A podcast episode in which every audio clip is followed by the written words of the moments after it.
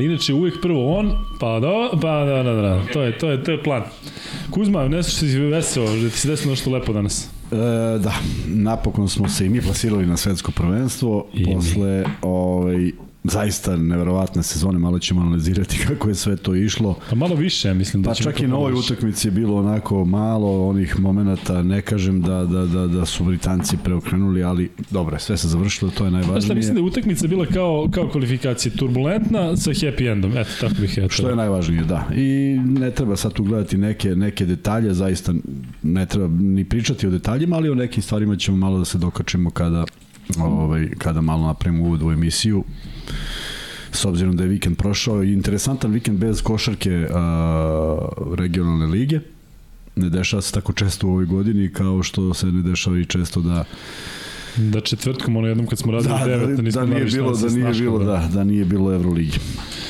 Kuzma, prošli smo na svetsko prvenstvo i o tome ćemo pričati danas, kao što ćemo pričati o Partizanu i o Zvezdi, odnosno najave i najavama jako bitnih mečeva koji se igraju u četvrtak i Zvezda i Partizan igraju u četvrtak, što znači da ćemo mi raditi samo u četvrtak posle e, tih mečeva i nećemo raditi u petak. Dakle, to je plan, Srki, tako da znaš i ti. Dakle, u četvrtak igraju Zvezda i Partizan. Mislim da je ovo možda poslednji dan kada kada Kad igraju tako, zajedno, pa, kad igraju zajedno četvrtkom. Da, pa tako će ići dobro. onda one duple nedelje, pa će to Jest, biti sve da. i svašta. Tako, Tako da. da danas imamo reprezentaciju i malo ćemo da pomeremo ako se Kuzma slaže i ove ostale regije. Da, da, da, naravno. Proćemo dakle sve koš se na, na plasirao na svetsko prvenstvo, onda Zvezda i Partizan i za kraj ćemo da pričamo malo i o NBA ligi, mada to kad kažem pričamo, vjerojatno ću da pričam, osim ako se Srki ne Pratio sam ja nešto ovih dana baš. Opa, Barto. Da, da, da. Koliko je dao Lillard sinoć? 71. Opa, Bart. A koliko ima Jokić protiv... e, Mm, Triple double. E, ali koji? Pa imamo triple double Jokić. Kazat ću kad dođe vreme za to. Da.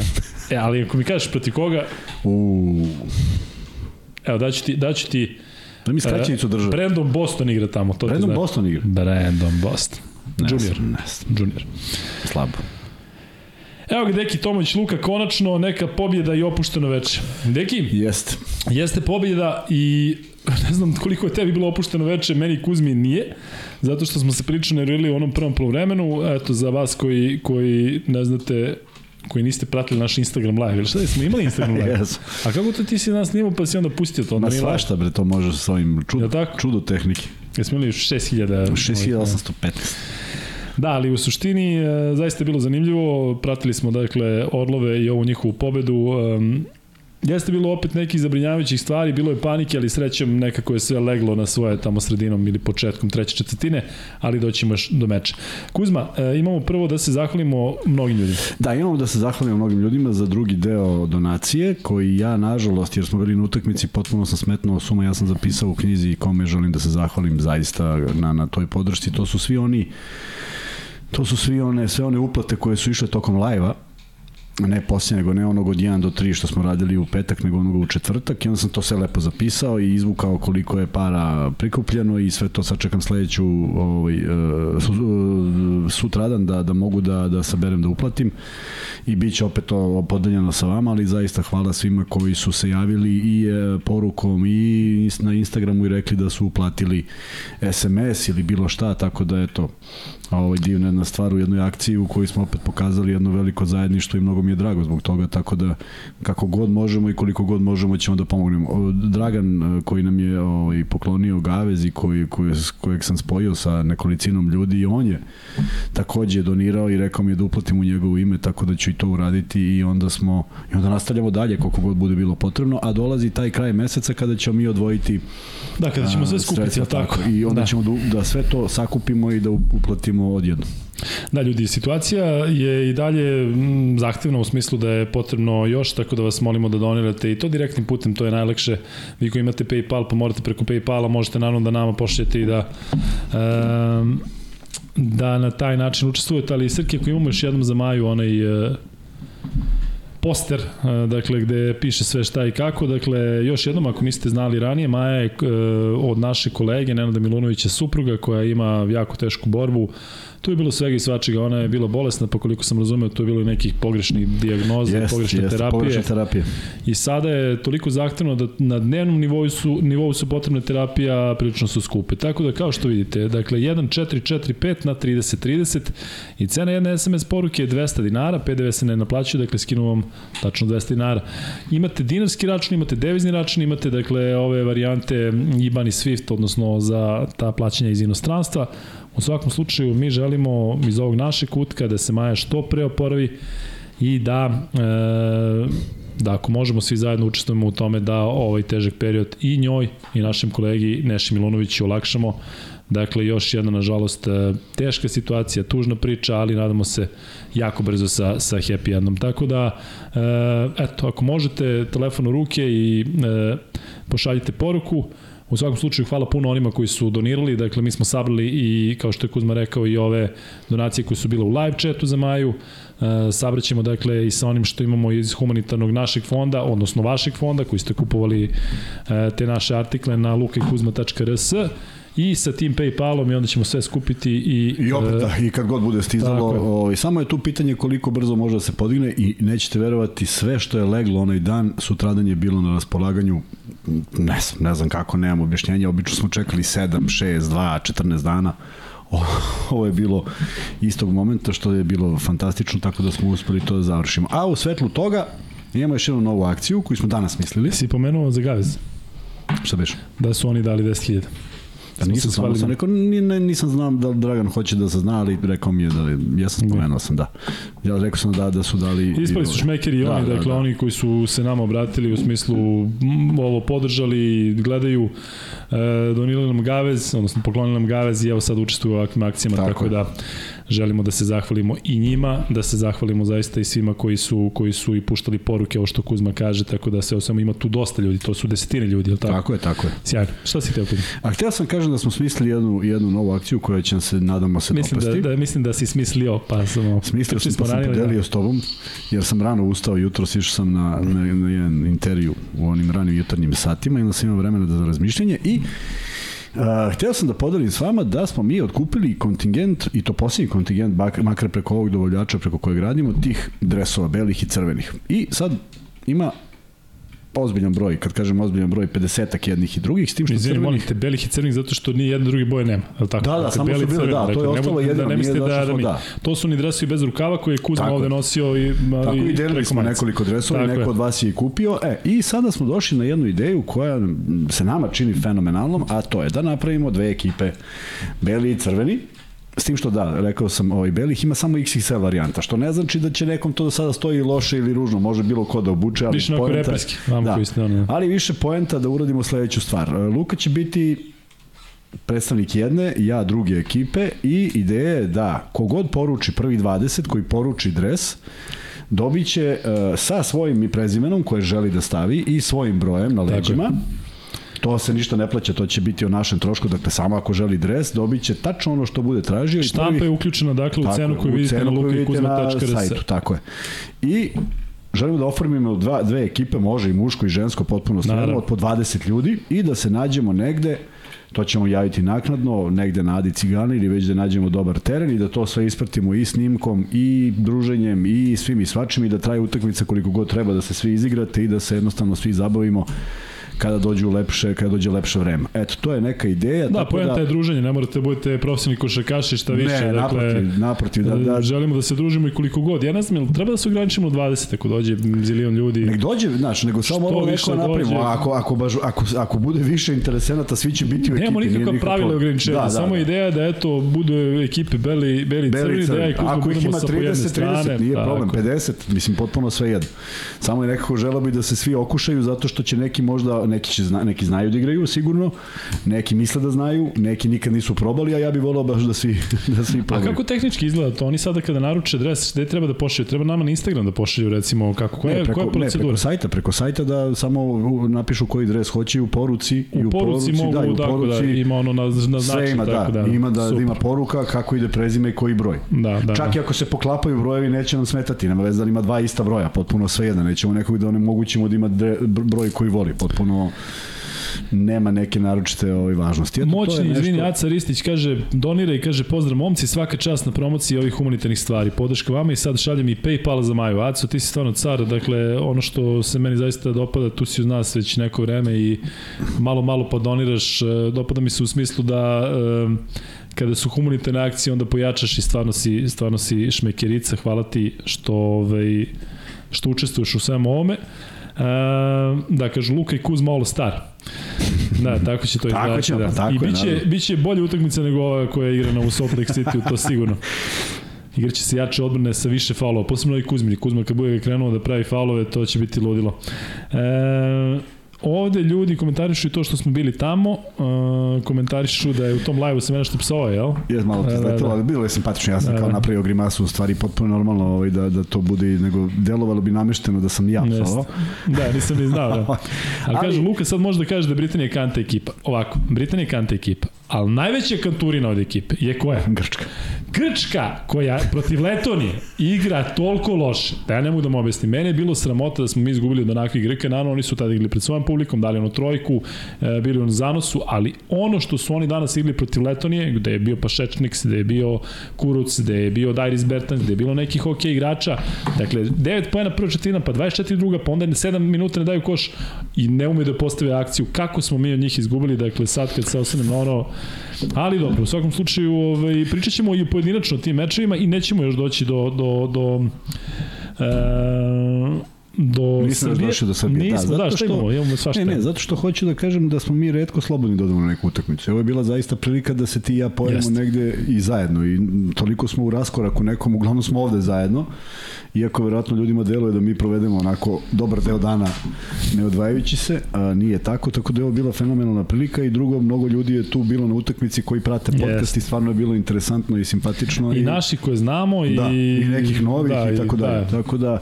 ovaj, a u svakom slučaju želeli smo da damo podršku i da, da ovaj, zaista vidimo Srbiju tamo gde je mesto i da ne dođe do nekog iznenađenja, jer videli smo jedno veliko iznenađenje juče, e, Dominikanska republika izbacila Argentinu, prvi put od 82. Iskreno, iskreno, zaista iskreno se nadam da će dobiti wild card iz prostog razloga što nekako ne mogu zamislim svetsko prvenstvo bez Argentine. Potpuno. Da, pišite nam vi koji znate o tom wild cardu. Ja sam čuo da su Da dakle, postoje dve i dve da ti je ekipe, da. Turska kao nešto već tu se razmišlja o Turskoj, pa su čekali da vide šta će se desiti sa ovim. Tunis je reprezentacija koja je azijski prvak i više, go, više godina unazad dobro predstavlja Aziju na svetskim prvenstvima i na olimpijskim igrama.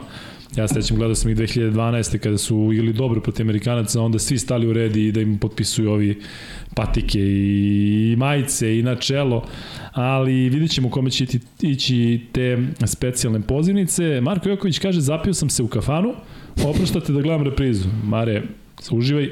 Leksa, brat, pita Luka kako ste pogled imali odande. Imali smo dobar pogled, ali onda je jedan burazer stao tačno ispred nas i ovaj, Tad smo nekako počeli da, ramenima. mi smo počeli da se smemo, naravno nismo ništa, ne znam šta, ali onda sam ja tek shvatio da ljudi iza nas, kada ja i Kuzma ustanemo, posebno se ja nešto ustao i bacako se. problem. Da, i onda sam se izvinio m, tom paru iza nas i, ovaj, i oni su bili fazonu, ma jok bre, cool, sve, sve u redu. Ali eto, jedan deo utakmice smo gledali ovaj, zaklonjeni. U svakom slučaju bilo je zanimljivo, to je taj ćošak, bili smo tačno iza komentatorskih pozicija gde su bili Ilija i Marin. E, Bilo je lepo, bilo je lepo. Ja i Kuzma smo već gledali neke mečeve zajedno u Pioniru, bili Da. smo na e, utakmici košarkaša u kolicima, da. gde je zaista sjajno takođe bilo potpuno drugačije u smislu da je bilo možda 50 ljudi ukupno. Ali e, Ali intenzitet utakmice ali je bio jeste, fenomenalan. jeste, jeste, ona je bila zaista specifična utakmica kao i ova i jel 18.000. 18.000, doćemo i do toga, da. Da, da, to je E, jutros kad sam se probudio pisalo. A Kuzma, hoćemo da pričamo o nedelji ili nećemo? Če? Hoćemo da pričamo o nedelji. Ili da otpevamo nedelju, a? Posjećam. Pa da znaju ljudi da, da ćemo šta ćemo. Majica za trening. Samo me pitaju ljudi koja je to majica. To je majica za trening. Bez rukava. Tako Ona, je. ja mislim da je polijester. A, ne, a, a, ostavio je velja da ima i plava, ali nema u stvari. Eto ti. To je, to je. Dakle, svi koji traže sportska majica, ovo što piše majica za trening. I sad da kažem, imamo bele i crvene jer drugih nema. Da, znači majica za trening oni vide na, na šopu, tako? Jeste na šopu. E, da. Postoji plava jer smo mislili da ćemo nabaviti plave. Međutim, ima crvena i bela. Belih ima XXL, a crvenih ima u veličinama L, 2XL i XL. Da, ali XXL je takav da stvarno kada obučete i žensko može da obuče, nije to ništa strašno, može onako da se ispadne. Evo i Prenković Damir piše, dakle, svi koji pratite sada, uh, majica, da, ja majica sam za rekao, trening. Ja koji sam rekao da je Tunis, da je Tunis u Aziji, da je nevjerojatno, a radim ih, radim ih ce, celo svetsko prvenstvo i kvalifikaciji hrana. Majica za trening, to je ta majica. To je dres. Na to sam mislio. Nemamo da, dresove, da. dresove, nego te majice. Da, da, ono što ima kod nas na šopu, samo kažemo to će biti ta cena, a vi pošaljete yes. broj i ime, nadimak, šta god, prezime i to vam stavimo. Evo, i, onda naručili su, naručili su, imamo, evo, javio se Marko Topalović, čuveni top, Kaže Topalović 43, evo imamo jedan broj Topalović Sjajno. 43, sad ćemo dalje, čekaj, evo je druga poručbina. Pa to naš Marko Top. Marko Top, da. Top, jedan legend. Saračević broj 11, vidiš, evo ga. I da vidimo treći, ko je? Dres beli na leđima, nek biže Grbić broj 11. Evo vidiš, 2 imamo čoveče. Ali bit će simpatično. Svaka čast, momci. A pozivamo i devojke, da, ako želi da se okuša u, u jednom takvom all-star meču, može da proba. Ali Tunis je u Aziji, od ovog se neće oprati nikada. Da, da, evo Milan Bršanac piše da je Tunis u Africi. Da, da, da, čuj Milan Bršanac, pa ovde gori, znači ne može da verši. Crni grobar kaže, Luka, šta kažeš na potencijalni transfer Dorsija u Fener? Pa ne bi me čudilo, iskreno, ima smisla s obzirom na to da je to ta grčka veza i Tudis Dorsi, tako da ima smisla. Tamo je naravno i Kalatis, tamo je i Atetokumbo, tako da Deluje da je, da je to ta priča. Andrija Mirković kaže napred Majo, bravo momci, pokazujete sobstvenim primjerom kako izgledaju normalni i humani ljudi. Andrija, hvala tebi, ti si ne samo deo ove priče, nego svi vi koji ste tu da, i koji da. možete da pomognete na ovaj način, hvala vam puno. Ajde da probamo da barem danas budemo složni kada je Srbija prošla na svetsko prvenstvo, do duše teškom mukom, ali ajde barem danas da se ne prozivamo na ono da, nivou Zvezda Partizan. Nema razloga. Ja sam prošli put e, malo onako i na, na da kažem na silu ušao u neki, neku priču sa ovim momkom gde smo se sporečkali o tome ko kako gleda Partizan, ali sam to hteo da objasnim danas, teo sam i tada, ali nema veze, da li je moguće da se mi koji čak navimo iz isti klub da se kačimo. I ono što mene brine to je da u Partizanu toga ima više nego u Zvezdi godinama unazad, ne govorim samo na te navijačke podele po grupama i po tim njihovim već kako ide. Uh, na tribini, ali e, čini mi se da u Partizanu ima mnogo više nesluge među navijačima koji navijaju za Partizan, gde postoje neke frakcije između nas, ovi misle ovako i lako se jako e, posvađamo navijači istog kluba. I šta onda da očekuješ kada neko navija za Zvezdu i za Partizan, a pritom zvezdinih navijača ima više, ali čini mi se da su složni i da su sigurni. Ali dobro, to je neka druga priča. Dušan Cvetanović je da donirao 10 evra. Dušane, e, si ti beše ranije donirao u nekoj drugoj Baluti, čini mi se, Dule javi. E, u svakom slučaju, e, da se Kuzma, zahvalimo da se... Stefanu Ivanoviću preko Paypala. Hvala Stefi. Moram se zahvalim Damiru Prenkoviću za veliku uplatu, a onda da se zahvalim Aleksandru Ristiću za ipak nešto što ne viđamo često, ja ne znam da li on želi da se zna, pa ne bih da... Ne, ovo je Aca Ristić ovde, sad je zvao na Paypal. E pa dobro, on je uplatio, ali ja stvarno ne znam da li on želi da, da objavimo, a mislim da... Ni, Aco, pokida se, hvala ti da, puno, stvarno si car. Dakle, u majno ime, u naše ime, u Nenadovo ime, dakle, mnogo znači. Mnogo znači i odmah ćemo javiti Neši da, da čim, čim budemo znali kolika je cifra, da oni znaju da mogu da računaju na to, tako da hvala vam puno, ne znam šta da vam kažem, ovo je zaista i najbolji deo um, podcasta kada možemo da pomognemo još nekom, a da u tom tako učestvujemo svi zajedno. Tako je. E, neko je pitao uh, koliko košta taj vaš dres, taj naš dres uh, košta... On je 1190 dinara, ja mislim. Je tako? Da. To je džaba, da je uzit ću ja jedan. Pa sad sam baš razmišljao da, zašto ih prodam, bolje kupim. Ne ozbiljno. Da imamo da verujem. Da, da on 19, 19. 1190 dinara i kažem, na slici je momak u plavom dresu, jer smo mislili da ima, ali smo onda odkupili čitav kontingent belih i crvenih. Ma zajebo nas taj, taj se namjerno sliku u plavom, znao je da će da nas ukana. Ne, to je ovaj neki manekin, to je, i uzmem pare za To je onaj, onaj rad, ovaj, taj. Ne, taj, taj, što e, da, razmišlja. znam ga ja. Ali, ovaj, ali i Velja koji radi sad, sad taj sajt, on tačno zna, međutim, toliko ima posla u, u svom danu da verovatno nije izbacio tu plavu sliku, prosto nije mu palo na pamet, tako da ćemo izbaciti da ne, da ne donosi zabon. Luka, da li je vreme da se pomirimo sa činjenicom da smo prosečna reprezentacija, da nismo strah i trepeti i ne pretendujemo na, za nikakvu medalju? Pričat ćemo o tome, dakle, ne bih da kvarimo bilo kakvu atmosferu, ali zaista je nama bilo teško tamo da, da, da neke stvari prihvatimo u smislu kada su Britanci bili ravnopravni sa nama prvo polovreme.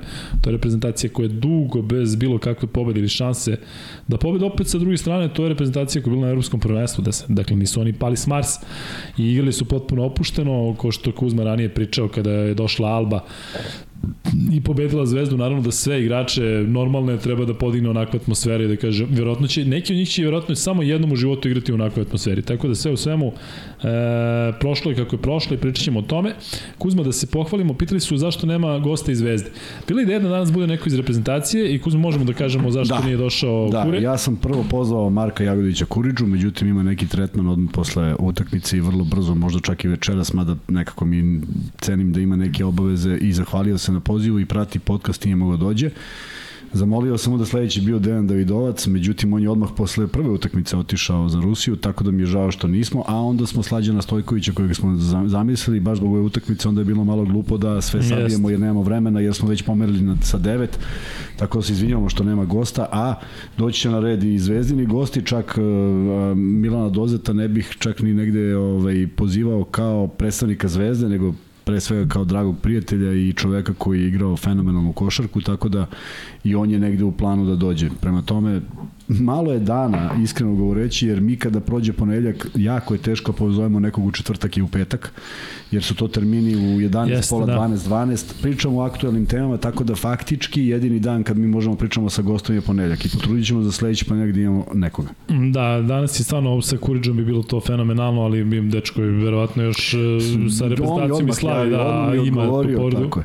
Stefane, Stefan Kostić ponovo još jedna uplata, veliko hvala, svaka čast. E, Nikola 92 kaže, Luka, ne znam da li je opcija, ali možda bi, slušaš Kuzma? Slušam. Možda bi bilo super da organizujete aukciju u dobrotvorne svrhe dresova iz studija, uključujući i vaše. Ne znam kako bi se to organizovalo, ako je moguće, ali eto, pa da, možemo da uklopimo možda sa ovom akcijom kada budemo ove, se okupili svi na Adi. Tu ćemo vjerojatno da imamo još nekoliko propratnih de dešavanja, dakle, ne samo utakmica, to će da bude povod, ali ideja da se družimo sa vama i da, eto, možda tako pomognemo još nekome. Ja ne znam čiji su odresovi. Pa neki su naši. Ovo je tvoj. Da, taj sa Final Four, da, ovdje je malo su limitirani brojem dresova. Da, ja, ja bih rado nekome poklonio, ja pre mogu po pa sve da naši dresovi, da ti nije jasno čiji su dresovi. Ili ima nešto da nije naš? Pa a, nije naš. Spasovski, ne, ne. ja mislim da je moj, a? Da. Nešto ja mislim da je Vanjan. Vanček, je, Vanček ima ovaj, Vidi, ja jedina... Carter Ivanč. On, znaš kad sam nosio Carter, sveći kad sam nosio Carter kad sam zaboravio majicu? Znaš kad sam ovde sedeo u Carterom dresu, ono iza tebe. Ne sjećaš se da je bilo prvo. Znam, ali crveni, da. Da, ja, ga tamo iza. Pa ja sam ga... Taj nije naš, da. da. Taj nije naš, taj Ivanč. Vidjet ćemo, ajde, I... razmislit ćemo. Ja stvarno, eto, taj, taj, ovaj, uh, ja imam jedan jedini dres ovaj, iz Zvezde original, ali sam napravio nekoliko, tako da imam, imam čoveka koji može da napravi dresove koji su potpuno identični, samo je drugi material potpuno identični. I to možemo sve na vreme. Mi ove dresove damo u dobrotvorne svrhe, a aukcija, frki mrki, mi napravimo te i stavimo ih ovde u studiju s vremena vreme samo samo pa možemo, pravimo da. kada Ali, se družimo sa taj Maravićev mi je poklon, ja ne mogu da, da ga ne, neš, može, ne da, da, da. ga, On je Maravić 16 XL. Da, da, i pritom pitanje kome bi to uopšte stajalo, tako da u svakom slučaju da ti kažem da Neške, Neške. Neške hoće, kaže dugačko mu prezime, pa, pa hoće Neške. Ekstra. E, ali vrlo je sad... I Topi ovaj... rekao, kaže, najbolji primopredaja, kaže da se ne vrimo sa ovim Tako za dres. je, pa naravno. I sad, znaš koliko ima poručbina? Koliko? 1, 2, 3, 4, 5, 6, 7, 8. A gde to vidiš? Te vidiš to na? Pa na mailu odmah stižu. Strava, da. ljudi. Tako da je i Velja, i Velja, i Velja, pra, e pa to ne mogu sad da se skoncentrišem, trebalo bi malo vremena, ali Velja da. sve to prati, pošto prati emisiju, tako da... Ovaj, Ljove car, da zna već šta treba i, i šta mu je činiti. Pozdrav za Alena Iversona, pozdrav za Minhen, ali pozdrav i za Arilje, nisam zaboravio, sećam se da si bio sa nama od, od prvih lajvova. Tako da, e, veliki pozdrav za sve vas, pozdrav i za Indiju. U Indiji bi mogao da se pojavim, tu sam ja na, na relaciji Stara Pazova Indija često, tako da ovaj, tamo sam pričao da odlazim na one masaže za želudac kod ovog mog prijatelja Zokija, tako da ko je iz Pazova, vidio sam da vas ima i ko je iz Indije. Vidimo se uskoro. Vladimir Šutić ili Sutić e, je donirao sa svojim standardnim grbom Intera i kaže pozdrav svima, Vlado pozdrav i tebi. Luka zahvali Kuzmi na odgovoru oko gosta da mu ne pišem na Instagram jer razgledam na telefonu dok ne zaspim. Naravno, slađene, nema šta, e, neke stvari ovde možemo da vidimo, neke ne vidimo. E, pitaju me zašto broj 28. Otac mi je pokojni rođen 28. Ja sam rođen 28. i sin mi je rođen 28. Tako da 28 je broj koji sam nosio uh, čak ja mislim i pre nego što mi se sin rodio, da, ja sam 28-icu nosio.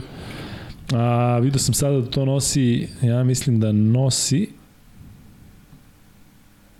nosi da li Bryant, Thomas Bryant ili Rui Hachimura, neko je uzeo to zbog Kobija. i zbog male Điđi, Da, zato što ona 28, dvojka, da. a on je osmice, tako da sam vidio da, da nosi 28. Još neko bio ko legenda koji je nosio 28.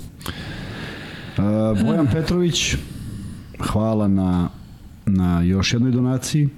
Evo, pitaju masaža za želudac šta je? Pa to je zato što želudac mi se podigne, pošto se mnogo nerviram i u raznim situacijama i onda mi se podigne želudac i onda odim kod mog drugara Zokija i Zoki to spusti, vodio sam i Kuzmu i, ovaj, i onda želudac bude na mestu, ja budem mirniji i tako to ide, tako da to nema šta.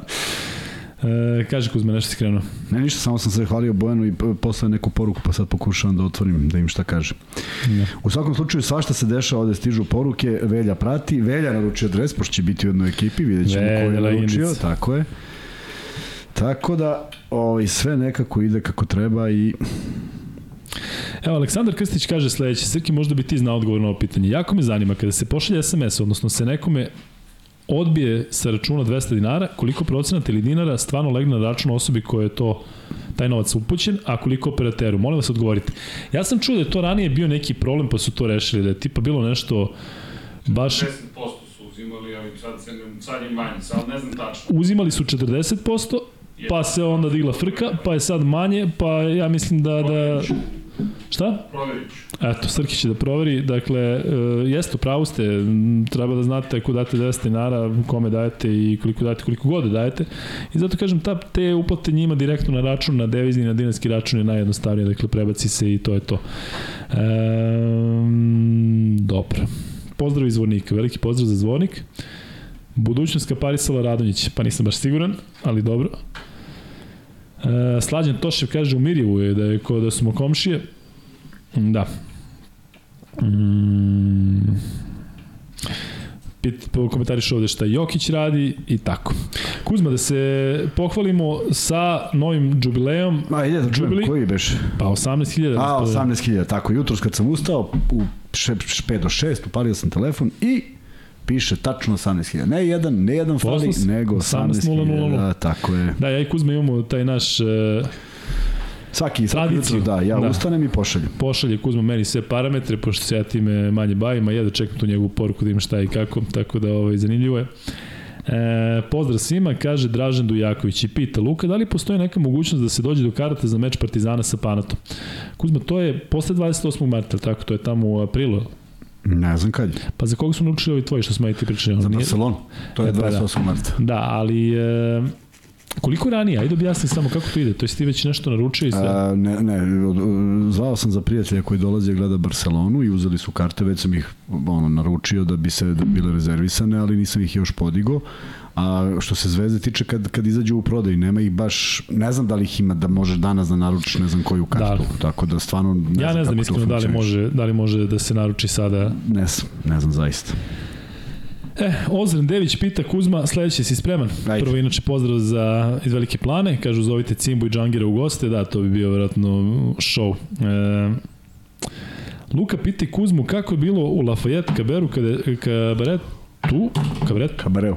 piše, piše kabaret. Lafayette Kabareu. U Lafayette kabareu kada je stigao Nole. Svi znaju Kuzma gde si, šta si. te večeri kad smo bili Nole ja. e, bilo je fenomenalno, zato što ovaj, sam zaista uživao u tom programu i ako neko nije bio, preporučujem. Pazi, ako neko nije bio, mislim.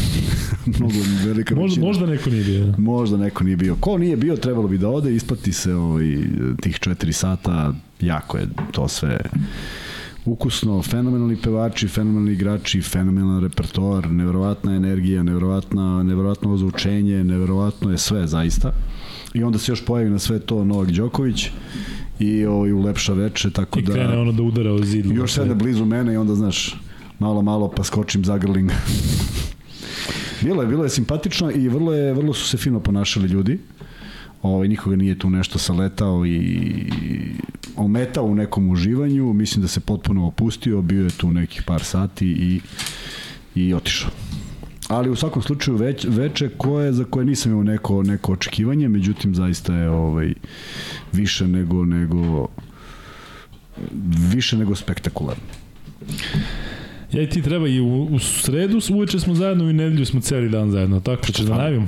Da, hoće U da sredu najmo ćemo da odemo, da, u sredu ćemo da odemo do ulice i da malo tamo posedimo i poslušamo. Objasni ljudima šta je to da bi mogli da dođu. Oni Ulica ko hoće da se je druži sa nama, Da, ulica je lokal u, u, u, na Topličnom vencu 19a, jazz klub, Demonja, to jest Nikola Demonja nastupa sa bendom Ane Štajduhar i ovaj, to je onako nešto zaista nešto što ne čujete baš svaki dan i mislim da oni traže mesto gde će se skrasiti i mislim da vredi da se plati ulaznica, na popije nas, tako Kuzma, isto više rade nešto iz srca i... Da, oni sviraju Da. da. baš tamo tako i prosto vidite tu koliko su koliko su zadovoljni što što sviraju, što su se negde ovaj okupili da da da da da uživaju u onome što dobro rade sa mnogo entuzijazma i to je prvo ono što ih vodi tako da treba pomoći nekome ko pokušava da podigne takav klub i ko pokušava da ima e, takav program. Prema tome nije baš mnogo džez klubova u Beogradu, e, nije ni da svako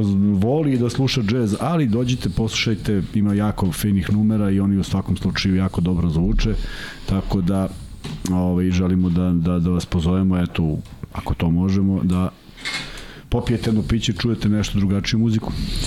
I da pričamo ono Lazić, Kuriđa, sve da prođemo teme, da. dakle, ludimo. Kao smanji malo, moramo pričamo nešto o košarci. Da. Mm, pitaju ovde još za sudije. Zašto sudije uvek kasne sa odlukama 2 ili 3 sekunde? Pa da, delo mi ko ovi, e, ko pomoće sudije u futbalu, da kao razmisle, pa zovu, ali tu unosi nervozu. Dakle, bilo je zaista problematičnih e, odluka. Prenosio sam mnogo mečeva i iz Azije, iz Afrike, iz svih zona, iz e, Evrope, dakle, tu su ozbiljne, ozbiljne drame sa suđenjem, dakle, čak i u ovim mečima gde je već sve rešeno. Dakle, e, neki meč i danas bio jutros Novi Zeland, e, Liban, dakle utakmica koja je bila super ovako, međutim jedni drugi su obezbedili plasman na svetsko prvenstvo i takve greške sudija da vi ne možete da verujete. Dakle, ovo Japanac, Takaki Sato se zove, zapamtio sam ga, dakle, on jadan, onako simpatičan je, ali šta da mu Ali voli da sudi. Pozdrav iz Mozdriče, pozdrav iz Praga, pozdrav za sve vas koji, koji pratite, pozdrav iz Niša, veliki pozdrav za Niš. Ja obećam da ću doći u Niš u jednom trenutku, nemojte zameriti što onaj dan nisam bio sa Kuzmom, zato što jednostavno imao sam tada tri prenosa na na sport klubu. Da li imate planove da zovete u goste neke ljude, kolege koji ne prate vaš sport? E, Da, pa ima raznih ideja. Dakle, ima stvarno raznih ideja, tako da da biće, biće sve i svašta. Luka omiljen play u NBA ligi. Ne znam da li, go, da li misliš sada ili, ili inače, ali ima tu raznih igrača, onako ja ih delim nove, mlađe, nove, ali ovo što je Lillard uradio, uradio sinoć, pričat ćemo o tome, dakle, ja Lillarda volim i od ranije, pre, ovih, pre ovog 71 poena, dakle, bio sam zadovoljan kad je u bablu ono pokidao kako je odigrao i kad je rekao stavite respekt na moje ime. E, volim ga zato što u istoj ekipi, ja mislim da, da je bitno to, zato što ja kad pričam da bi Jokić, da bi bilo možda bolje za Jokića da promeni sredinu, da- zato što bi došao do titula, ja potencijalno bih volao da ostane na jednom mestu uh, non stop, zato što ti igrači poput Kobija, Dirka, Dankana, Parkera i Ginobili, ima neki šmek kad ostaneš u jednoj franšizi u jednom klubu, sve vreme prođeš sa njima za tih 15-20 godina, sve i svašta. takvih. I jednostavno kažeš, Nema to je mnogo. moja kuća, ali Tako pazi, je. Jordan, Jordan je ka, rani, e, čak je i govorio o tome da mu nije trebalo ono, i- ono u Vašingtonu, što je imao izlet, ali to je bilo više komercijalno da sada igra i, i već šta niko radi. to Da. nije uopšte uzeo kao, kao Ili kad vidiš Melona, Melona koji je posle Jute ipak Da. otišao u Lakers, pa onda ima i tih, tih primera i Scottie Pippen je posle Chicago promenio nekoliko kluba, da. nekako to možda baca baca, Bez, baca neku senku. ali da. potrajali su, mislim, nisu hteli Jeste. da prestanu da igraju, što je opet i to je u redu. Ali negde su osvanuli, na, Ju- na Facebooku su negde osvanuli uh, potezi Magica u Švedskoj tu jednu godinu. Da, da, posle. da, da, jeste, jeste, jeste. jeste gledao? Genijalno Nisam gledao, znam da je bio, kada sam tamo Da, da. bio, da, da li igra za Potražite, Boros. to ima negde, na- da, i ima negde na Facebooku i uopšte ne izgleda loše. sećaš koji tim? Kralnost. Da li je Boros ili je negde naćete sad vi pa ćete se javiti ili je neka, blizu Stokholma mislim da je bilo. Um, Da, Luka, otvaram za koji dan autoperionicu u Beogradu, vas dvojica imate gratis pranja dok postoji podcast. Slađane, želimo ti puno uspeha u poslu i želimo ti da budeš uspešan i srećen kao i mi, koji zaista uživamo, uživamo u ovome što radimo i vidim da, da ima i vas dosta koji koji delite to mišljenje. Luka, gdje je najgore suđenje po tebi? Pa ne znam da li, da li misliš na lige ili misliš na Jedno vreme kad sam prenosio Tursku, ovaj, tamo su me sudije baš, baš su me dovodila do ludila. E, ove Fibine sudije su najslabije realno u Aziji, u azijskoj zoni. E, ne, da igra Tunis. Ali e, tu zna da bude problema. A ova, e, recimo danas sam prenosio Saudijska Arabija, Indija. Znaš ko vodi Indiju? Veselin Matić. Si nešto? Da, jeste. Toza je bio trener uh, Tašmajdana. Pa malo i OKH Beograda uzelo se. Da. Tamo igrao. Pa smo s njim otišli na, sa prvenstva Srbije na prvenstvo Jugoslavije. Eto ti. Mm. Davno, od 90. godine. On je vodio i Zvezdu samostalno, Jest, pa je jest. bio u Partizanu, pa je bio uz Žoca i Dudu 98. pa je bio uz Pešića 2000. 2001. 2002. i kasnije onda počeo te egzotične varijante Iran, Liban, ovo, Da. ono i sada Indija. Indija, ja ne mogu ti objasniti, tamo ima zanimljivih igrača za standarde Indije. Dakle, ima jedan klinac od 2.16, ima jedan mali koji ima 17 godina. Znači, ja mislim da će oni biti najbolji igrači Indije svih vremena. Indijanci. Ali ono je toliko, evo vidite sad, hoćeš strajk da dobijemo. Hoćeš strajk da dobijemo iz Bengaluru. E, ali ima dosta tih, e, iskreno, e, dosta mesta gde je suđenje jako loše. Recimo ova australijska liga koju prenosim i gde počinje u petak e, finalna serija, oni su dosta dobri i ozvučeni su. I Kuzma, možemo da kažemo ekskluzivu za, suđ, za sudije za, za naredni meč? Kaži, ajde, puci. Aj ti, ti voliš te Ja sam ekskluzive. zaborio šta je rekao dede. Dakle, deda, koji je neko ko radi, ajde ne kažem šta radi sve, ali voli podcast i voli Kuzmu i Uvijek je, uvijek je na, na, na, utakmicama car, da. Evrolige i radi na RTS-u i... Jeste, neko je čim ga vidiš posle 5 minuta shvatiš da je neko car, da je neko iskren i da, da je super. Dakle, informacija, da, da smo smeli da kažem da ovo njega? Šta? da napravimo čovjeku problem. A ne taj deda, bre. A, ovaj drugi. deda, deda, deda Neđeljko. E, da. Elem, dakle, ovo je sada, ne znam da li znate, ali mi nismo znali i trebalo bi da je ekskluziv. Na utakmici Partizan Alba u areni prvi put će biti ozvučene sudije u Euroligi. Da čujemo šta oni sviraju. I, I zašto. da ih čujemo kada pričaju između sebe tokom onih video čekova. I to će biti jako zanimljivo. Dakle, upravo u Australiji su odlučene sudije. Sećate se da je bilo nekih eksperimenata sa onim Google naočima, pa kao mi vidimo iz njihovog Google-a, što nema veze sa životom, u smislu ništa nam ne pomaže. Ali sada kada su ozvu- ozvučeni i kada pričaju sa trenerima, mene zanimaju ti razgovori sa trenerima, zanimaju me razgovori između njih. Vidimo da li će se to pratiti i koliko će se pratiti. Ali biće koliko ćemo zanimljiviji moći da prenos, čujemo. tako. Ajde da vidimo, da. I koliko razumem, to je polueksperimentalno, dakle nije sada od ovog kola će sve da bude, nego da vidimo kako to izgleda. E, tako da sve u svemu biće to jako, jako interesantno. Luka, ako možeš prokomentariši stanje u FK Partizan, pošto znam da pratiš i FK. Moj burazeru, ne do bog nikome. ono. Znači imam kuma koji ovo sve ovo teško proživljava. Imam još dosta ljudi koji koji ovaj ma ne kažem nije nije za komentarisanje. Luka Parker je otišao u Charlotte, nije hteo da bude backup Mariju. Pa dobro.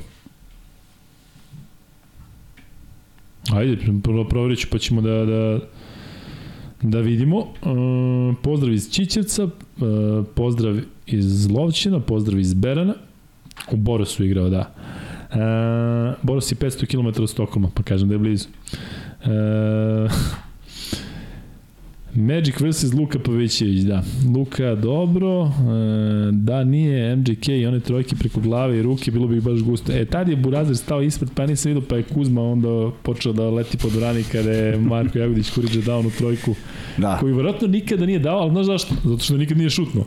Tako da ne znamo da li mogući da. moment udvojen, pada u desno i izbacuje desnom rukom i on ulazi kao kap jedna, pa iz drugog ćoška druga i to je Marko Jagodić Kuriđa i evo negde negde je neko dok sam dok smo gledali utakmicu probacio pa promenio temu i rekao eto koliko su bitni ti neki žrafovi na koje se ljudi uvek nekako našale kad ja nešto kažem koliko su oni bitni za svaku ovaj, utakmicu i koliko bez njih jedan tim ne može da postoji. I meni je svaki njegov koš, svaki njegov napor, sve, sve što uradi, meni je drago da, da, da je on na parketu i da je najstariji, mogu verovatno kapiten trenutno možda Argentinci imaju nekog starijeg ovaj, i, da, i da zaista odrađuje profesionalno i majstorski ono što radi, prema tome svaka, sve, sve pohvale za, za napor danas. Nije bilo lako, nije lako sad vratiti se u neki opet eh, režim uh, treninga i vratiti se u ekipu i nastaviti sve kao da ovo nije postojalo, ali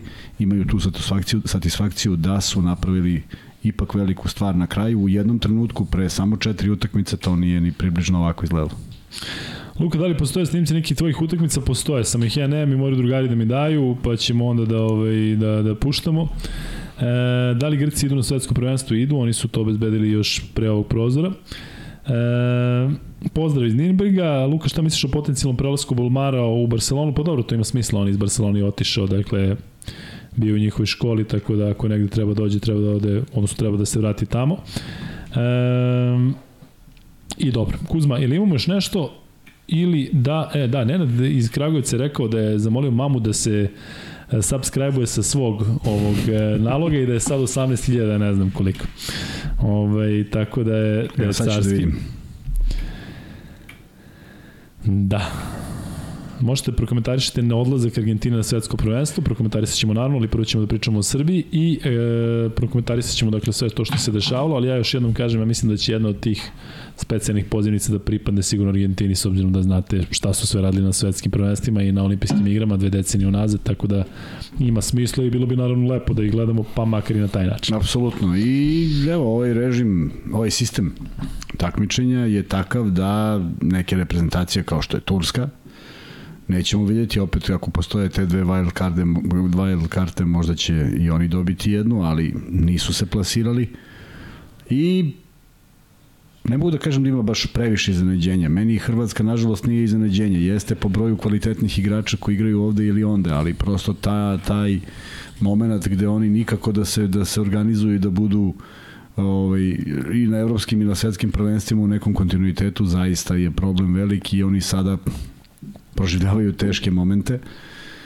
Završen je ovaj krug, ne znam kome je šta iznenađenje, možda iznenađenje Gruzija koja je uspela da izgubi od Islanda, ali sa istom istom razlikom i dali više bojena, pa eto ih prvi put na svetskom prvenstvu. Sve čestitke Crnoj Gori koja ima možda sigurno najmanji broj košarkaša koji registrovanih košarkaša, pa je opet najmanja zemlja koja je otišla na svetsko prvenstvo po tom pitanju. Tako da i njima svaka čast za, za nešto što su što je isto bilo povuci potegni, ali su ove dve utakmice odradili odličan posao. Prema tome, sve ovo ostalo što smo gledali i sve ove utakmice nisu donosile neku takvu neizvesnost. Iznenađenje da je Bosna nije uspela više od onoga što je uradila, opet za, za, za neki, za, evo kažem za malo, ali šteta što njih nema s obzirom da imaju vrlo talentovane igrače u svom sastavu. Sve ostalo vidjet ćemo koliko će, na primjer, divna je stvar kad vi čujete da je Dominikanska republika na na svetskom prvenstvu, ali to bi bilo divno da su oni u najjačem sastavu pobeđivali najjače sastave i da su svi stalno bili najjači i onda oni, mi onda konstatujemo da su oni užasno napredovali da su oni sad tamo. A što ne kažeš šta si meni rekao u, u hali za Dominikanu? Da. Tako da ovaj, bojim se da, da će svako želeti s njima da bude u grupi. Mogu oni sigurno napraviti neko iznenađenje, ali upravo, upravo ovakav sistem takmičenja može nekog da dovede u neprijatnu situaciju na, na svetskom prvenstvu, da jedva čeka da ode kući. Jer, jer, jer nije dobro ovo što se dešava i ja se nadam da nećemo gledati to u buduće, mada ovo što pričam, ne pričam sa nekim saznanjem novim, nego jednostavno bih voleo da ne moramo da proživljamo isto u narednim kvalifikacijama. Pozdrav iz Žabara, pozdrav iz Loznice, e, pitaju kada ćemo Loznicu, pozdrav iz Užica, ićemo ljudi samo da kad sedemo u kola sve obilazimo, ali eto krećemo, u nedelju ćemo ići negde, eto, tako da znate. E, Vojkan Lazić je, ako ja ovde dobro prepoznajem ovu valutu, ozbiljno je donirao i kaže pomaže Bog, Bog ti pomogao Vojkane, kaže da se počastite za plasman na svetsko. Se hvala, počastimo, hvala, živi bio. E, moram priznati da nije bilo lako. Um, dakle, atmosfera tokom, možemo da pređemo na utakmicu sada. Ajmo, ajmo. Dakle, atmosfera tokom prvog poluvremena je bila onako prilično dramatična. Nervoza je bila, osjećala se malo nervoza. A da li moguće Kuzma među igračima je, koji ne, ne, među igračima, ne. Vidiš da publika nije bila u onom svom elementu. Ali i igrači. Svi su nekako strepeli kako ovi daju neki koš, to kao da su dali gol. Ali Kuzma ubacuju sve. Protiv nas svi u sve da, ubacuju. Dva, dve četvrtine, dve četvrtine završavaju sa poenima preko iz nekog ludila Svakim čast, oni su pružili možda jednu od najboljih partija, međutim, kad pogledaš broj igrača s kojim igraju i uopšte kad pogledaš neke kretnje koje nisu košarkaške, oni su pružili dostojan otpor, u jednom momentu je to bilo vrlo izjednačeno, ali eto, ta jedna, ta jedan moment, jedna, jedna serija, jedan Aleksa Avramović koji iznuđuje nameran faul, jedna njegova energija koja sve to menja i od tog momenta se otišlo na dvocifreno, na 14 i kada je otvorena četvrta četvrtina sa trojkom, onda je to bilo evidentno da teško da će mm, Britanija uspeti da vrati. Međutim, ostaje jedan, jedan gore kukus da smo mi stvarno, e sad tu mi sad imamo jedan problem što živimo u toj nekoj prošlosti i kažemo kako smo mi nekad drali te e, zemlje koje nisu košarkaške, jeste, to je nekad bilo, a mi dalje razmišljamo o tome, međutim, ne mogu da vidim sad onom floskolom svi danas igraju košarku, Ali primetili smo jednu stvar, da imaju brzinu ti igrači Britani. Sposobni su vrlo. I opet smo gledali jednu utakmicu koja je na jedan najveći problem. Ja stvarno mislim da je našim igračima najveći problem taj jedan na jedan. Ne, Kažeš našim igračima, ali misliš na ovu 12-toricu u reprezentaciji, pa mislim misliš na ovih 41 mislim, koji su mislim, prošli? Mislim generalno generalno mislim. Zato što se ponavlja nešto da, da ti u, u nekoj utakmici, ja razumem da ne znaš ko ti je protivnik, ali recimo, kako se preziva 21? Le, Lanson, nije ni važno kako se preziva. On šutira sa zemlje trojke. Nema šanse da bi dozvolio da me obiđe. Ne znaš sam mnogo, ja velika faca, nego zašto sporo šutira, šutira sa zemlje. A ima do toga i da si ti faca. A i jeste, to je, to je tačno, to sam teo sad i da izazovem da kažeš. Ali prosto moraš nešto da eliminišeš. Ne može da te prodiri, ne može da je trojke, ne može sve da radi čovek koji igra ipak neku skromniju ligu samo zato što je fizički sposoban. Pa mora postoji rešenje. A Kako opet... se uči to je odbrana 1-1? Ma, vidi, scouting jedan deo, a drugi deo su fizički predispozicije, scouting treći je glava. Scouting jedan i ti možeš da, da imaš puno pravo da ne možeš da skautiraš baš konstantno šta oni to tačno igraju. Drugo, imaš neke nepredvidive igrače koji se ne, ne kreću košarkaški, ali mora da ima slabiju ruku. Prosto košarkaš mora da ima rukom kojom ne šutira. Ako treba da mi da 28 pojena, nek mi da suprotnom rukom. Da, ovaj, ako ništa drugo. Gospodine, ovaj, Calum Lawson je šutnuo tri trojke i sve tri promaši. Pa da, pa, pa, pa, i to se videlo kako šuti. Pa onda pusti nek šutne, ali ne može da me obiđe. Ne može da uđe u reket, ne može nikako. Mora o tome da se razmišlja. Opet smo plivali u nekim stvarima i spasavali se nekih od nečega, a ipak je ovo skromna ekripa. I ipak ti kad pogledaš tih 5 na 5, koji god 5 da igra u Britaniji, ti ovdje imaš bre 5 nekih evroligaških igrača zakačili, igrali, sad igraju, igrali nekad, nije ni važno. Dakle, mora da bude, a to je taj problem o kom, kom ja stalno pričam, ta obučenost igrača. Ne da li su oni loši, daleko od toga da mislim da je bilo ko loši, ali prosto neke stvari se ponavljaju. Evo, evo konkretno, šta smo prokomentarisali ti i ja? Opet je Petrušev napravio faul napad. Znači, ovo više nije slučajno, ovo svaka utakmica. Mora faul napad da se, misliš faul na trojici? Faul na trojici. Mora da se koriguje. Kako? Nemam pojma, ali nemoj, nemoj baš opet. Da, reprezentacija, Zvezda, tako je. u ABA ligi, u odigrao odličnu utakmicu u onim momentima yes, kada je yes. trebalo se. Ali eto, to je, na primjer, jedan moment koji ja ne želim više da vidim Petruša u toj situaciji. Aj, neko drugi, nemoj ti.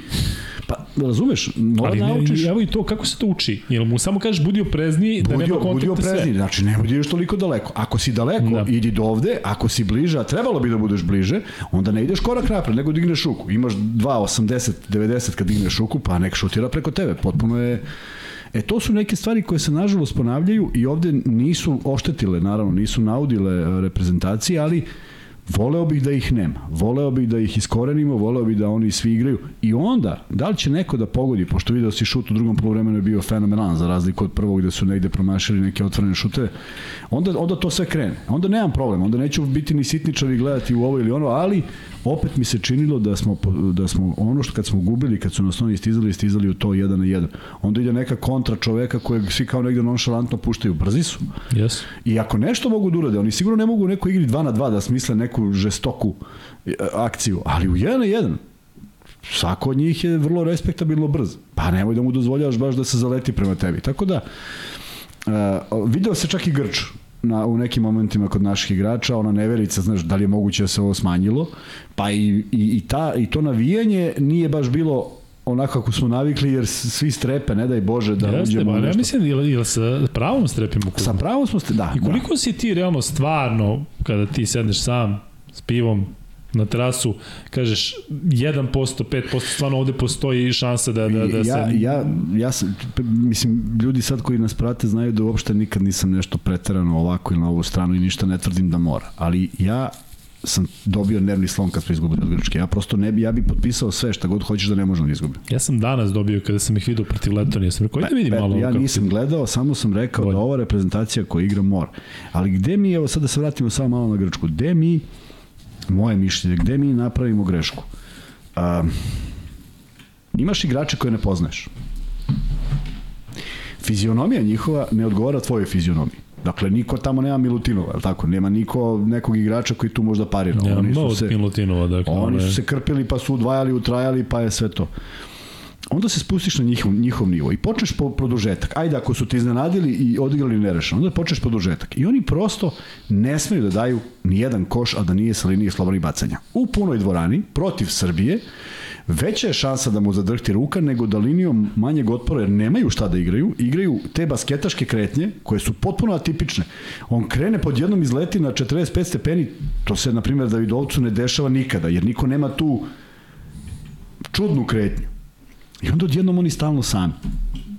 Ne, ali ima logike, ako te ide šut, bolje da te ide šut sa penala, tako, korisnije matematički nego da, da te ide šut za tri, i ako ti ide šut, stavljaš ga na slobodno bacanje kom ponovi, sta, sta, sta, slobodno bacanje kom Sva i ti si, ti si stalno dva, uvijek ćeš da vraćaš dvojko, ovako ako ti daju tri trojke kao što su dali, to je devet. Da, pa ono što ti kažeš čak i da mu ne zadrhti ruka, Nije, to je da manje zlo tako, nego da, te, tako. da ti da tri trojke u tri napad. da vidimo kako neće kad on sad mora da odluči. Onaj šut trojke, to je nemam šta da izgubim. I imali su veliku, veliki fokus. Ljudi, oni su dali 90 nešto poena, danas su Letoni ubacili 50 nešto. Mi smo dozvolili da oni daju 90 nešto poena. Na stranu što su drame, oni su ono, majstori drame. Ti si vidio onaj moment kad čovjek izbacuje Kuriđu, Kuriđu loptu iz ruke i kune se u sve, u sve bogove Olimpa da, da nije dotako loptu. E to se napravi takva, takva ovaj, uh, m, takav spin da sudi u jednom trenutku pomisle što mi ovoliko bre navijamo za ove, a ništa, ništa se toga ne dešava. Tako da su oni stvarno bili u jednom naboju, ajde neka pobede Srbiju sa linije slovnih bacanja svaki, svaki put kad neko prođe ti paf, izvoli da vidim koliko su oni stvarno igrači. Ako pobede tako, iz Srbija ne može da odgovori. Pa da šta da pričam. Mm.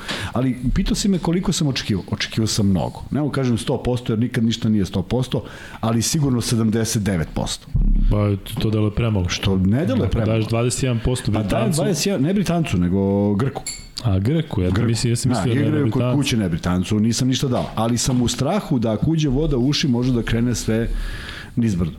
Tako da nisam, nis, nije mi bilo prijatno gledam ovu utakmicu i nisam bio onako opušten kao kad gledam neku drugu, zato što jednostavno da mi je neko rekao da možemo da izgubiti od Belgije, isto bi mu odgovorio. Ne, ne 79, nego 98 a mi smo uspeli to da, da izgubimo. Prema tome, vrlo je bitno, e sad, nije samo što je bitno da smo se kvalifi, kvalifikovali, zato što tom logikom ako idemo i kažemo, uf, dobro je, e, sve valja, znaš ono, sad je sve super, nije. Nije mnogo toga super, ništa nije super i moraju, moraju neke pouke iz svega ovoga da se izvuku. Milan Bršanac kaže ne postoji wild card za ovo svetsko prvenstvo. Poznato je koja 32 reprezentacije učestvuje na svetskom prvenstvu, a onda me je kolega sa sport kluba Zezno, to ću mu kažem sutra kada ga budem vidio. Eto. On mi je rekao kaže dobiju ovi i ovo sve delo mi je kao da da zna šta priča, nisam proverio, ali znam da nima lošu nameru, tako da verujem da naš Miki iz Čikaga ako govori, onda je okej. Okay. Šta kažeš Srki? Znaju se 32 ekipe. 32 ekipe se znaju. Dobro, eto, znači ništa. E, Eto ti. Dakle, Argentina, ćao zdravo. E, Kuzma, Ajdemo na jednu drugu stvar. Dakle, e, sada govorimo uopšteno. O tom smo i ti pričali tokom, e, tokom utakmice, pričali smo inače. Dakle, pitao me drugar da mu, da se setim jednog meča gde je Srbija igrala dobro pod Pešićem, a da nije grupna faza evropskog prvenstva. Ja stvarno nisam mogu da se setim nijednog meča gde smo mi mogli da sedemo i kažemo jebote bravo, stvarno, kogod je protivnik, Britanija tamo ili neke ozbiljne ekipe, kad se setiš Letonije tamo, kad se setiš oba meča proti Belgije, kada se setiš Turske ovde, kada se setiš Turske tamo, kada se setiš bilo kog meča, evo vi se setite jednog meča, Grčka ovde, dakle sve je dobijeno, što se kaže, ili na guz, ili je bilo drame, Vilbekin da nam je dao ono, da su propasti čovjek. Tako da, jel to, a pazi, ako ta neka energija je bila, ako se sećaš, i kod Kokoškova. Šta se to desilo od kad je Sala Đorđević prestao da bude trener? Ja se sećam da je tad bre bilo idemo, gazimo i stvarno dešavali su se padovi, ali se brzo iz toga izdigneš i to je manje više bila ista ekipa isti igrači koji su i kasnije igrali za reprezentaciju. Nešto fali. Šta je su to što kačile, fali? Su kačile kvalifikacije sve vreme. Koje? Šta? Ja mislim da nisu sve vreme. 2014. svetsko prvenstvo nije. Tako? Sale. Sale. 2015. mislim da je to uvedeno 2015. ili 16. da se Nije, počelo da. sa pričom kvalifikacija. Dakle, nije imao on sve vreme. Ali on je imao problema Pa ono sa Austrijom i sve izgubi se od koga smo da, pa tamo smo jedva, švajcarski se. jedva Avramović postigao Jeste, to su baš bili ono da kažeš timovi Jesu, jesu. E sada, na sve to ti si ubacio još nekoliko kola Evrolige. Na sve to e, imaš igrače koji konkurišu za najviši plasman, pa im sezona u NBA traje koliko god hoćeš. Tako da to jesu sad dodatne otežavajuće okolnosti. Ali izvini, mi smo takav pad isti imali protiv Italije na evropskom prvenstvu u najjačem mogućem sastavu. U smislu Jesmo, da ti jesmo. padneš i posle toga se ne Jesmo, dižeš. i- Sa Jokićem, Micićem, Lučićem, Kalinićem, svima. Dakle, mi kad smo pali, mi se posle toga nismo dili i to je ta energija. Sećaš se ono kad spuštaju glave, kad jednostavno Jest. nije, nešto nije Nešto nije, nešto nije štimalo, ne znamo šta, možemo da, da pričamo, da spekulišemo, ja to ne volim inače da radim, nemam nikakvu informaciju, niti se bavim time, ali da, činjenica je da nešto je sad, Uh, jedna, je, jedna je stvar taj mikrociklus na evropskom prvenstvu i šta može da pođe po zlubu, a druga je stvar kada ti, recimo, sutra treba da kreneš u nove kvalifikacije. Ja stvarno slušam ove priče i nekako mi je sve to čudno. Kaže, prošlo je 40 igrača. Ja, ja nemam objašnjenja zašto je prošlo 40 igrača. Jel možda da razumeš ti zašto je prošlo 40 igrača? Pa dobro, prošlo je zato što je bilo različitih okolnosti. A Ajde i vidimo, ajde kombinacija povreda i svega i svačega. Ok, ajde vidimo šta su različite okolnosti. Ajde ih svedemo na minimum. Ajmo da kažemo sa kim, koji 12 mi možemo da imamo uvek na raspolaganju. Ali izvini Kuzma, ne, za, ne, ne možemo mi da odlučujemo. Dakle, Ko? mi, pa mi kao reprezentacija, mi kao država i sve, zato što ti ne znaš koga će da pusti ovi. Evo sad je Bayern pustio Jaramaza, nisu dali Lučić. Dakle, ti ne možeš da kažeš Jaramaz je u 12. Ako ovaj sutra kaže ne, on nam treba da igra protiv Barcelona. Ne, ali ne govorimo o evroligaškim. Znači, uzmeš, imaš određeni broj igrača koji ne igraju Evroligu. I ne igraju u Eurocup onda. I Evrokup, imaš takve igrače. Jel, što bi onda igrao Eurocup ili znaš, kako da napraviš podelu ako znaš da će i ovaj u nekom trenutku možda da se nešto prelame ili bilo šta. Pa vidi, grove, groj igrača iz Evrokupa su uvek dolaze. Tako je, jeste, ali, Znači- ali tu je bilo, ja mislim, u nekom trenutku Okej. da, da su... Okay. Ali ajde da kažemo, da uzmeš, da uzmeš neki, neki broj igrača i konstatuješ da su ili u Evrokupu, ili su u nekim domaćim ligama, ili u nekim trećim ligama da ne igraju to neko takmičenje. Ima i takvih igrača. Ja mislim da Jovan Novak igra u Nemačkoj da ne igra ništa od tih takmičenja, je tako? Ne znam, samo sam naveo primer, ne zato što mislim da treba da budu reprezentacijne. I onda napraviš da svedeš sve to što pričaš o 40 igrača na ipak mnogo manji izbor.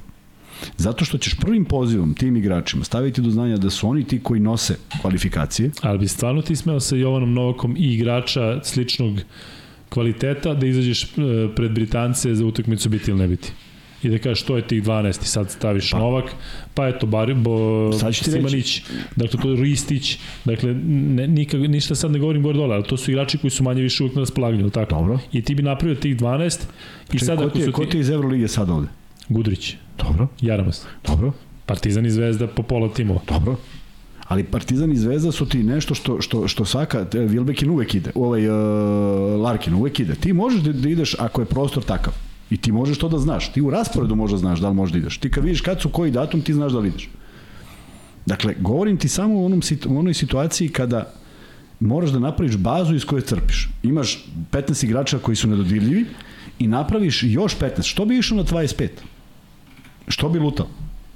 Zato što ćeš bolje uigrati ovu ekipu nego kad dovodiš svaki put nekoga novog. Nije to urađeno, ne znam da li je moguće, ali bih, ja bi probao tako. Da vidim koji su tih 12 koji su uvek tu.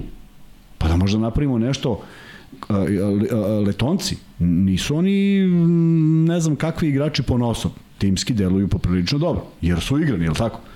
I sve igraju zajedno. Imaju taj, tu, tu srećnu okolnost da imaju samo Porzingisa u NBA. Prema tome, mislim da se mnogo da se, da se tu nađe neki odgovor kao zašto nam nešto nije išlo. Znaš, zašto nismo pobedili Belgiju u Nišu? Pa zašto smo, zašto je 40 igrača prošlo kroz... To nije neki odgovor baš koji, koji ima mnogo smisla. Ne, ima, ima problema što ih imaš, ali nije to odgovor zašto nismo pobedili Belgiju. Kao što mi nije odgovor zašto nismo pobedili Grčku. Ne postoji odgovor, znaš koliko igrača prošlo kroz reprezentaciju? Ne, zato što ovi 12 su bili dovoljni da pobede. A zar nismo manje više u, svi u istim uh, u istoj situaciji. Dakle, nije samo za Srbiju ovo. Dakle, i ta Grčka Isti je problem, promenila problem, timova. Dakle, isti svi smo, ali zašto samo kod nas imamo toliki kvalitet, jer ti imaš 40 stvarno dobrih igrača, Dobro. nisu svi isti, istog kvaliteta, ali samo kod nas je ta neka, ne mogu da kažem malodušnost, ali nije, jednostavno... ne znamo da li, otkud mi znamo da li je malodušni, kako otkud mi znamo šta se desilo u Turskoj. Možda su malodušni, otkud ja znam. Zašto oni izgubili onu utakmicu koju su morali da pobede? Kako ja znam da li su oni bili svi malodušni i ljudi? Ja ovo što sam pratio, imaš timove koji zaista igraju srcem i kogod je tu grize i jednostavno nisu uigrani, ali vidiš da jednostavno pokušavaju to da nadoknade na neki način. Izvini samo da kažem za donaciju koju smo dobili od Omara Gabriela Patistute koji kaže časti momci za prolaz. Očeki, očekivao sam vas na polovremenu kao džokera sa klupe. Dajte pol za Pešića, pozdrav iz Zemuna.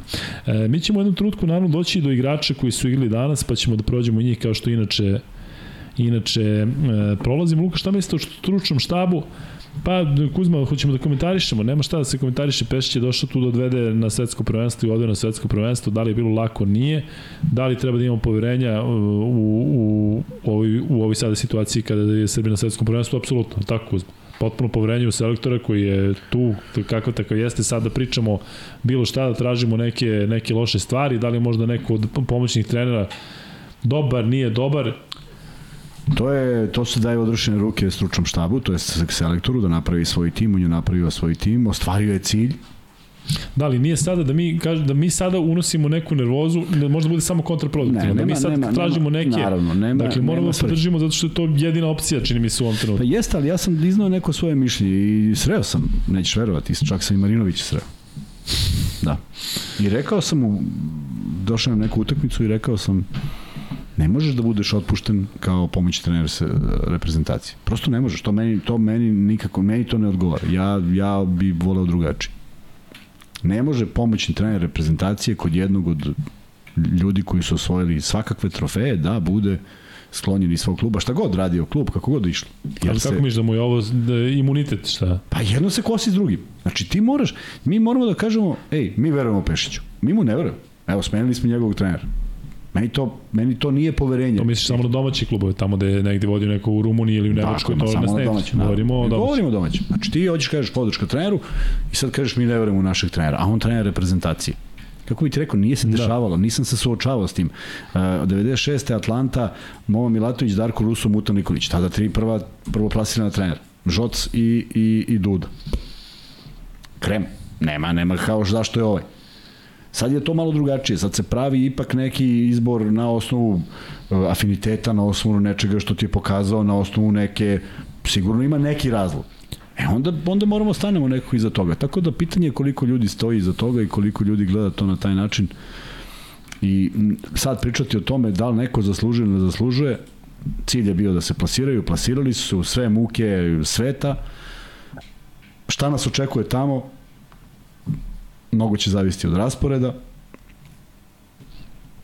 mnogo će zavisiti od, od igrača koji će doći, mnogo faktora je sad tu u priči, naravno da uvek želim da budem optimista, naravno da bi volao vidim neku našu prepoznatljivu igru, ali se bojim da smo kod ove kvalifikacije, pa čak i evropsko prvenstvo koji smo igrali, smo izgubili, igrali smo najlepšu košarku. To je ono što me je zabolilo. Zato što smo mi kada smo igrali najlepšu košarku osvajali to. A ovde smo dozvolili da jednu, u jednu reprezentaciju koja je igrala savršeno na, na oba kraja terena pobedi Italija nečim što ne mogu da ponove. Oni su već sledeću utakmicu izgledali Tako je, i milikanta. Tako. A pazi, ja, ja o tome i govorim, da mi u jednom trenutku kada trebaš, ti ćeš da natrčiš na te reprezentacije A, koje protiv tebe igraju A, utakmicu života, ali mi da. nismo imali odgovor na to. Mi ničim nismo Nismo, odgovorili. Mi nismo nismo. imali, bili spremni za tu opciju ni psihički, ni fizički, ni taktički. Ne znam šta I oni su nas rekao. napunili i ja se samo plašim da to može da se desi opet.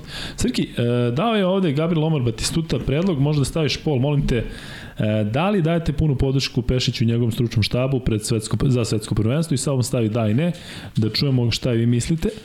E, hvala tebi na ideji e, Gabriele, pa ćemo kasnije da puštamo još neke polove da se ovo učinimo još interesantnim.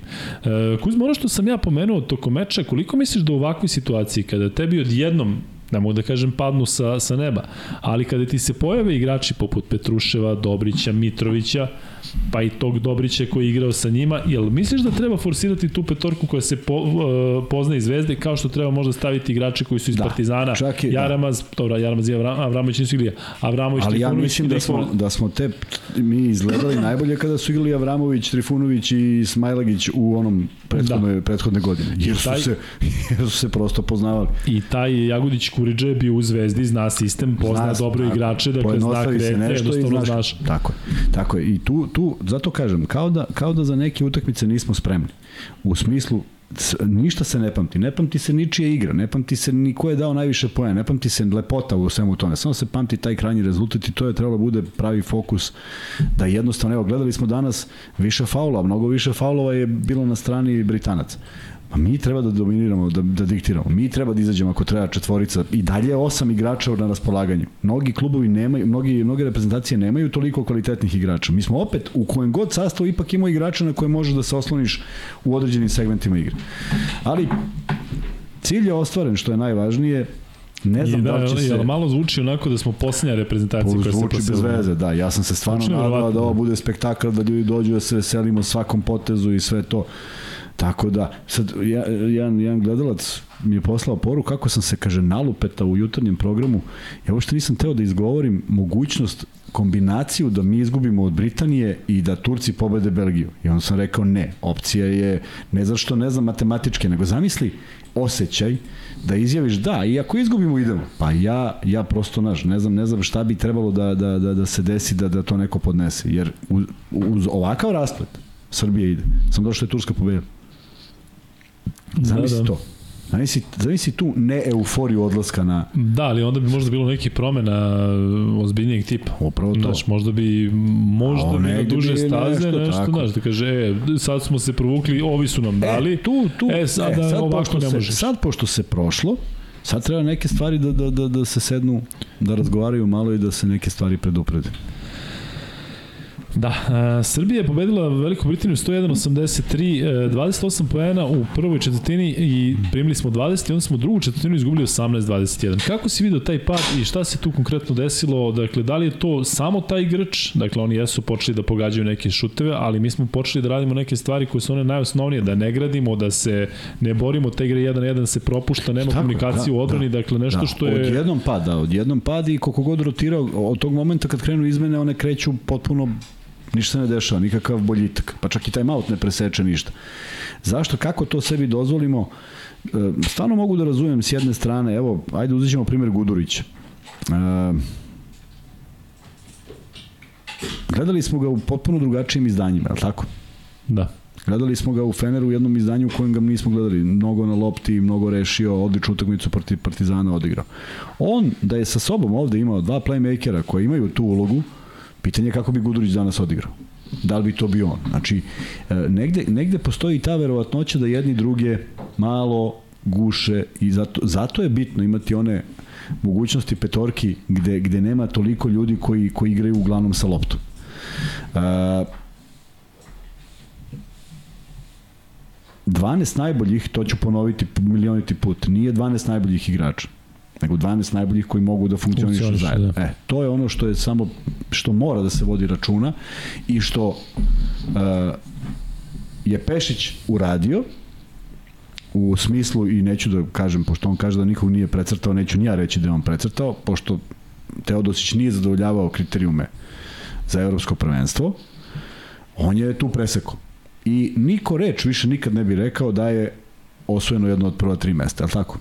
Da. bi rekli fenomenalno. Ovako ostaje otvoreno pitanje. A stvarno mislim da trener mora u nekom momentu, koliko god nama to izgledalo čudno, da preseče i da kaže da idemo u ovom smeru idemo u onom smeru. To poštojem, ali onda stojiš potpuno iza toga i snosiš posledice. I snosiš posledice, tako. Da. I onda uradiš sledeću stvar. Eliminiš te na evropskom prvenstvu i ti dođeš u Beograd i kažeš jeste, ja, moja odluka je bila ta, doviđenja prijatno, do sad za Nemačku i ja nemam problem. Ovako mi je sve nešto čudno, niko se, niko se ne oglasi po tom pitanju. I evo sad smo ovo preživeli Ima sad i onih koji se ne raduju što smo preživjeli, pošto su želeli da potonemo. Ja ni, nikad ne mogu da pripadam tome iz prostog razloga što, što, što bih predcrkao nego da, da ne odemo na svetsko prvenstvo i da napravimo opet neki e, korak, ogroman korak unazad. Slažem se sa komentarima mnogih košarkaških radnika koji kažu da je kontinuitet vrlo bitan, da je bitno biti na svim prvenstvima, da sanjamo o medalji na svakom nije realno, ali da možemo negde da napravimo veći ili manji uspeh jeste definisati šta je uspeh, a ja mislim da je uspeh da se pojaviš na svakom sledećem takmičenju. Dakle, pošto svetsko vodi na olimpijadu, je tako? Pa jedan način, pa valjda posle imaš i one posle imaš druge. Ali ajde da kažemo da bi bio uspeh da se mi kvalifikujemo na svetskom prezu olimpijadu i da to bude uspeh uspeha. Sve Misliš preko da toga. da to bude cilj? Ne da bude cilj, da to bude da mi konstatujemo da je to uspeh. Tu smo da. stali, da, jer znači... zajebali se, neko nas dobio i tu smo stali i šta smo radili? Kvalifikovali se, mi kažemo, ok, momci, mi smo na sledećem prvenstvu. Nije funkcionisalo zbog toga i toga, ali mi smo prisutni na sledećoj godini.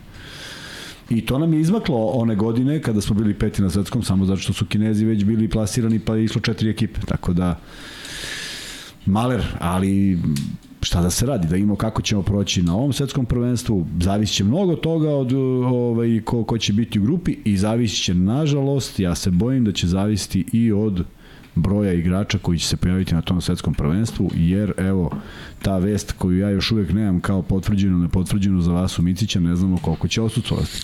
Da, mislim da Ataman možda...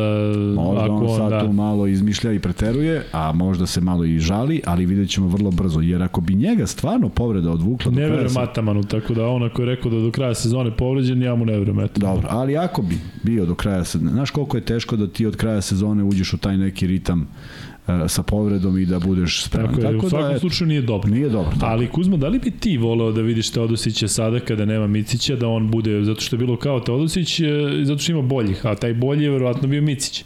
Jer sada kada je eventualno... Kada ne bi bilo, misliš kada bi trebalo da se bira. Da, ili, ili kada je Micić sve, evo da kažem da je Micić u tom stanju, da je povređen i da će morati da prođe taj period, da ne treba očekivati možda da on sada nosi ekipu zajedno sa Jokićem u leđima, ili bi ti voleo da vidiš Teodosića u reprezentaciji? Ja bih, ali mislim da je urađena dovoljno velika greška u koracima i sa jedne i sa druge strane da bi se to desilo. Da. I, i, i opet bi se čekao taj neki moment, ako, ako ne bi puklo, to bi bilo savršeno, ali ako bi puklo, to bi puklo ozbiljno, ružno i pogodilo sve i, i, i negde narušilo sve to što je ipak... Vidiš da je rizik Da. Ozbiljan. Da. Da. da je već, da je već, što bi se reklo, šteta napravljena. Da. Da, to da. sam rekao i onda i mislim i sada, prosto samo nije način. Sve može, samo nije način. Jer e, išla je ona utakmica u Sloveniji, je li tako bilo?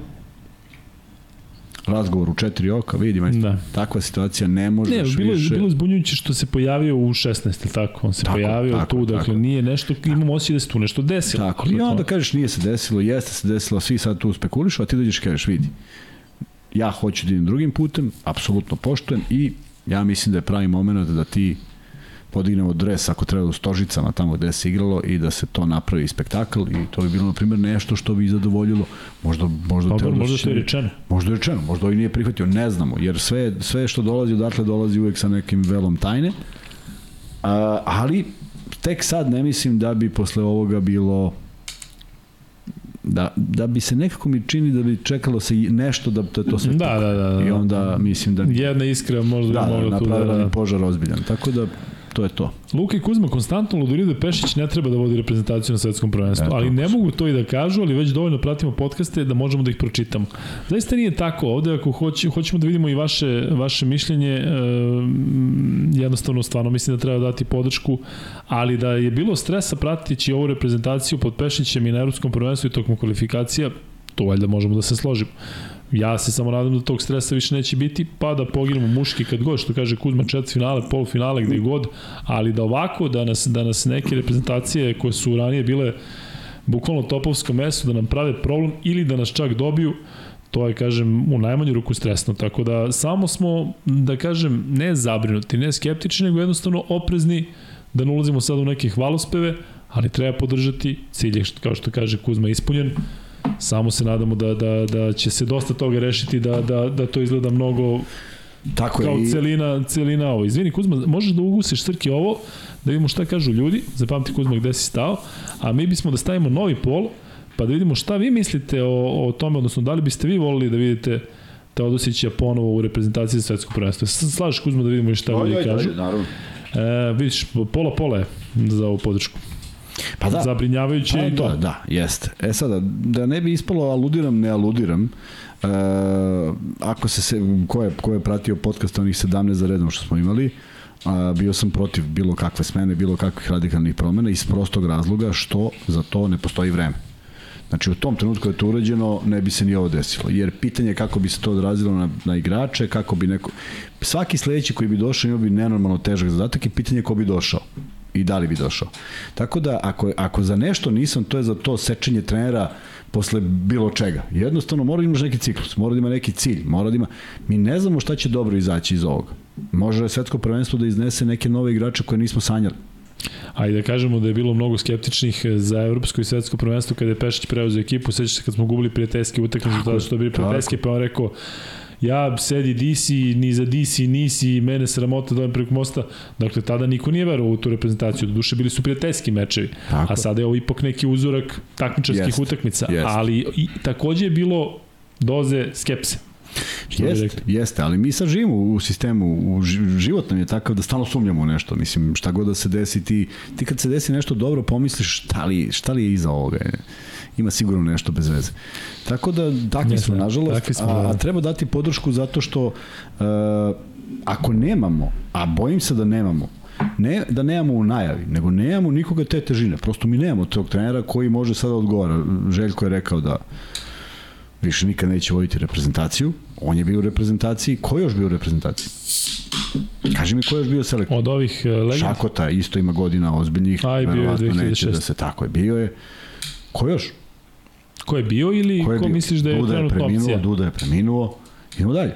Kari je bio, evo ga, sad je tu. Ajmo dalje. Koliko ih je bilo? Kokoškov potrošen za to jedno Dobro, ali ljudi ovde predlažu Milojević, Rajković, Olimpijević. E, e, to su sada, to je sada ne, neka nova priča. I ja se slažem, ali to mora negde da postoji neki plan i program. Jer ako se desi da taj dođe i na prvom tom koraku se oklizne i onda kažu, e, doviđenja. A pritom, kad spomeneš Milojevića, to znači da bi on trebalo to da radi iz Amerike. Već je nemoguće. Znači, a ovde je čovjek rekao kod nas u podcastu da su mu planovi za uvek tako, vezani za mene. znači da sad Da ne ide jedno s drugim. Tako, jedno Ali opet ne ide. Kokoškov i u onom periodu kada je bio u Americi, sećaš se da je vodio Gruziju. Jeste, Pa je vodio Sloveniju. jeste, ali nije, bilo, Znači, ali nije je. bilo kvalifikacije. Pa dobro, to je. U Gruziji nije bilo kvalifikacija tog tipa. Bilo je da igraš, ali ne ono u sred sezone. Tako da je bile kvalifikacije za vreme leta.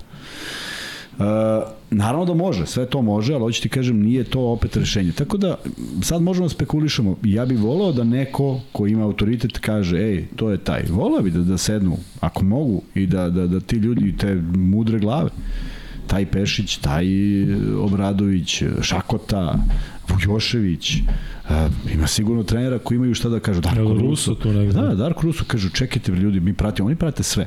Ti misliš da, znaš, ovaj nema posao, ono, prate oni košarku i prate šta drža. Daj jednog kandidata, daj oni da ga predlože, jedno. Kako god da se zove. Pa stanemo svi za toga.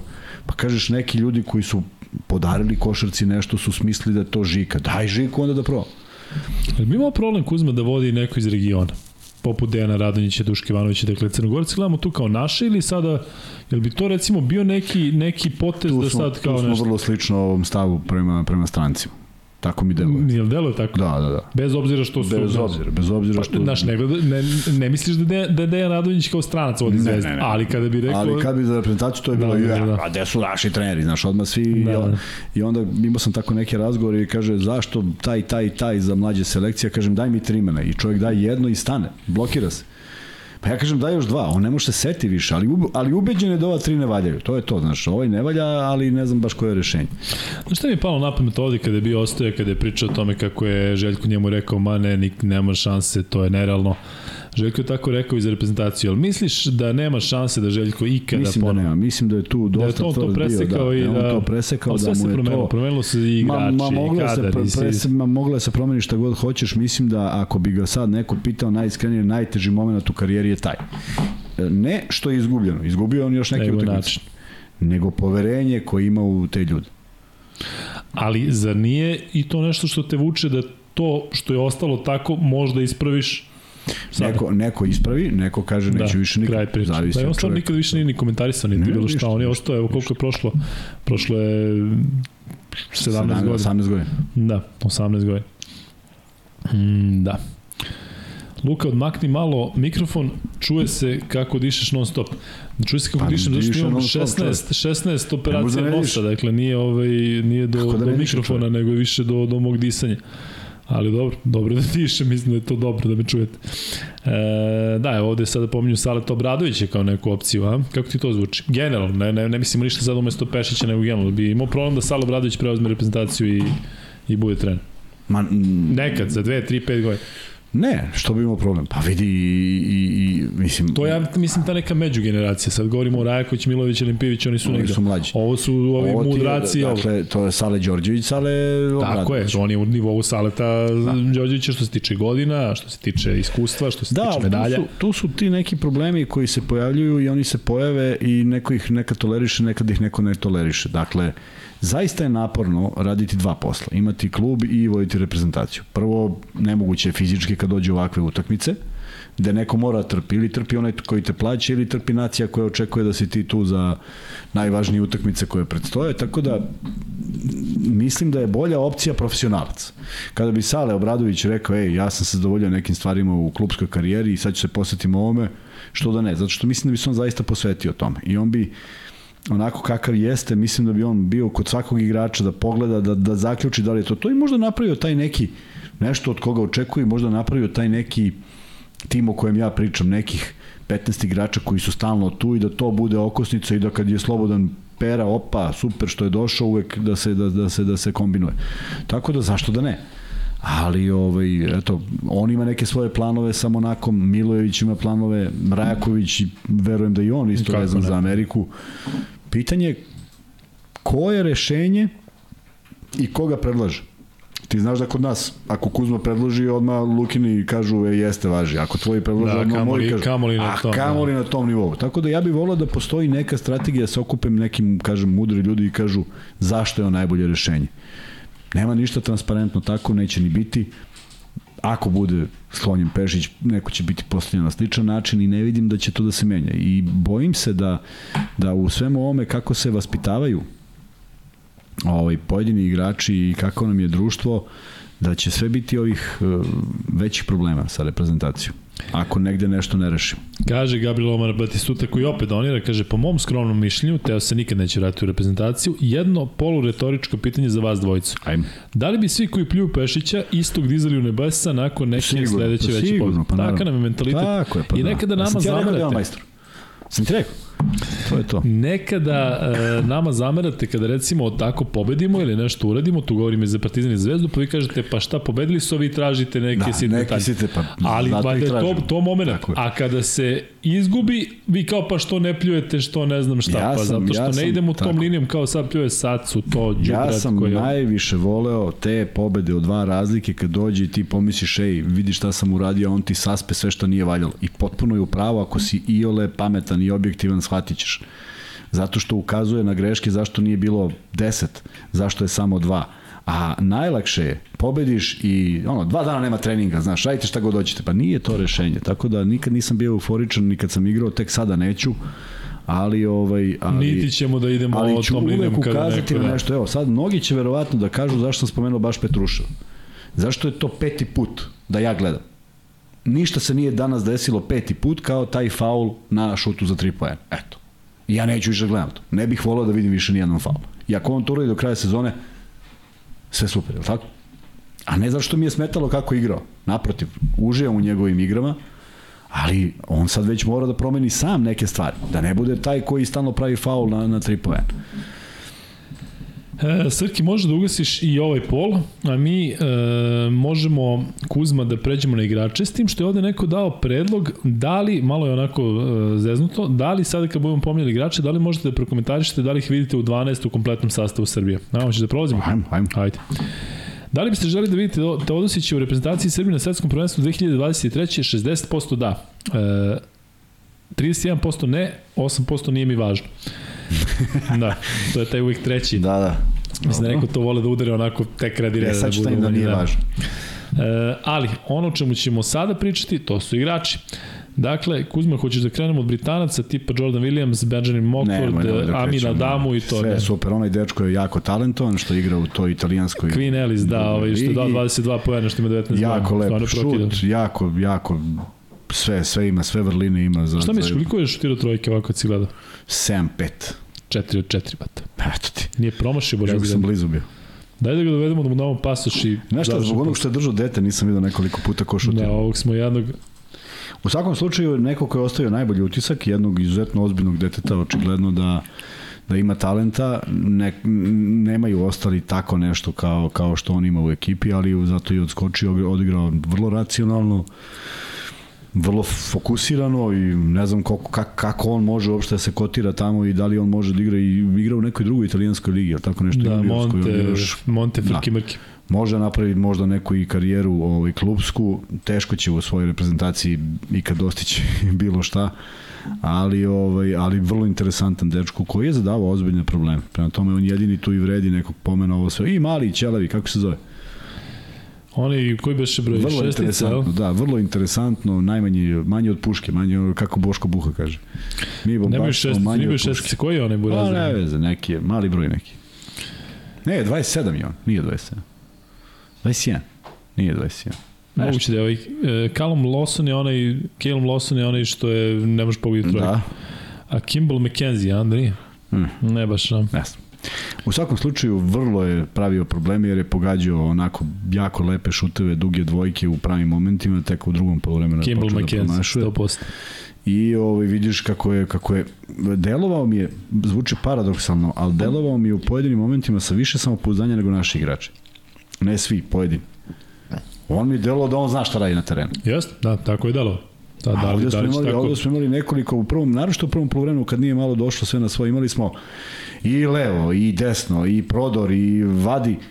Stefan Jović, zaista jedan čovjek koji kada je u odbrani donosi tu jednu ovaj, e, sigurnost kada je on je faktički neko ko je držao ne znam onaj rekord u asistencijama Jeste. ali ne može protiv Britanije sebi dozvoli da treći put ulazi pod koš i traži neko rešenje pa daj daj daj koš Da, doćemo i do mora i Jovića. mora neki moment da ti presečeš to i da položiš lagano Ali Kuzma, kratko, šta je to što ovog Burazera, Kimbala McKenzija i sve te Grke i sve te Letonce i sve te? Belgijance protiv Srbije da pogađaju sa tri četvrtine terena, da pogađaju, da. jel taj McKenzie kada ode u svoj Leicester, Riderse, tamo igra potpuno drugačije i nije ovo, jel mu ovo njemu, ne moguće da im je svima biti ili ne biti. Nije im biti ili ne biti, Nije ali se spisu nadigrava, nepoznat igrač, pa, pa evo, nadigrava ali, se, nadigrava se s nekim ljudima koje redko viđa i pokuša da da svoj maksimum. ali kako je- svi daju maksimum Ha, i, svi, i, i- i, i na sve njih nema Iza- odgovor. I izazov smo.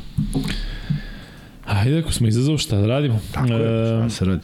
Ljudi znate za ono da kada dođemo do 500 lajka, da onda cepamo prvi free bet. Nikola Ivanović je donirao i kaže samo se vi polako spremite za Mundo Basket specijal. Srki, pitali su te da li si zadovoljan i da li se spremaš za F1 sezonu? Imamo sutra je podcast, u četvrtak je podcast posvećen tehničkoj analizi. Eto vidite. Dakle, sutra je podcast redovan, je tako? A u četvrtak podcast, nadamo se da će se završiti do 11, je li tako Srki? ovaj, posvećen tehničkoj analizi i pratite naravno Infinity Lighthouse, pretplatite se na njihov kanal ako već niste i pratite Lab 76 koji će ove sezone biti, Srki, možemo da kažemo, bolji nego ikada. Tako je, Srki pokazuje da hoće i Srki ovde pitaju, odnosno Johnny Ivanović pita, samo se vi polako spremite za Mundo Basket specijale. Možemo sad da zakažemo, dakle, kad bude svetsko prvenstvo, cepamo svaki dan, kao za evropsko, Standardno. standardica, što bi rekao Srki. Da, nema šta. E, imali smo tu ideju, Kuzmo, da odemo tamo, ali šta bismo onda s podcastom? Onda ostavljamo ljudi, aj ti se tamo zezamo po Japanu, Da, da. Indoneziji, Filipinima, pa na svetsko. Pa idemo, šta ima veze. Ne, veze, Ma ko šišao? ko, šta ćemo da... vi, ne, vi dajte pare, a mi ćemo da idemo tamo i... Dakle. Sredit ćemo mi podcast, to ne brini. Da, da. Samo idite. Znači imamo audio interfejs, imamo sve spremno. Znači, moguće, a? Može? Moguće da odemo i ovo, ali šta moramo tamo da imamo? Moramo i internet, moramo da imamo telefon bolji od ovih 51 Nokia koji Šta imamo. fali mojoj, a, šta ima, Motorola? Kamera, Jedan kadar, dva mikrofona. Tako je. I rešeno, a? I dobar internet. Ili ima u Japanu internet? U Japanu ima, na Filipinima nema, oni O. ne mogu. A, I to ćemo da imamo ranac. Uvešćemo u Japan ako Ne, nema. ne, ranac, četiri kartice SIM kupite i to je to.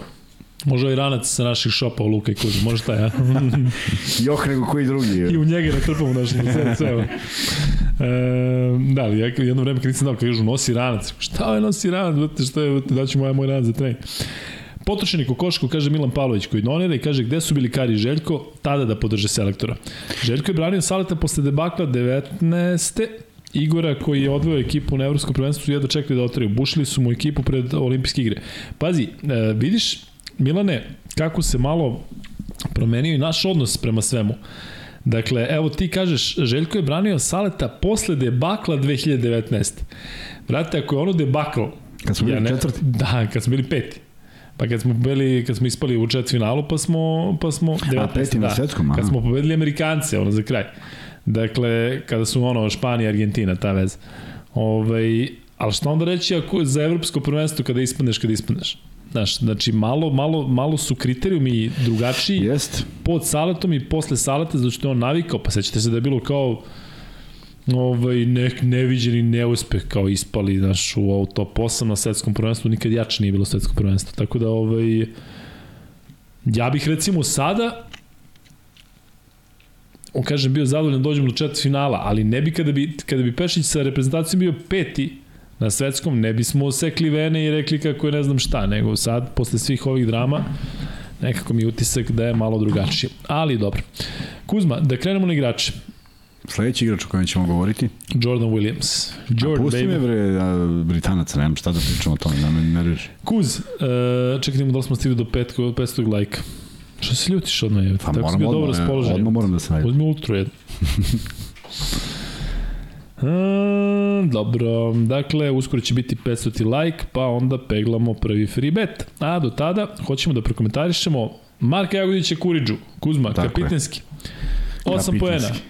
3 od 4 šut iz igre, 1 od 2 za 2, 2 od 2 za 3, ona trojka jedna, dakle, slično onom Jokićevom somber shuffle u smislu težine šuta, a i opet je bio desni korner, ovaj, kao proti Grčki, seća se kad je Jokera dao ono toliko bitno duša. Da, ovo je- iz okreta. Da.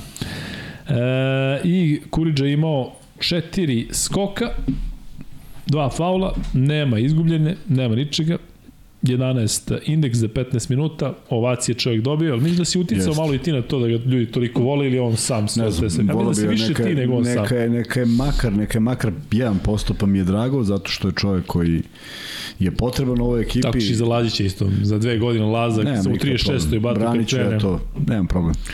Ali ovaj, drago mi je zato što ti igrači vrede i mi ne možemo da shvatimo koliko oni vrede i donose tu neku, neki taj prljav posao, a onda još kad ih krene ovako povrede nešto ovako spektakularno u dva minuta iz dva ćoška postignu jako teške šuteve, onda zamisli koliko je njima drago što su, što su obradovali ljude. Prema tome i lepo, su, lepo, lepo je danas primljen a, njegov taj napor i pozdravljen je izašao i verujem da mu ovo je bilo jedno lepo veče, prema tome zaslužio ga je i on već razmišlja o tome šta je sledeća utakmica u okviru Evrokupa ili šta li čeka ili ABA lige, šta li čeka budućnost prvo, tako da A misliš da on recimo ima sada ovakav kvalitet, ne kvalitet, nego da li bi mogao da bude koristan u timu Zvezde?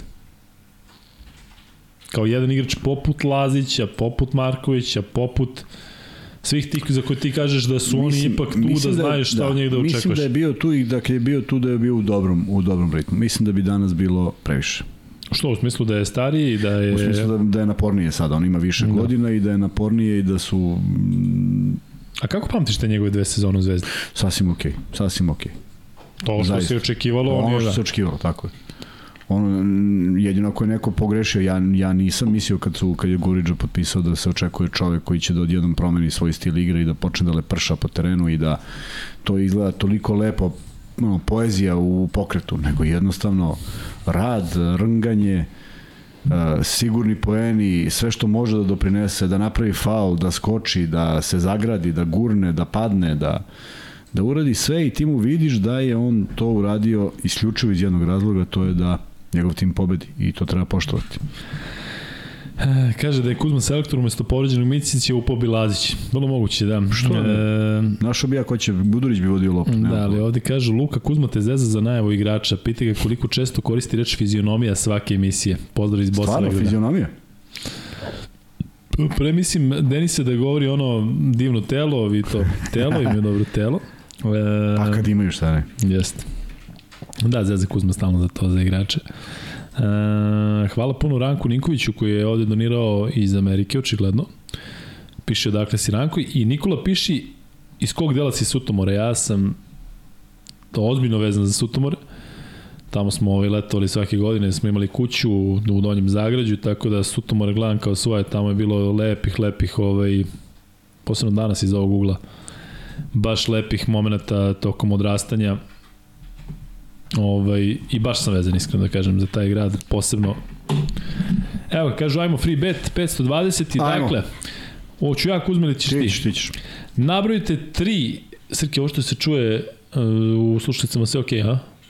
Sređujem tam je. Tri kluba u kojem je igrao sjajni Marko Jagodić Kuriđa, a da nisu budućnost i da nije zvezda. Dakle, ne aktualni klub i ne klub uh, u kojem je bio. Dakle, tri kluba u kojem je igrao Marko Jagodić Kuriđa, e da vidimo koliko poznajete e, karijeru naše kapitena. I ko prvi odgovori dobit će prvi free bet u iznosu od 1000 dinara. Evo Gnenad KG odgovori Indonezija, Filipini, Japan. Ja kad sam stavio tri, oni misle da će biti to. Ali nije. E, tako da... Mm -hmm. Pozdravljamo Apatince, na putu su nazad, mahali su nam u hali. Veliki pozdrav za sve koji su Evo, mahali, mahali da. smo širom hale. Ostende, Cibona, Nimberg. Hm. Pa teško da će da bude Nimberg. ja mislim da su oni druga nemačka liga, moram sam da proverim, ali znam na šta misliš, samo si pogrešio. Dakle, čekaj da prebacimo u live chat. Pa ćemo da vidimo dokle ćemo da stignemo. Srki, ti mi pomozi ako sam pogrešio, ali koliko ja vidim, Cibona Split Primorska je odgovorio Petar Kostić. Cibona Split Imaš Lazar Jovanović, Cibona Split Primorska. Da, ali čovjek uopšte nije igrao u Splitu. A ne, Petar Kostić, Cibona Split Primorska. Pa da, ali nije igrao u Splitu. A Kuzma, ili igrao Kuriđu u Splitu? Ti ga ako ga neko da, pozna, kako, ako neko ti. prati njegov opus, to sam ja kroz, kroz epohe. Kako sam uvalio sebi kosku sa ovim pitanjem? Pa jesi. Čekaj, sad si mene zbunio. Čekaj, Primorska, Ostende, Cibona. Ja sam je pitanje ne, ne, da Lukardi kaže Ostende, Cibona, Ninberg. Ne može da bude Ninberg, može da bude Nimburg. E, Primorska, Ostende, Cibona, kaže Miloš Tubić. Primorska, Ostende, Cibona. Primorska, Ostende, Cibona. Jeste. Da, to je okej. Okay. E, Srki, riknjava mi baterije. Da, da. Ja ću, ja ću. Ove... Ovaj- Svakako ne igrao za Split. Šta su, da li su permutovali Nimbruk ili Nimburg? Pa ne možda zato što je on iz Zadra, pa je ovaj, rođen je tamo, pa možda su nekako povezali da je možda bio to negde, ali e, u svakom slučaju prvi koji je dao pun tačan odgovor je Dakle, Miloš Tubić, Primorska od stende Cibona je definitivno tačno odgovor. Cibona, Split, Primorska nije zato što Pero nije igrao, nije igrao za Split. Hvala Srki. Lukardi kaže ostende Cibona Nimberg. Nimberg teško, Nimburg još nekako, tako da ovaj, ne možemo to da prihvatimo Lukardi, znam da često dobiješ. Tako da Miloš Tubić Tuba dobija prvi free bet i šalje ga na lukekuzme.gmail.com. Kada dođemo do, recimo, 700. E, lajka, onda cepamo drugi free bet.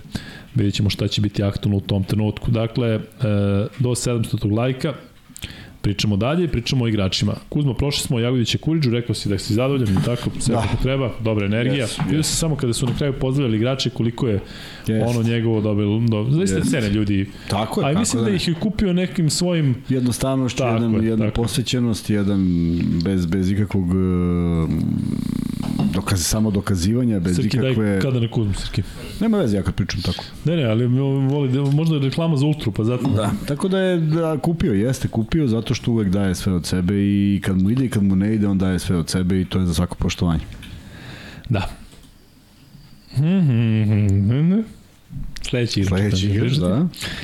Je Kuzma, moj dragi, Marko Gudrić, 13 poena, 18 minuta na parketu, rano je ušao u problem sa ličnim greškama, yes, ali ono što je Deda manje. rekao, se meni dopada da konačno igra u reprezentaciji ono što yes. igra u Fenerbahču, dakle yes. to je njegova igra. Vrlo su slične igre Ali koliko treba dana. da se ljudi adaptiraju u reprezentaciji, ili Jokić kada dođe iz NBA ligi neće moći da igra ono što igra A tamo. upravo o Tako. tome pričamo. Tu, tu je sad stvar, stvar umeća na treneru, na selektoru. Jel on samo da na uko- treneru ili je do Jest, nekoga da se jest. adaptira i kaže, ej, ja ovde nisam, nisam Vasa Micić u Efesu, nego sam Vasa Micić To je u... jako u- teško, to je jako teško, to znači mu promeniš igru i onda mu nešto prije ili ne prije. I može da se desi da bude kontraproduktivno.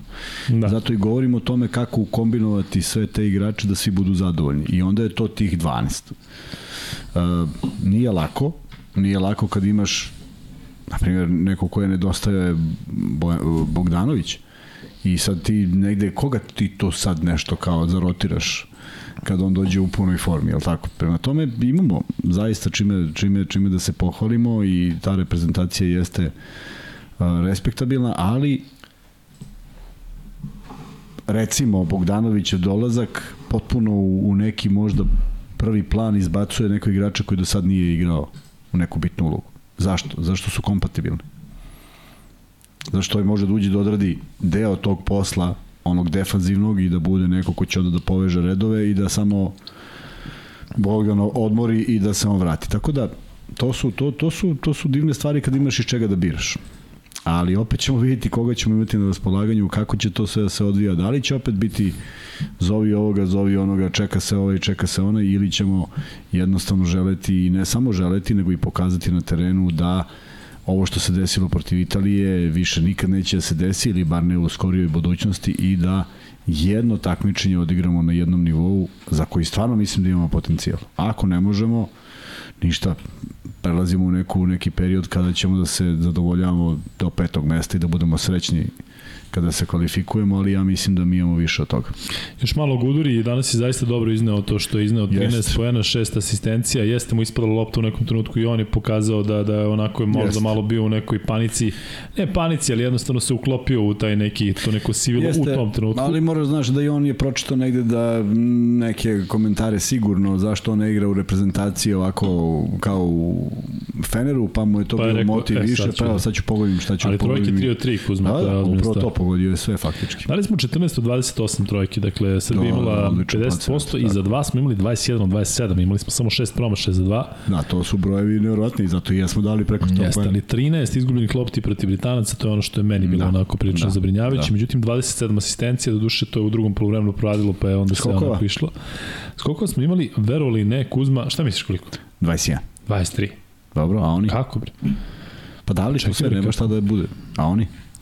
Oni su imali 32. Znači, Britanac imao 9 skokova više od nas. I to su bili u napadu 100%. Ne mogu ni da imaju više kad smo ni šest puta promašili koš. Oni su i imali još 14. 18 skokova u napadu. 20 puta, pa da. 20 puta smo promašili koša, imaju Ma 30. dobro, sve razumem, znam kako, Kako ti razmišljaš, ne nego kako 18 skokova u napadu smo pustili da nam uz Britanac. E, pa to je problem, video si, o, zato, to, to ti, kako bih ti rekao? Ti si jednom trenutku rekao, da li moguće da su ovi jači od nas? Pa jeste, oni jesu fizički. to ja- fizički jači Jesu. ili su hteli više pa sad i, idemo? i, i, i vidi, mislim, gde gubimo, gde mi gubimo od drugih, pošto fizikalije postaju vrlo bitne. Mi gubimo, a, mi smo igrali lepu košarku, uvek smo igrali lepu košarku. I ne znam da li si primetio jedan moment, mislim da je da li je Mitrović izašao ili, ili, ili neko je izašao na beka koji je šutnuo Jel veruješ da kako izbacio loptu i video da je kratka, on je potrčao faktički Jeste. u vazduhu. Ona je i blizu nas što je bio Burazer. Jeste. Da, da, pa je promašio pa je to. dodirno zemlju i nastavio da trči. To redko ko od košarkaša radi. Da li me razumeš? Da, Jednostavno, i ti negde imaš taj neki doskok pa si video. Ovo je sve nekako drugačije, a bazira se na neverovatnoj fizičkoj spremi. I ono što mislim da drugi imaju. Pogledaj, vrati film protiv Albe iz Berlina. Sa kojom samouverenošću igrači Albe šutiraju moment kad primi loptu u dobroj poziciji. Oni njihovi visoki igrači. Nijedan igrač zvezde na toj poziciji ne šutira kad primi loptu. A ovo je, a oni, oni vežbaju tako da je moment kada ja vidim tebe da si toliko daleko od mene i primam loptu, ja više nemam šta da razmišljam. Nalazim se na dva metra i nema čistijeg šuta. E, dopušta se da je pozicija ta u kojoj se nalaziš procenjena kao najbolju dopušta se šut. Forsira se taj šut. Čak pogledaj koliko su ovde imali nekih šuteva kada su bili zaista sami za deli sekunde, ali su koristili to. Mislim da mi i dalje malo mogu kažem da kasnimo, ne bih volao da igramo baš tako da, da kad god si sam ti opališ, ali činjenica je da imamo malo nekih kočnica i da, ni, da nismo stvorili nešto što smo imali i ranije. Imali smo jugoslovensku ili srpsku školu košarke. I to je bilo prepoznatljivo, znalo se kako igramo, sad to više ne. Ne, ne možemo uopšte da dosegnemo tajnu šta je to što bi nama bilo glavno oružje. Tako mi deluje. A imamo izuzetne igrače. Johnny, e, i Sutomora. Dakle, znamo prilike gde su brce, ali e, na kraju ako bude vremena ću da ti ispričam moje, moje viđenje Sutomora. Pa eto, budi uz nas i podsjeti me na kraju. Ovo, a ima dosta do kraja. Srki, jel si ti umoran, imaš neke obaveze oko 2-3, pošto mi planiramo ono.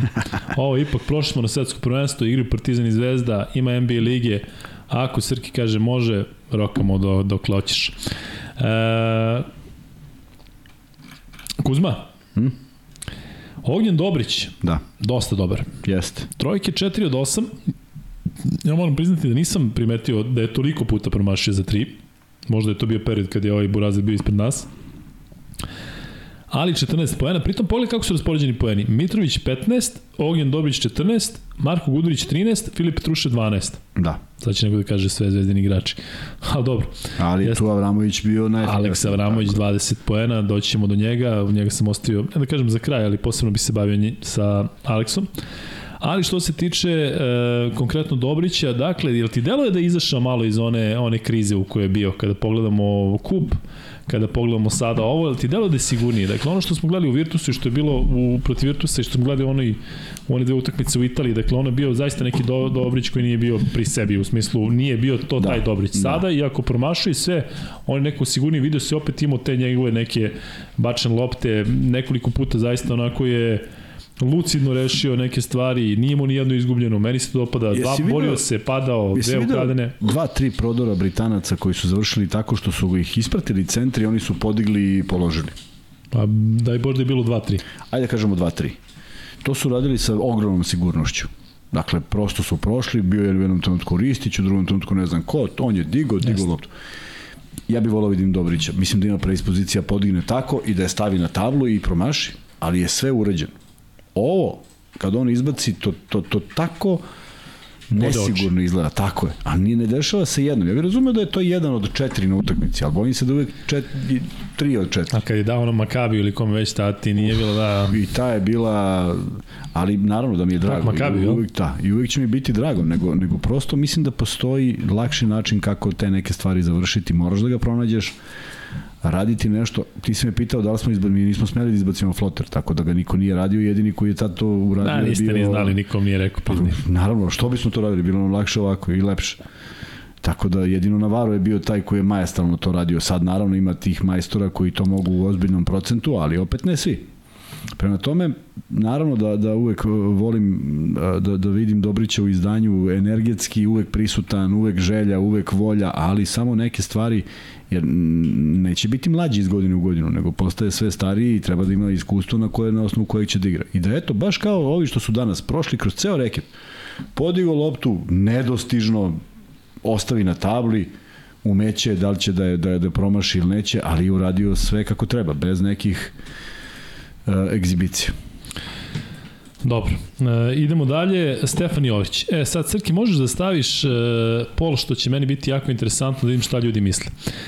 Da li prema vašem mišljenju ima mesta za Stefana Jovića u 12 u reprezentaciji ako je kompletna. Govorimo o svetskom prvenstvu. Kako god hoćeš formuliši, ali hoću da vidim u smislu da li u 12 na svetskom prvenstvu ima mesta za Stefana Jovića e, eto može bukvalno samo tako. Dakle, da vidimo da li mislite da Stefan Jović može da doprinese reprezentaciji e, kada naravno se pojave svi bekovi koje imamo. Dakle, ja znam da sam subjektivan zato što je Stefan došao ovde i to nam je, je tako uzmo, to nam je najgledaniji podcast e, kad je Jović bio gost. Jeste. Jeste, Jović se Jest. to slobodio i ja sam vidio jednog čoveka koji je toliko željan košarke, a toliko onako, da kažem, e, mogu da kažem utučen, ali je bio nezadovoljan zbog toga što svi smatraju da se on stalno povređuje, da ima hroničnu povredu i nikad neće moći da igra. I bilo mi mnogo drago kada je potpisao za Saragosu, a bilo mi još draže kada sam video da, da igra za reprezentaciju. Međutim, e, kod njega postoji isto taj, ta neka nesigurnost što smo mi pominjali u smislu da Kuzma, je tako, kada krene na koš, nekako kao da, da svi znamo da neće da završava, ali dao jednu bitnu trojku, sve u svemu sedam asistencija, on je doneo to neku... To sa asistencijama je divno. Samo da promeni taj jedan pristup da ne ide da doda. O, on, oni znaju govorom tela, on kad krene, svi znaju da on dodaje. Dodaješ u momentu kada svi misle da ideš na koš. E, ako, ako, ako navikneš odbranu da ćeš da dodaš i praviš takav, po, tako prolaziš kroz reket, pa problem je da dodaš svom centru. I par puta je izgubljena lopta iz tog razloga jer su svi znali da ide dodavanje. Niko nije bio u, u strahu da on kad pogleda koš, a oni se nameste za skok, a ti onda ostaviš loptu. Da. Na tome samo da to, sad tu je naravno stvar neke sigurnosti i činjenice da on dugo nije igrao, Uh, mislim da je defanzivno i dalje dovoljno i agilan i ne on deluje spreman, spreman kao da, da i kad napadne loptu nije ti dobro oni Avramović kad napadaju loptu yes. to zaista zabrinjavajuće deluje ovaj po, po, po napadače. Prema tome samo malo nekog šmeka u sve to polaganje. Onda je dao jedan lep ulaz.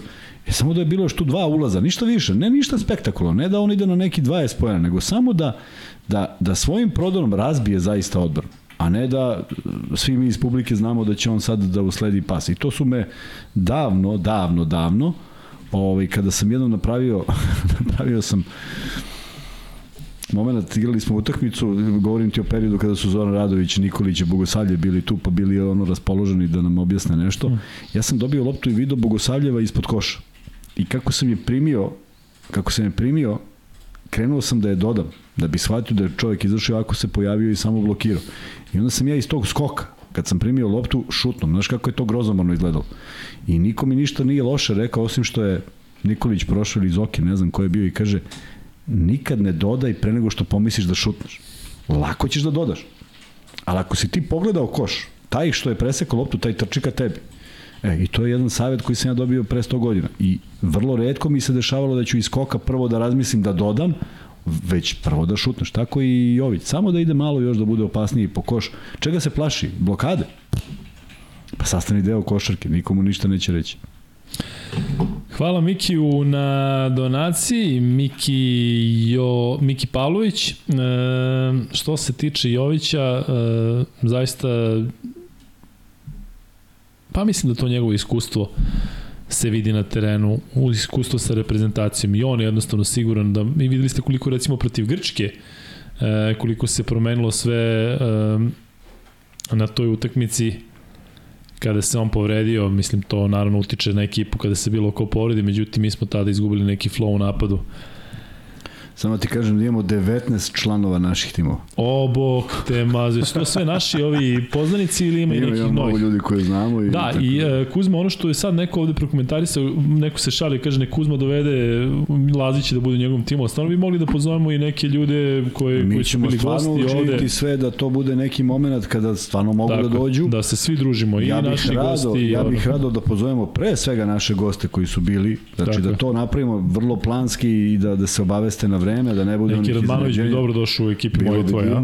Da, da, eto, uveličaju taj događaj, mislim da ćemo do tada imati još mnogo podcasta, uh, ali bi zaista, meni bi bilo vrlo drago da ti ljudi koji su nam ovde ovaj, stvarno pomogli da, da, da, da, da, da, da čujete njihove priče, da se mi promovišemo sa ovim što pričamo preko njih, prema tome meni bi bilo veliko zadovoljstvo i znajte da ću učiniti apsolutno sve da sve te ljude koje mahom znam i privolim da dođu, a volao bi da dođu i oni koji nisu bili kod nas u podcastu, zvaćemo i njih, tako da bih volao da napravimo jedan baš košarkaški. da bude jedna. Tako je, tako je. Samo ćemo vidjeti gde, imamo neke već ne mogu kažem planove, ovo je Ali sve misliš zaista... da je, da je dobro da bude na otvoreno?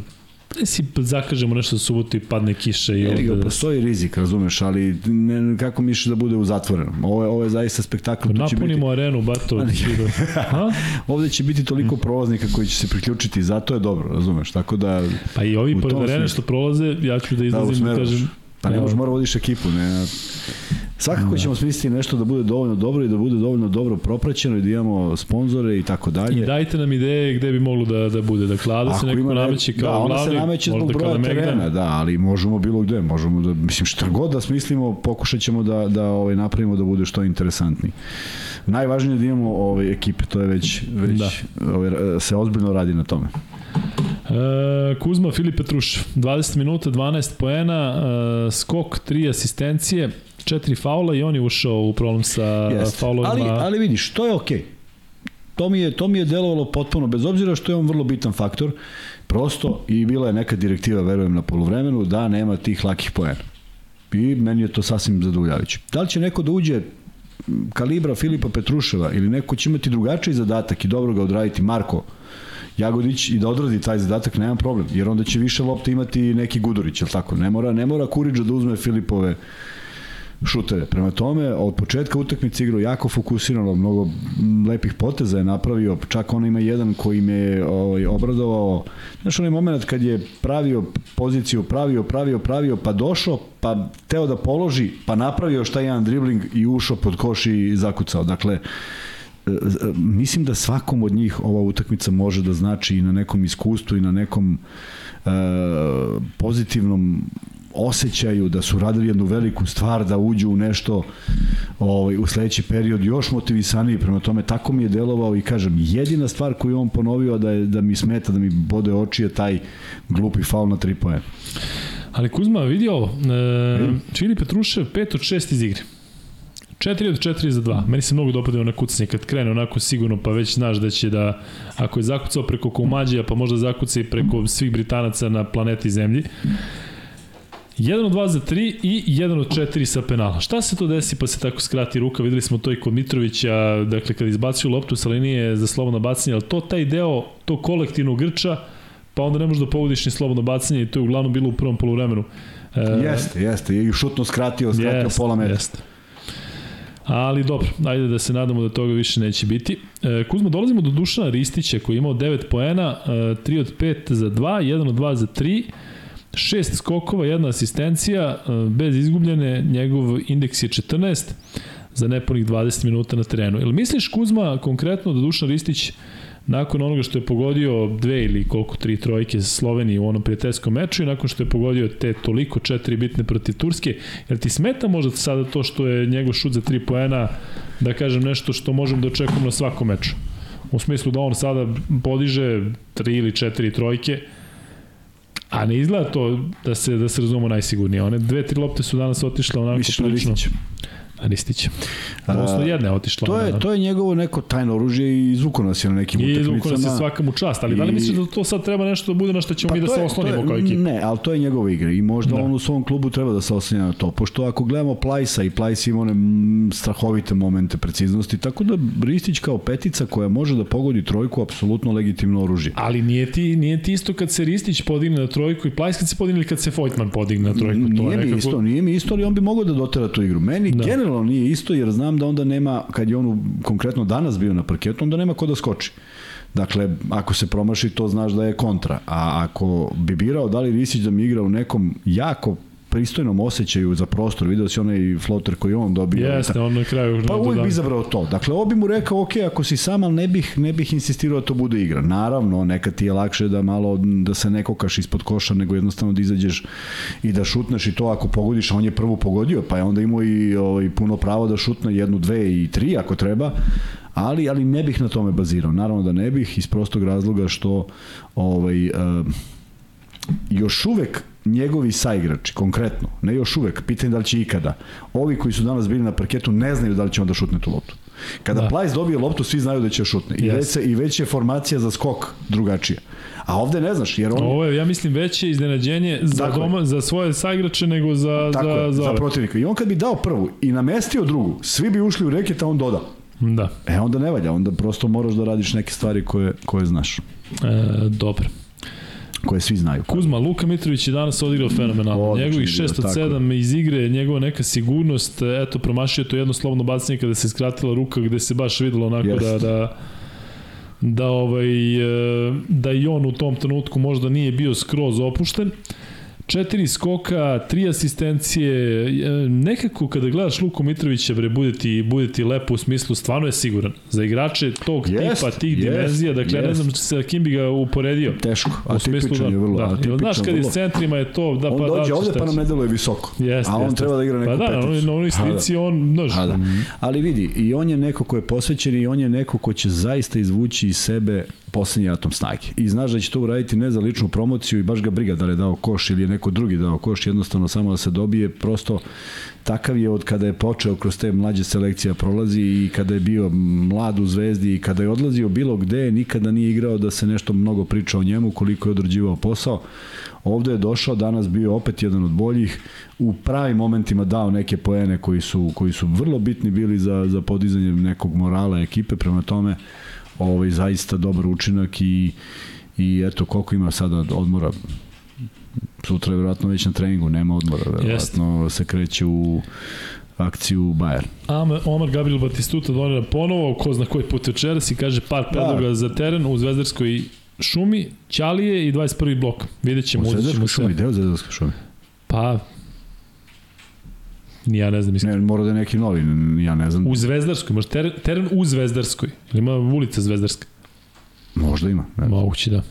To, to, to sam ja rekao da šumi, zašto mi se podrazumelo da je u šumi. Ćemo, ali da. objasnit ćemo Omar Gabriel Batistuta, ali slobodno šaljite na Instagram ili na, na mail vaše predloge gde bi bilo dobro da organizujemo ovu utakmicu gde ćemo se svi zajedno družiti. Davide, David kaže Ristić bolji od Vojtmana trenutno, Ovaj ništa ne igra u Armaniju, čega je Mesina slabo koristio, skoro je počeo sa nekom ulogom. Druže, veruj mi, danas sam prenosio malo pre utakmice. Nemačku fenomen. Nemačka, Finska, dakle čovek, tačno se vidi, jedini je u, u, u, u celoj utakmici koje igra Euroligu, dakle to je takva klasa. Dakle, 20 poena, 9 skokova, 9 asistencija, ali njegovi pasovi, njegova sigurnost, njegovo se oni rešio tu utakmicu u košem e, za dva, pa onda ovaj, i sa linije penala, dakle, ja Vojtmana obožavam i volao bih u jednom trenutku da ga vidim i u nekom od naših klubova. E, Ognjen Jaramaz, nije danas puno igrao Kuzma, 10,5 minuta, 4 poena. Ili, imaš, ili imamo neko objašnjenje zašto je Jaramaz pušten, a Lučić recimo nije? Kako ti imaš dva, dva igrača iz Srbije i sad ovo je ovo, a ovo je ovo. Je to, je to ja bih volao da je nešto pozitivno, a može bude i nešto... malo povređen igrao može bude i nešto, da, može bude nešto drugo, ali da, na meštaljka ne znam, neka. Ne znam, na jest. Ne znam, vrlo je bitno što, što meni je žao što nije onaj pojem pretvorio u, u, ovaj, u, u pobedu. Imao je prilike da protiv Grčke on bude taj koji je pontirao, promašio je, ali ovaj, dobra energija, opravdao je tu minutažu koju je igrao, zamenio je igrače koji su danas bili raspoloženi i pogodio neke moment, u momentima kad je bilo vrlo bitno i odradio posao naj, najbolje što je mogao. Boriša Simanić je igrao 4,5 minuta i jednom šutnom za 3 promašio, imao jedan skok, jednu asistenciju i mislim da je Giga napisao ovde, jel samo meni smeta više ta nezainteresovana faca Boriša Simanića, pa ja mislim da nisi jedini. E, ja sam imao jedan problem gde su mi, ne mogu kažem sad koji trener, ali... Dok sam, Evo, to moraš sad da kažeš koji. Ne mogu. I kaže, e, kako god treba da uđem u igru, ja sad, znaš, ono, gorim da uđem, on me pogleda i kaže, bleci. I sad ja stvarno nisam znao šta da uradim. I pokušao sam da objasnim da me nije ni strah, niti, znaš, bilo šta. Ali to je bila njegov, to je bio njegov utisak. I nikad nisam uspeo da, ovaj, da, da promenim to njegovo razmišljanje, ali sam na terenu izgledao drugačije. Dakle, potpuno si u pravu, nije važno kako Boriša izgleda i kako je on ušao sa kojom grimasom. Poenta je koja je neverovatna da u prvom napadu u kojem neko promašuje zicer, a čuva ga njegov kolega, a on je potpuno sam u reketu, on nije metar iznad obruča krenuo da skine tu loptu, jer ne možete da zamislite koliko Boriša skače. Ako vidiš ovo Petrušev što skače, sad zamisli još malo više. Dakle, on samo kad bi krenuo U momentu... Uglavnom čini mi se iz koraka, nema to iz naskoka. Ma, da, ma, nemoj, ma, ne, ma ne možda veruješ koja je eksplozivnost. Dakle, on samo kad bi video da je neko krenuo da napravi fintu i da izbaci loptu, i skoči. Ja mislim da on uzima loptu koja dodiruje obruč 100%.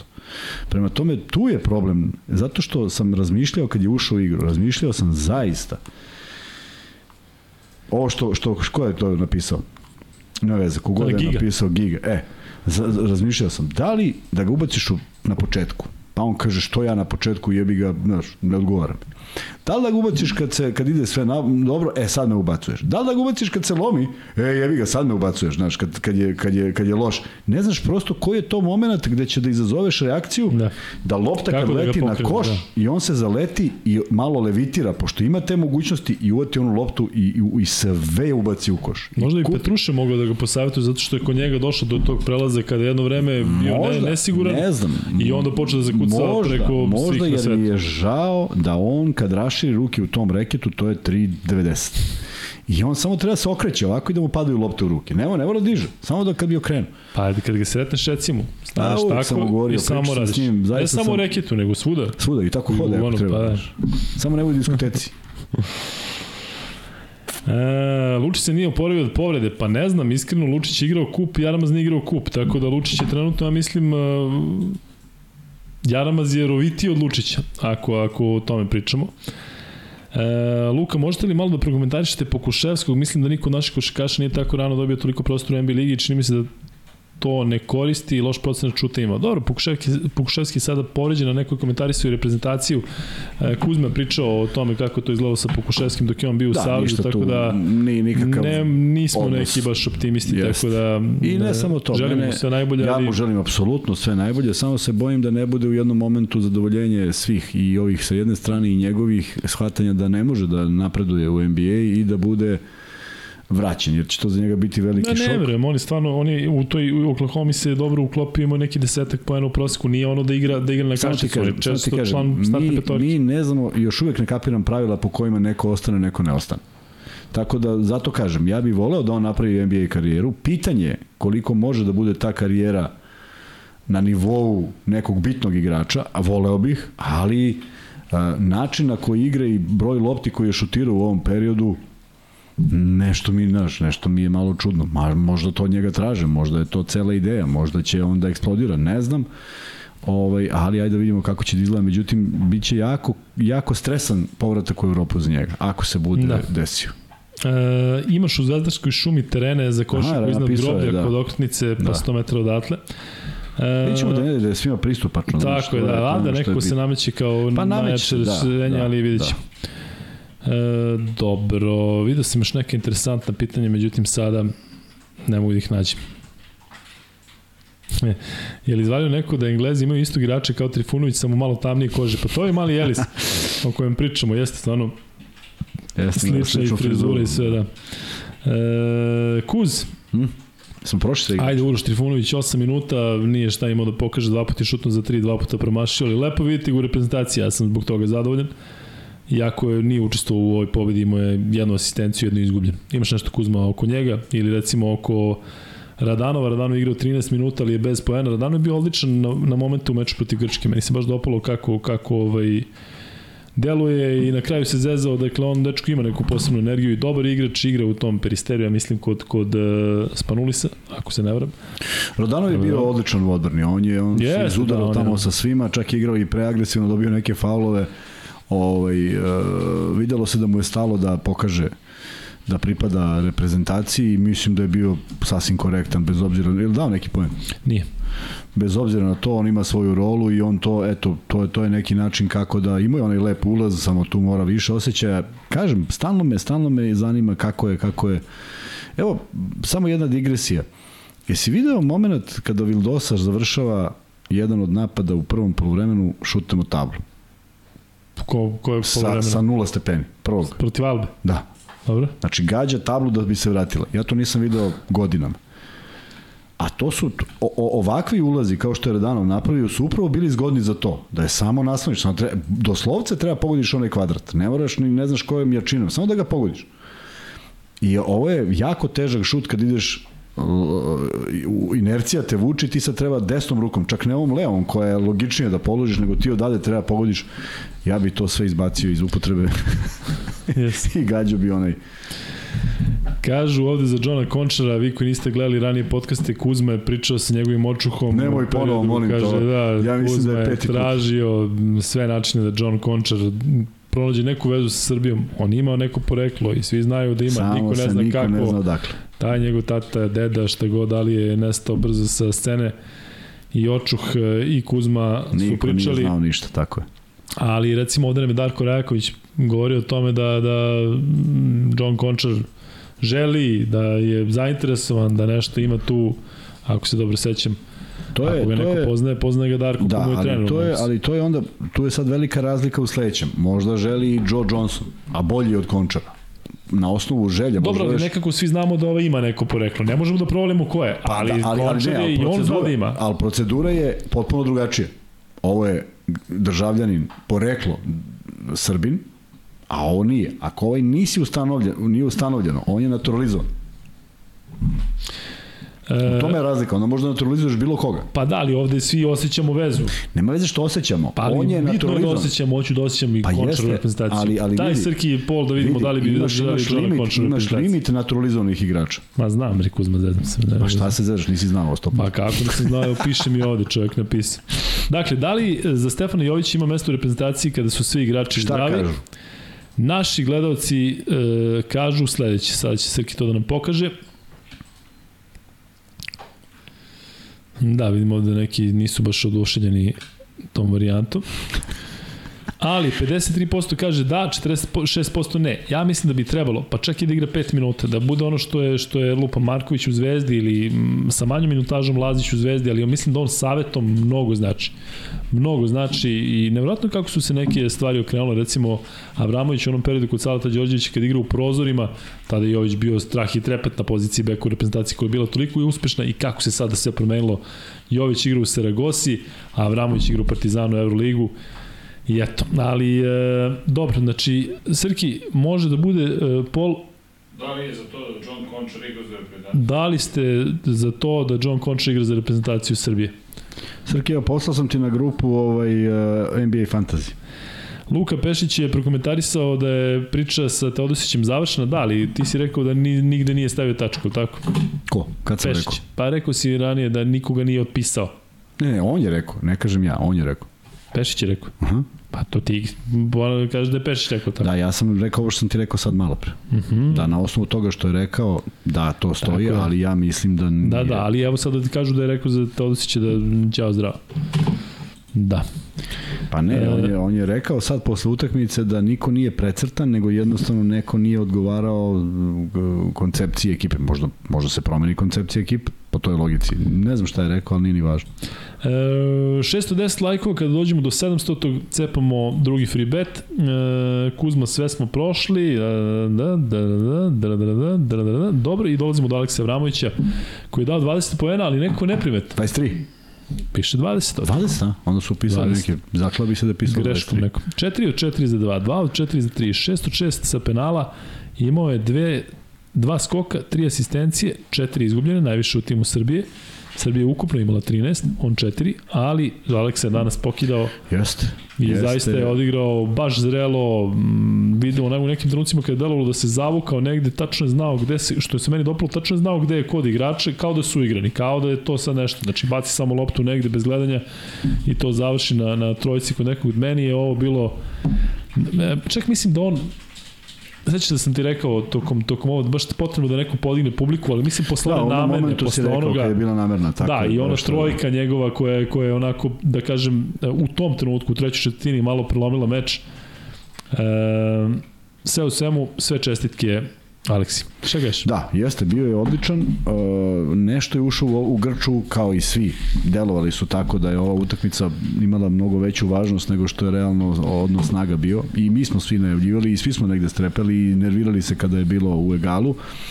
Ali onog momenta kada je to prelomljeno i kada je krenulo nekim svojim tokom, on je prestao i da gubi lopte i te četiri su napravljene, siguran sam, većina njih u prvom polovremenu, posle toga u nekom svom elementu, sa velikim samopouzdanjem uzimao šuteve koji su bili potpuno rezonski na mestu, pogodio, što je vrlo važno, prodro, asistirao, uradio sve one elemente košarkaške i mislim da stvarno može da bude zadovoljan nekom svojom formom pred utakmice koje slede, a nismo gledali mnogo na terenu i ovo može da mu bude jedna velika satisfakcija i da pokaže svom treneru da neke stvari mogu da se rade drugačije, pa da vidimo kako će to izgledati već protiv Albe. Kuzma, da ne bude da nismo ispunili ono što smo rekli, ali ajde reci mi, koje od ovih igrača vidiš u 12 kada je Srbija kompletna? Ovo što smo pitali za Jovića, pa nismo išli pojedinačno po igračima, ali e, za koga misliš da bi bio koristan i u ekipi kada su svi tu? Evo, ja ću odmah da kažem, ja bih volio Luku Mitrovića da vidim u 12. Volio bih Jovića da vidim u 12, naravno Aleksa Vramovića. Marko Jagodić Kuriđa, tebi sigurno u 12, ali kada je tu zilion ovih igrača, Mislim da, da li nema. tu ima mesta i naravno volio bih da vidim Petruša. Mislim da nema, da, apsolutno, on bi trebao da bude neka nova ovaj, generacija tih igrača. Izvini za dome Gudurić naravno, ali onda razmišljaš, mi imamo 20 igrača ravno u opciji, neko tu mora da, da kad, kad smo kompletni da ispadne. Ali um, recimo što se tiče Dobrića, znaš kako je katovan uh, ovog leta, on verovatno ima tu neku želju i motiv da se dokaže, ali da li je realno da, da Dobrića na toj poziciji uh, imamo u 12? Ne znam ne šta bih ti rekao. Ovaj, bilo je tu nekih čudnih odluka na ovom evropskom prvenstvu, pa smo gledali Nedovića koji je bio povređen mahom pa je Gudurić pauzirao neke utakmice, pa igrao povređen i ni, ni jedan i drugi nisu pružili neke dobre partije. Solidne, da, ali dobre ne. Možda je E tu sad imaš onaj osjećaj da li da rizikuješ s njima ili ne i to se prepušta svakom treneru u zavisnosti od rezultata će se biti reakcija javnosti, ali ja sam takođe ubeđen da, da postoji više od 12 igrača koji mogu da konkurišu, a možda ih čak ima i 16-17, e tu sad treba da napraviš nešto, a da mi poverujemo da je to to.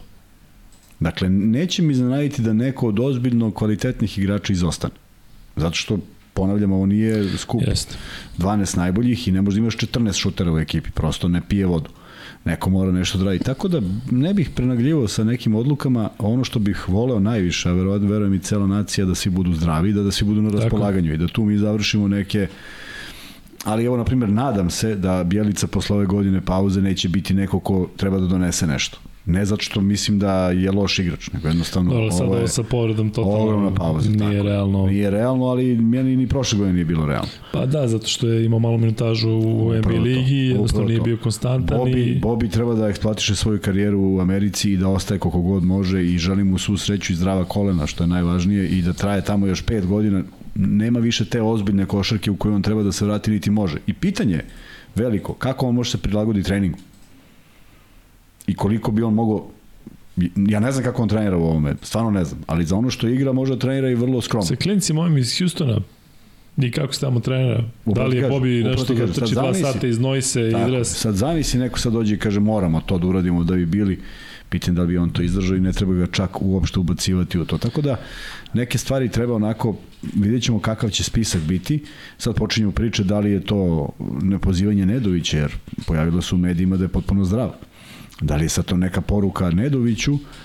A, I ovde ljudi komentarišu to bio, da ga nije hteo. Da, a, bio, a bio taj zbog kojeg smo imali jednog igrača manje u sastavu na evropskom, nešto nije logično. Da, pa možda je povezano. Možda tad nešto se, ne znam šta. Ne znam i zaista, koliko god možemo sad ako da pričamo na ovaj način, prosto ima onaj moment kad izađe čovjek koji je odgovoran i kaže, ej, to je tako i tako zbog toga i toga. Mislim da je sad rano, aj nek proslavimo ovo jer nas čeka još nenormalan broj utakmica koje će biti vrlo interesantne, pre svega u okviru Jadranske i Evrolige, da malo uživamo u ovome što smo se plasirali ako možemo, a mislim da je lepo biti na svetskom prvenstvu. Ne mogu da zamislim drugačiji scenario, ne mogu da zamislim kako je u Argentini, ako smo gledali onaj doček Mesije ekipe, verovatno nešto, ne kažem ekvivalentno tome, ne može ništa bude ekvivalentno tome, ali ima ozbiljno pogođenih ljudi e, koji... E, baš može, e, sad će da može, da. Ima da, organizujemo i ove naše sade. Koliko je, 82. koliko je to, 40 godina?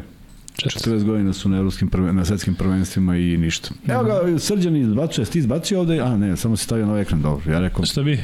Stavio je NBA, ali sam mislio da je na oba ekrana. A šta ima NBA, a? Ima NBA, poslao Čekaj, je. Znaš ti, da. znaš ti koliko ima do tada? Pa ja mislim još koliko sekund. hoćeš? Imam samo sekundu. E, Srki, može da ugasiš ovaj pol, a sada bi volili i vas da čujemo kojih 12 vidite na svetskom prvenstvu kada su svi e, zdravi, dakle slobodno pišite i bilo bi lepo da napišete bekovi, krila, centri, dakle da ne idete ono Bogdanović, Jokić, ovo, nego da vidimo koga vidite na bekovskoj poziciji i kako vi razmišljate. Kako ti razmišljaš Kuzma za svetsko prvenstvo? 7, 5, 6, 6, što se tiče bekaća i visokih. A, ba bolje 7-5, ako, smo, ako imamo te bekove i da, koliko ih? 7-5, da. A? Da. Da. E, dakle, 40% ne, 36% e, da i 23% ne zanima me. Sve više imamo onih koji ih ne zanimaju, koje ne zanima ništa. Kuzma nešto slika. A ti se slikaš za Instagram. Ne, zanima jedno kako izgleda studio iza kamere. E, bravo. E, Luka, šta misliš o onome što je bilo posle utakmice Partizan Radnički? Iskreno, Đorđe nisam video. Andrija, pričat ću ti o tome kad se budemo videli na ovoj utakmici našoj, kad se budemo družili. E, sve u svemu, Kuzma, to je to što Što se reprezentacije tiče. Tako? reprezentacije Srbije, ali Da. moramo da prokomentarišemo, eto, kreni od Argentine, pa ću ja da se Da, dođem tu. Argentina, Argentina je bila skoro kompletna, Tako je, dakle, da. falio je samo Vildosa, je, je li bila kompletna sve vreme? Nije. Nije već u ovog prethodnog, Tako da. je, znači ipak ima neki uticaj bez obzira na sve što su oni došli u tu poziciju i kažem, sad se verovatno raduje FIBA i kaže evo, Dominikanska republika prošla, svi srećni, sve, svima super, vidjet ćemo, ja bih želeo da oni naprave neko čudo na tom svetskom prvenstvu, ali bojim se da neće.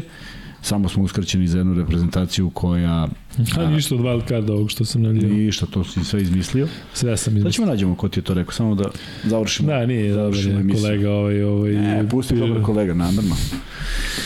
E, žao mi je što nema Bosne. Evo, jedan Ček, čekaj, nas- moramo samo da prođemo A, ovo. Dakle, Kanada, Dominikanska republika i Venezuela idu, dakle, iz te grupe.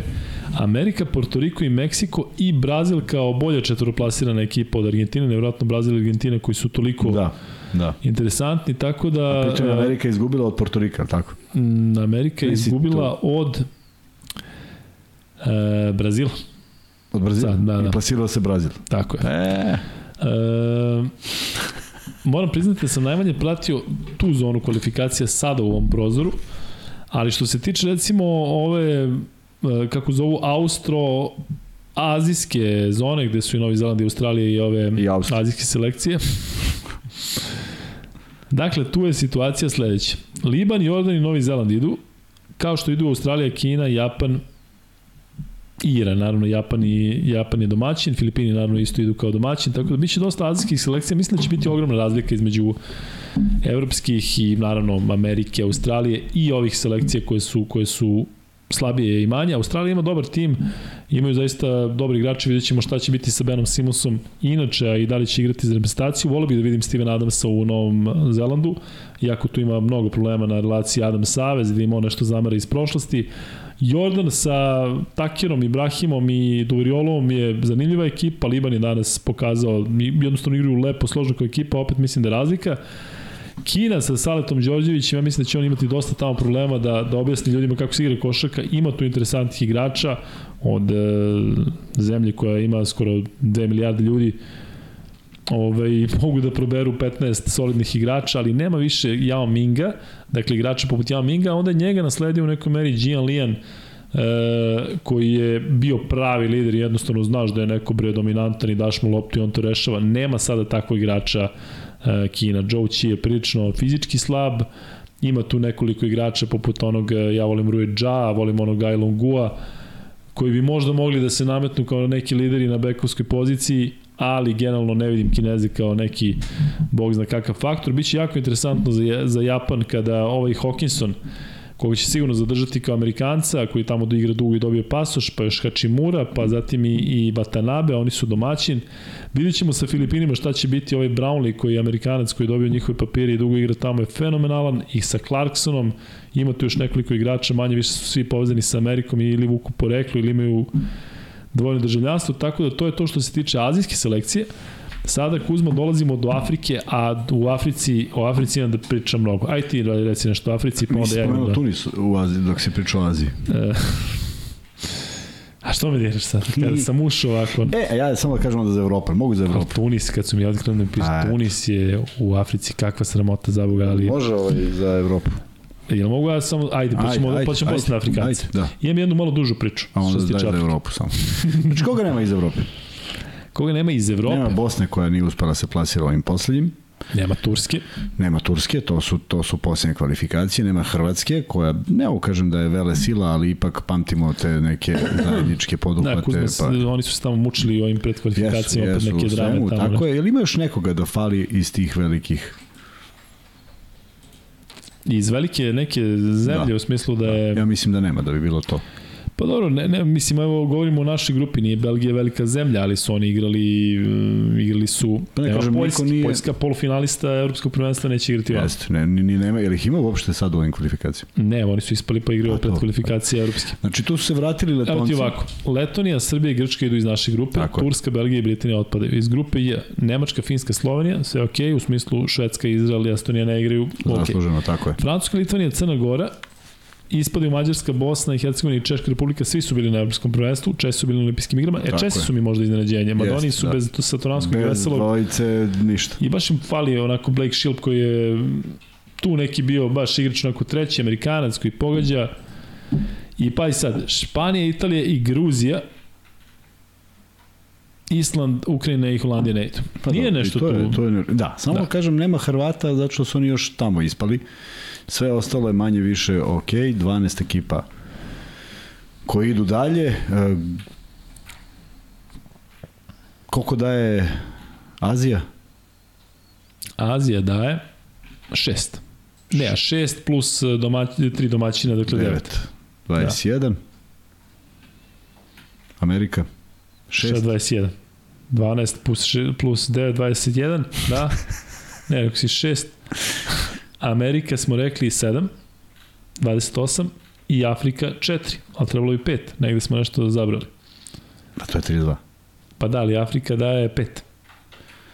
Dobro, nije ni važno. U svakom slučaju, uh, svetsko prvenstvo po mišljenjima mnogih ljudi spada u lakšu kategoriju od evropskog, makar u onom grupnom delu, 8 daje Azija, izvini. iz prostog razloga što će, što će se desiti da ovaj, negde nalete na afričke ili azijske zemlje koje su kudi kamo lakše za za igranje, međutim svi izbegavaju Ameriku i pitanje u kom će oni sastavu doći. I to je negde glavno pitanje s obzirom da sve ostale reprezentacije će imati određene turbulencije, promene i pitanje je kako će i oni nastupiti u svom sastavu, koje će sastav imati, da li će Španija ići sa ovim starim e, sastavom iz sa evropskog prvenstva Na, ili će nešto podmladiti. Pa dobro. zaboravim Pa zaboravljamo, Znači da da govorimo, ipak su evropski prvaci. Ne? Pa jesu, ali je ono, da ono što su oni od koga? Do Finjske se izvukli, Litvanije se izvukli, izvukli se pet izvukli puta se i pet puta sad jedno su kao ne, Pa dobro. da je ubacio, da im je ubacio Brazdiki sa onu trojku,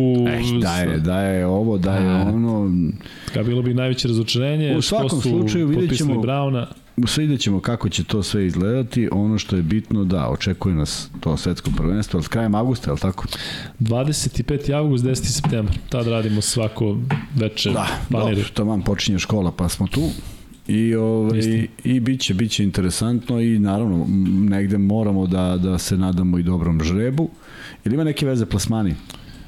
Mislim da ne. Dobro. Zato što ovo danas što sam prenosio vidim da m, kao za prestiže nije... Nije, Nije, nije, bitno. Da. Misliš u smislu ko je bio prvi u grupi da, da se neki da, širi? Da, da, A, ne, da, da ne bude da opet govorimo napred sa wild kartama i sa Tunisom Da. u Aziji, da, da Vidjet ćemo svakako, svakako i da zaokružimo priču oko reprezentacije. Da, šteta što Bosna nije prošla. Bećiragić koji je trener uh, i radio dobar posao. Oni su radili dobar posao na evropskom prvenstvu, stvarno neki ne, nešto im se ne Da. da. I eto greota što nećemo vidjeti te neke igrače koji stvarno, ovaj, pre svega Džanana Musu koji ove sezone briljira u Realu, i Nurkića, tako, koji... Nurkića koji u NBA i to su negde glavni igrači. Mada onaj Robertson se dobro uklopio. Tako Jeste, da on igrao. Dobro, jeste. Međutim, ovaj, tako si imao, evo sad sam se setio kad sam napisao ovaj naslov ove četiri zemlje protiv Srbije danas i onda shvatiš da, na primjer, taj Ryan Giggs imao o- ozbiljan peh da je Velšanin. Prosto. A mislim da je Alan Raš bio Velšanin, tako da su redko, redko osvanjivali na evropskim prvenstvima i svetskim prvenstvima. Eto ti. Pa dobro, i Prosto Bale imao to neki. Da, pa da. moćni Bale. Kuzma, mogu ja da pređem na Afriku, ti ajde, da, da, da Instagram izvini se odrediš. za taj Tunis, sad znam kako ti. Da. Ali, ono što je mene zaista oduševilo, to je ova uh, reprezentacija Južnog Sudana. Uh, moram priznati da tu isto nisam potpuno objektivno, zato što Lula Denga koji mi je selektor zaista cenim. On mi je, ne mogu da kažem jedan od idola, ali ja kad sam bio na koleđu, on je bio jedan od najinteresantnijih igrača uh, u srednjoj školi. Lul Deng je neko sa verovatno najinteresantnijom životnom pričom od svih košakaša, u smislu da je rođen u tom malom gradu tadašnjem Sudanu, kasnije Južnom Sudanu, grad koji se zove Wow. Znaš kako se zove grad? Wow. W-O-W. Wow. Wow, e tamo je bilo toliko tih e, etničkih čišćenja i svega i svačega. Ton Maker je in, inače iz istog grada, ali Ton Maker je baš upao u, u neki haos, izbeglički neki kampovi, da se izvukao mnogo nekih tragičnih e, dešavanja oko njega. Ali Lul Deng je neko ko je otišao u Veliku Britaniju i igrao tamo za reprezentaciju od 14 do 16 godina, pa je onda otišao u Ameriku na, na srednju školu pa je odigrao jednu sezonu na Duke, već tad se znalo da će biti u NBA ligi, imao je više nego respektabilnu NBA karijeru, dva puta bio All-Star. E, Zanimljivo da su ga, znaš da su ga Lakersi plaćali do prošle godine. Imao neki ugovor, prekinuo pre tri godine, ali su mu nešto plaćali, isplaćivali su ga tipa do već koji je bio trener Južnog Sudana. I e, moram priznati da te 2012. kada sam bio u Londonu na olimpijskim igrama mi je mnogo bila interesantna ta reprezentacija Velike Britanije, ali niko nikada ranije nije čuo da i kod njih igra košarku. Bili su oni London Towersi u, gde su već bili u Ulep Kupu ili u Euroligi gde su bili pa su pucali po 50 ali tu je bio Luol Deng, ja da, pokušam da se setim da je bio Ben Gordon, uh, Archibald, Freeman, uh, Freeland, uh, Pops Mensa Bonsu ko se seća, a pomoćni trener između ostalog bio Nick Nurse i sve u svemu meni su bili jako interesantni za praćenje, ništa nisu radili, ali Lul, Deng, eto, koji je rođen u Južnom Sudanu, ima američku priču, igrao je za Veliku Britaniju, uh, meni je bilo baš zanimljivo. E sad je povezano s ovim da smo imali ovde sa Britancima ovaj duel, pa je, mi je to bilo posebno interesantno, međutim, zašto sve ovo pričam? Zato što dolazimo do toga da je Lul Deng neko ko je preuzeo tim Južnog Sudana i pritom je počeo da, da odvaja i svoj novac za putovanja, za razne, za razne stvari i ono što je suština, što je mene oduševilo, što je Luol Deng rekao Fibi, sram da vas bude, niste pustili naše, naše navijače. Rekao je Egipatskom savezu, sram da vas bude, što ste dozvolili ovako. I nije to rekao na neki način, ne znam kako, nego jednostavno onako, baš, baš ga je zabolilo što nisu mogli sa navijačima da proslave taj za njih istorijski plasman na svetsko prvenstvo. Ima on tu interesantnu ekipu, momci koji igraju za, u Australiji, Kuol, onaj Majuk Deng, e, Deč i ostali. Tu je naravno i taj Nuni Omot. Sa, za afričke e, selekcije i afrički standard jedna i više nego zanimljiva ekipa. I taj Lul Deng je uradio nešto što mislim da malo ko sme, on ima preko 150 zarad, miliona dolara zarađenih u karijeri, ali izašao i Fibi rekao u lice, sram da vas bude zbog toga i toga, a pritom je Fibin čovjek vodio konferenciju i on je hteo nešto tu da, da, da onako smulja, da se to prekine, međutim on je rekao svoje mišljenje. E, zašto sve ovo pričam Kuzma? Kada je jedan Lul Deng sa Južnim Sudanom može da izađe i da kaže crno na belo kako jesu stvari. Pa zar ne bi mogla Srbija, koja se kotira, mi smo realno naj, uh, Srbija ranije Jugoslavija, ali da li postoji uspešnija košarkaška selekcija na velikim takmičenjima ikada? Ako znamo da su Amerikanci godinama bili amateri i sad imaš Srbiju i Jugoslaviju koja je toliko već dugo godina prisutna u svetskom, svetskom košarkaškom vrhu. Da neko izađe i da kaže, ne sram vas bilo, Ali da kaže Fibi, e, ljudi, ovo, to i to ne valja. To je ono što pričam, da, smo, da se ujedinimo i da Euroligi kažemo, ljudi, jel nećete Zvezdu i Partizan u Euroligi ili nas, ili nas terate da igramo ABA ligu? Ok, evo, sad ćemo mi da se javimo i Partizan i Zvezda da idu u Fibinu ligu šampiona kao dva tima i verujem mi, bit će interesantno, borit će se za titulu. Ali da nastupimo zajedno, da izađemo i da kažemo da imamo neki stav. Ako može Lul Deng iz Južnog Sudana da izađe i da kaže šta misli. Mi ne znamo uopšte šta mislimo mi kao, kao, kao država. Da li smo naklonjeni jednima, da li drugima. Sve nešto balansiramo, ali mislim da imamo prejaku e, poziciju kao sa reprezentacijom, sa dva kluba koji su, evo, sad tek svet vidi kakav je to derbi između Zvezde i Partizana, za nije vreme, ovo što stalno pričam, da se ujedinimo i da kažemo, ljudi, hoće Aba Liga da ima jednog, hoće da ima dva, hoćemo te da pustite našu ligu i da onda mi izađemo sa stavim i kažemo, evo je, KLS, naša liga, igra Srbija, hoćete nas, nećete nas, kraj priče. Nego govorimo o tome da me čovjek uduševio da izašao i rekao šta misli i siguran sam da je u pravu, a odavde nemamo, nemamo uopšte priču o bilo čemu, nego čekamo da se Bodiroga tamo pozicionira pa će možda dobijemo neki wild card. Evo i ovde kada je bio ostoja, niko ništa ne zna. Pa daj onda mi da napravimo prvi korak i kažemo, dobro dan, hoće iz ABA lige sigurno jedan ili dva, hoćete nećete, dve ili tri sezone, kako, šta pra, nego živimo ovde, mi evo ne znamo šta će biti sledeće sezone na, na svim frontovima. Pa ne, ne znam baš da li bi taj plan upalio, sad ću ti reći iz kog razloga, zato što to naše bivstvovanje na, na, na najvišim pozicijama ajde ne govorimo o onim 70-im, 80-im, 90-im, 70-im i 80-im, ali 90-ih kada smo bili pod sankcijama i taj neverovatan povratak, zahvaljujući Boris Stankoviću, koji svi znaju i pridaju njemu da je lobirao da se vratimo u te kvalifikacije, pa jedva preživeli Bugare u Bugarskoj. Ovaj, niko to više ne gleda blagonaklono iz prostog razloga što smo svima bili trn u oku, pa seti se drame sa Litvancima koji hoće napuste teren, pa svi nešto napuštaju, pa Hrvati napuste, pa ovaj napusti, pa Grci izvižde protiv nas, pa sve nešto naopako je bilo.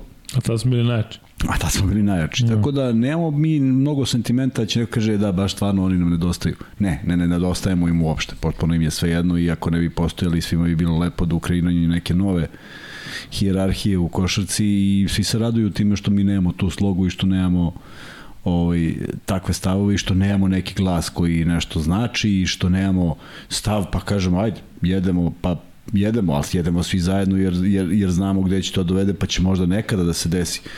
Ovako, mislim da nismo dobro izabrali ni stranu u sukobu FIBE i ULEB kad je nastao. I pa je li u nekom trenutku vreme da mi kažemo, e, naša pozicija je ovakva. Vreme, Hoćete, vreme, vreme odavno, da. Mi, mi smo tu i mi hoćemo to, da. Apsolutno. Mi govorimo koliko smo dominantni ali... u ABA ligi i Jeste. na šta sve to liči, a ne znamo da li ćemo ili nećemo. Zato što ja stvarno ne želim još, još jednu sezonu ikada da, da si Partizan... U stresu, da si u stresu. Neviđeni stres. Zamisli sezonu da Partizan i Zvezda ne igraju Euroligu zajedno. Jeste samo nekoliko meseci za nas, ja ne mogu da zamislim. Da mi sad jedni su u Evrokupu, ja i ti sad pričamo, je, prvo ćemo Euroligu, pa ćemo ozbiljan, od Evrokupu. Ozbiljan smor. Ne samo smor, bre, nego nije prirodno. Posle ovoga što smo videli. Da. Da, ovaj, ali i to smo pitali i to bih volao da znam da li postoji odgovor, da li postoji taj zajednički nastup. Ajde da verujemo da ima nekih dodirnih tačaka koje bi trebale da budu uh, poznate i nama ali ne vidim da se nešto dešava i kažem ti ne vidim ne vidim neki napredak u svemu tome i, i ostaju mnoga otvorena pitanja e, prve lige, to jest KLS-a, pa ABA 2 lige, ko ulazi, ko ne ulazi i uvek su ta pitanja aktuelna i nikada se zatvore. I u krajnjem slučaju imaćeš, ja se stvarno bojim da, ovaj, da ta priča oko onoga zvezdinog neučešća na kupu zbog e, nekažnjavanja Partizana nije završena. Ona će ponovo da ispliva u nekom Naravno momentu. Naravno da će da ispliva sve i svašta. A, a, vidi, a vidiš kako, ti, čim je Zvezda povukla rekla igramo, onda su rekli, uf, dobro je, sad čutimo neko vreme i pip, nećemo ništa da spomenemo, možda se samo završi, a neće. Pretpostavljam da neće. Ne, volao bih da grešim. Tako da ovaj opet ćemo imati jednu jednu takvu jednu takvu priču jer ništa nije definisano. I ti stvarno kad pogledaš ko bi mogao ti da odgovor kako je koncipirana Super liga na osnovu tri lige, dve lige koje nemaju dodirnih tačaka kako si ti to osmislio? Zato što je to logično. To ne može da bude utemeljeno u logici. Posto bilo bi mnogo jednostavno u životu nego mora da ima nešto šta kako glasi I meni je samo žao što nisam iskoristio da uh, Ostoje Milovića pitan kako bi on da može, kako bi on ovaj, odredio ko je prvi. Pošto moraš da nađeš neki. Da. Samo me, ne zbog toga što mislim da bi rekao suprotno, nego samo da im da li postoji način koji bi svi i sveta košarke prihvatili i rekli da, to je pravi. Šta, žreb? Šta kao izlučiš brojić? Pa kao sedmi je prvi, ma nemoj. Tek to nema nikakav smisla, tako? Dakle, ne, nešto se igralo, a ništa nije urađeno. Ti, imaš, ti možeš da napraviš različite veze između tih liga. Na nekom pravnom osnovu, sa nekom pričom. To niko nije uradio, nego je sve ad hoc. Koliko se promenio puta taj sistem takmičenja? Sećaš one godine kad je bila cela liga? Pa to je bio pakao, ej ti gledaš dva derbija u Euroligi, u Jadranskoj ligi, pa onda gledaš još dva, pa onda očekuješ da se to desi i u polufinalu ili u finalu. Ma idi. Kuzma, koliko bi ti volao stvarno da, da se ujedinimo i da kažemo, evo, mi imamo našu ligu KLS, Liga Srbije, tu ima 8, 12 ekipa koliko god, i da li misliš da bi u tom trenutku neko iz Lige rekao, aha, no, no, E, sad vi, pazi, pritom primoravate da igra ligu gde ne garantuju da imaš kao, kao prvo, je li tako? Ajmo ovako da postavimo. Jel, bi, jel misliš da bi sad neki rekli, aha, vi ste se kao ne tužili, eto, ne bi. baš evo, nas briga. Evo ovako, dođeš i kažeš, pošto jedan je zajednički imenitelj, to je novac, je li tako? Dođeš i kažeš, mi istupamo iz Jadranske ligi. Nemamo garanciju da igramo, mi, Zvezda Partizan i srpski klubovi istupaju, mi ćemo igrati srpsku ligu. Ali mi i sledeće godine uložimo ovoliko novca. I jave se sad Cibona i kaže šta? Ništa. Javi se Cedevita, isto kaže ništa pitanje da li bi budućnost mogla da odvoji te pare, jer prošle godine za wild card na koju je uh, otišao Partizan, Mogu da se aplicira bilo ko. Ja ne znam da je bilo 52 kandidata. Bilo, bila su dva. Bar da je nama poznato. Tako da je teško odvojiti te pare da bi jednu godinu učestvovao u Euroligi. To mnogo košta. Znaš koliko bi Euroligu zanimalo ko dolazi, ko, ko, odakle dolazi učesnik koji donosi novac? Mislim da bi bilo baš briga. Piš, pa naravno. Tako da, kad se tako postave stvari... Pa zna nije to za nas dobra pozicija? Da kažemo, imamo para? Jeste, jeste, donekle, kad treći plasiranik pita, ok, a kad ću ja da osvojim tu ligu, mislim? Znaš, nismo ravnopravni. Ali ja mislim da ni Real i Barcelona nisu ravnopravni sa jednim trećim klubom. Možda su neki bliž, bliži, neki dalje, ali to kad kažu čemu vodi ovo, kad ovi imaju veliki budžet, Izvini, ja mislim da da niko nema budžet kao Real i Barcelona u Španiji. Pa neko uspeva da tamo dođe do nečega, tako da bi ja bih bio zadovoljan zato što ovaj uh, imam jedno imam jedan problem koji se pro, pro, pro, promaljao uvek kad je bilo u pitanju Jadranska liga, kaže ta liga je ove godine napravila profit od nula. Tačno je na nuli. Kako patiš za preduzećem koje je tačno na nuli? Šta, šta tu donosi? Ja razumijem, kažu, ej, zaradilo se toliko i toliko, platio se porez, pa ćemo mi sad od tih para nešto pametno. Preispada da ta, ta preduzeće ne radi ništa i ne privređuje ništa. Pa što ga održavati? Da, mnogo donacija među vremenu. E, Srđan Vidović e, donira očigledno iz Srbije, Nebojša Trajković donira iz Sjedinjenih američkih država, a vidio sam da smo imali još jednu donaciju od e, cynical skeptika koji kaže Euroliga jeste veliki problem, ali njega ne možemo da rešimo dok ne rešimo ABA ligu i vratimo naše prvenstvo. Tako ja mislim da tim, tim redoslovom i treba da ide. Ne možda kažeš neko, nije FIBA, uh, nije Euroliga rekla morate igrati ABA ligu zato što dati, odatle ide jedan. Ne, nego šta više, nema, ali verovatno će da bude. Dakle, jedna siva zona gde se ne zna ko bije, ko plaća. Ko pija, ko plaća. A ko iz Tunisa i ko iz Afrike. Kuzma, e, da pređemo mi lepo na Euroligu. Šta misliš o tome, a? Hajde, krajnje vreme, jedan sat, čoveč. E, Zvezda igra prva u smislu da jedan i drugi tim igra u četvrtak ili Zvezda Tako igra je, protiv da. Bajana u 19 časova. Zvezda da. igra protiv Bajana i vraća se Facundo Campazzo u Srbiju i onda igra Euroligu, ali Kuzma, koliko ovo sada? Koliko ga razne ovo sa Argentinom. Da. A koliko će tek da ga razvali uh, put? Stiće možda pred meč. Sa jet lagom, ko zna sve, kako. Sve naopako, pa i taj poraz. Da je, da je pobeda, onda bi sve bilo drugačije. Mogu bi dođe do trči i da odigra još jednu utakmicu ovako, vidjet ćemo šta, šta, šta Zvezdu očekuje. I sa, sa činjenicom da je utakmica odigrana na nivou kako je odigrana i da je zaista mislim da je ne mogu da kažem da je najgora utakmica nego prosto energetski najlošije izdanje Zvezde ajde ne idem najgore uh, najlošije izdanje u jednoj od možda najvažnijih utakmica. Teško je reći da je neka pre toga bila manje važna. Ne možeš da pričaš da Makabi nije bio važan, ali ajde da pogledamo Zvezdu protiv Makabi i da pogledamo Zvezdu protiv Albe. Ipak nekako dva izdanja različita kad svi sad svi pričaju dolazi Kampaco, ne dolazi Will Chamberlain u onom najboljem izdanju kad je postigao 100 poena, dolazi Kampaco na kojeg svi već znaju da će obratiti pažnju i da će sigurno učiniti sve da, da, da on bude zustavljen. I, i, I godinama kad igra u Realu nalazili su rešenje. Dakle, on samo može bude jedno osveženje koje ti daje dodatnu snagu da ako neko mora da izađe ti imaš izuzetno kvalitetnu zamenu. Ako je u glavi pošto fizički mislim da je dobar, ali ako je u glavi, on spreman da odigra tu utakmicu.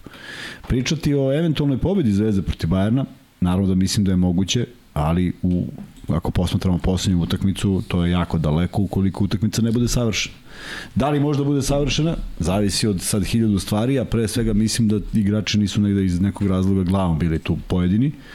I treća stvar od koje zavisi to je da ne šutiraju 22, koliko je, 9 i 7, 16 i 6, 22, 3. To ako šutneš ponovo nećeš pobediti utakmicu, to je sigurno. Smanjiti broj šuteva i ono, on ima jedna interesantna izjava Ivanovića, ja sam kriv, je tako napisao? Ali posle svakog posle svakog kiše da ide, da, da, slovno piše. E, možda je samo kriv u tome što, pošto ga aj sad već dobro poznajemo i znamo kako ima neke principe, samo je trebalo u jednom momentu, kaže, nema neko šutne trojku više nikada. Ne, ne, ne večeras, niko nikada neće šutne trojku, da imamo kako bi to izgledalo, zato što mislim da bi Zvezda morala da nađe neki put do koša i time malo, malo prekinula onu seriju šuteva kojih je bilo zaista neverovatan broj samo u drugom polovremenu. Kuzmo, koliko je Vildosa problem? Ne, ne samo zbog toga što je odigrao, pričali smo ja o tome što je odigrao najslabiju partiju ove sezone protiv Albi i delovalo je kao da nije sav svoj.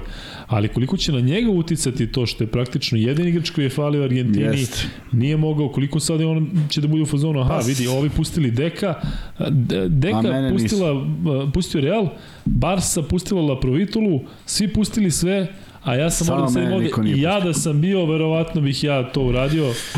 Ne znam, njemu, ne znam. Njemu mislim da je teže nego Kampacu. Moguć, Kampacu je bio, moguć. znao je da ovde tek mu slede obaveze, a Vilosa ovde sedi, radi i Znaš šta, razmišljam sada da možda je on znao, mislim ovo su sada naravno šta je bilo kad je bilo i razne projekcije moje u glavi, ali možda je znao pre meča sa Albom, pa, ga je, pa je to uticalo da se ponaša onako nezainteresovan. Sad možemo da naslučujemo. Ne, ali znaš koliko smo naslučivali šta se desilo, ali ovo mi deluje kao nek, nešto što što ima smisla. Vidi, ovo, ovo će zaboli Argentince, pošto su emotivni kakvi jesu yes. i uh, sigurno boli i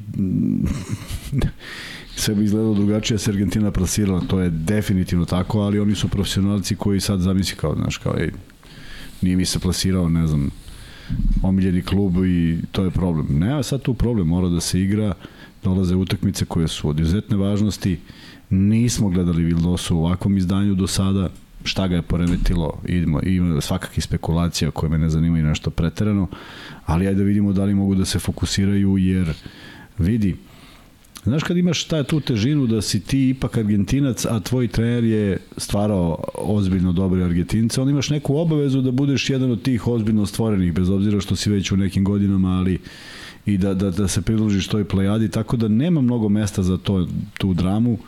Pokušam da vratim film sa svojim saigračima kako je to izgledalo, pa stvarno bilo je nekih minus faza, ali onako svi na oruk izlačimo i pokrivamo. Uh, Tako da ja samo želim da, da, da bi razmišljali o pobedi Zvezde, mora da bude potpuno drugačije izdanje, koliko su sposobni za to, ali evo, gledam Petruševa sa jednom dobrom energijom, gledamo Dobrića sa jednom dobrom energijom, Mitrović sa odličnom energijom, što ne, što ne bi to bilo ponovo, ponovo tako? Ovakvi, ovakvi napori protiv Bajerna, sigurno je dobar rezultat u pitanju. Ovako da i da izgledaju. Dakle, treba da se priključi još 2, 3, 4, možda ne svih 12 igrača ali za pobedu protiv Bajerna koji je oslabljen igranjem Rubita a, ne znam je li igrao Lučić, jeste igrao u kupu Igra, igra, e, vidjet ćemo kako će oni da se ponašaju ali mislim da, da, da će to biti tvrda utakmica i tako Bayern igra i ne mnogo lepa i ne mnogo pamtljiva, ali Zvezdi jako želi sam da se nastavi, ovo je sada već svaka utakmica koja otkucava, to je to. Možda će neka u gostima da se podvede pod aj dobro. Još ovaj poraz, ali sve ove kod kuće tu više nema nikakvog, nikakve dileme da su one ključne.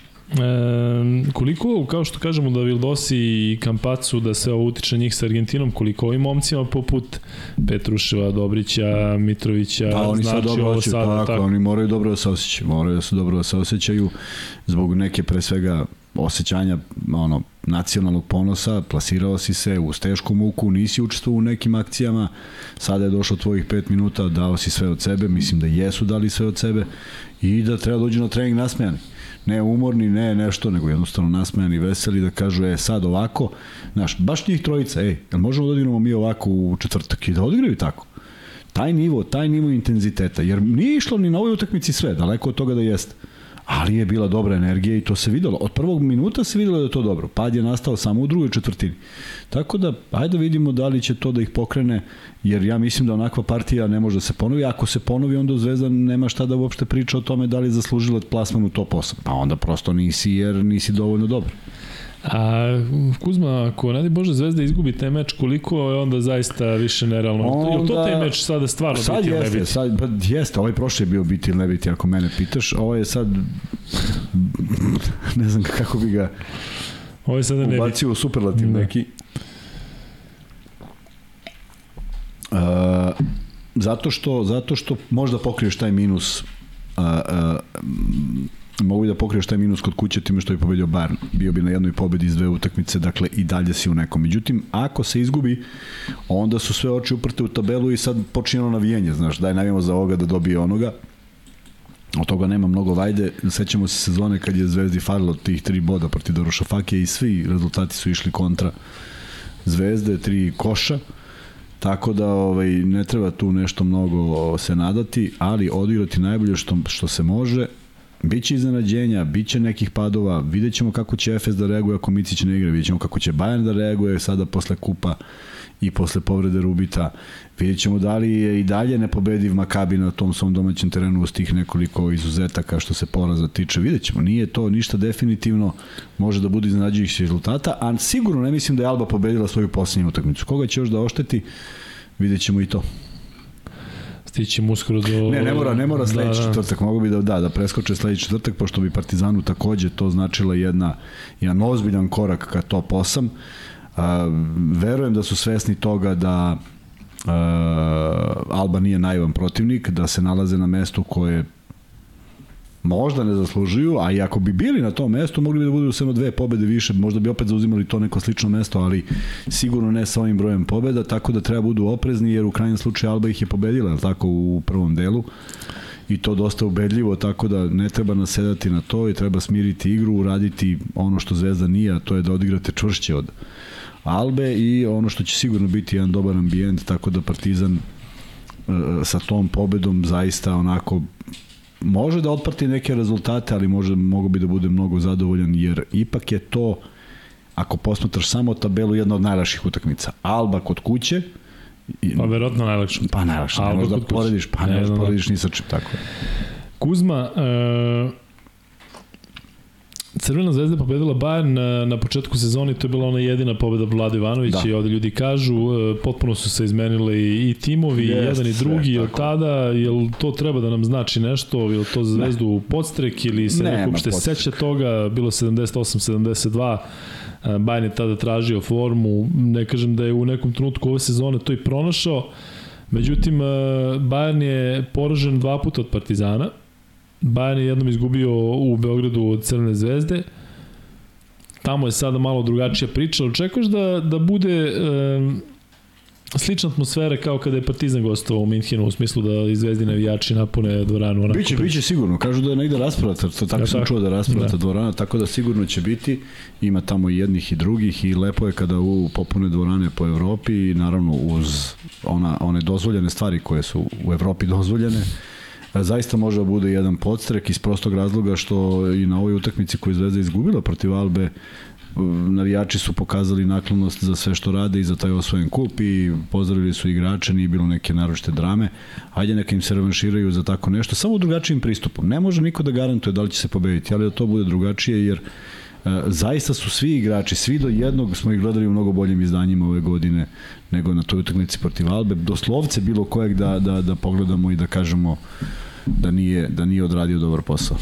Ljudi, fali nam još malo lajkova da stignemo do 700 i onda pucamo free bet koji će biti u vezi meča Bayern Crvena zvezda, tako da udarite što je like pa da da pričamo o tome i Kuzma za kraj što se tiče Bayerna i Zvezde, kakvu utakmicu očekuješ? Očekuješ da, da sada Zvezda protiv Albe igra, ajde da kažem, da pokušaju da se izvuku nekim napadom, sada kada se Kampaco vraća, da to sada ne znam koliko bude tečno, ili onako što bi se reklo u zvezdinom maniru, ne samo u periodu kada je bio Radonjić, očekuješ da iz odbrane sve, sve proistek. Očekujem da, da, da izađe iz odbrane, s tim što sad ima, sa Kampacom bi trebalo da bude više opcija u toj nekoj sigurnosti što se lopte tiče u nekom u nekim izmišljenim asistencijama koje samo njemu padnu na pamet, e, to bi trebalo da bude ta prednost. Ne nešto što će, sad ćemo imati 30 poena za 9 minuta njegovih. Da. Nećemo, nije to baš tako kako, kako mi zamišljamo, ali e, odbrana ne trpi što je najvažnije. On je pokazao svoj stav u odbrani. E, napad može da bude mnogo tečniji, kada nekom ne ide može da ga zameniš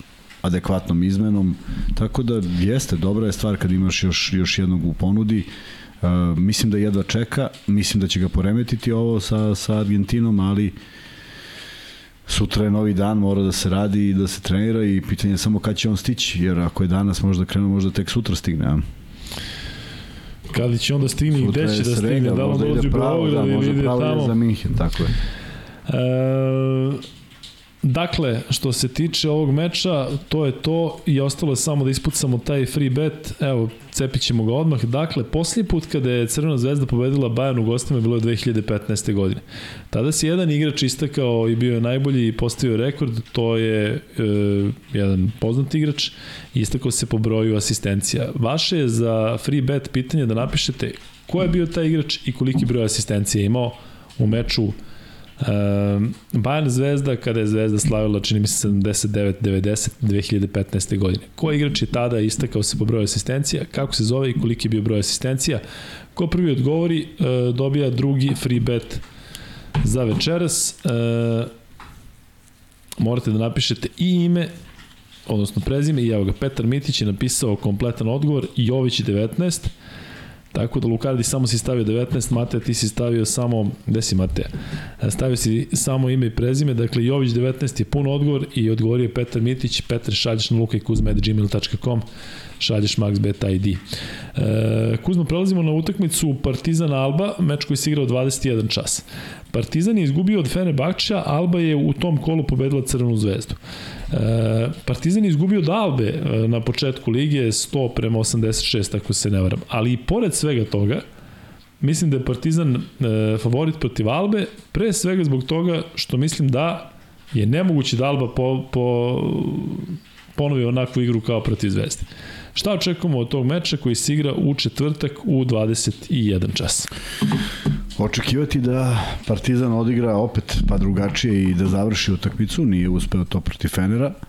Protiv jedne ekipe koju su imali prilike gledaju prošle nedelje, dakle neće biti tu nekih neverovatnih promena, niti nekih novina, niti nekih igrača da bi se to sad bilo neko iznenađenje, Alba igra u nekom svom sistemu, videli su gde su najjači, treba da iskoriste to moguće da, da, da, da će odgovoriti fizički snažnije s obzirom da imaju te igrače koji sve mogu da preuzimaju pa neće trpeti toliko odbrana, ali Olinde je davao poene na, na klasično utrčavanje i su više mnogo lakih poena koje su sigurno uh, Ivanović i stručni štab spremili, na Željko Bradović mora da vrati pažnju na to. Uh, Sikma nije u nekoj formi, ali ga nikad ne treba poceniti, vidio si nekih par asistencija. I protiv Zvezde imao Luci, ono kroz noge, Bentilu, Bentilu pa... Pa potpuno te poremeti sa tih 2, 4, 6 poena, tako da oni su jedan homogen tim, neće se predavati, neće doći ovde da odigraju još jednu utakmicu, naročito što su puni samopouzdanja da su pobedili Zvezdu, pa što ne bi pobedili Partizan, to im je neko razmišljenje da pokažu da su nezasluženi na tom, na tom mestu,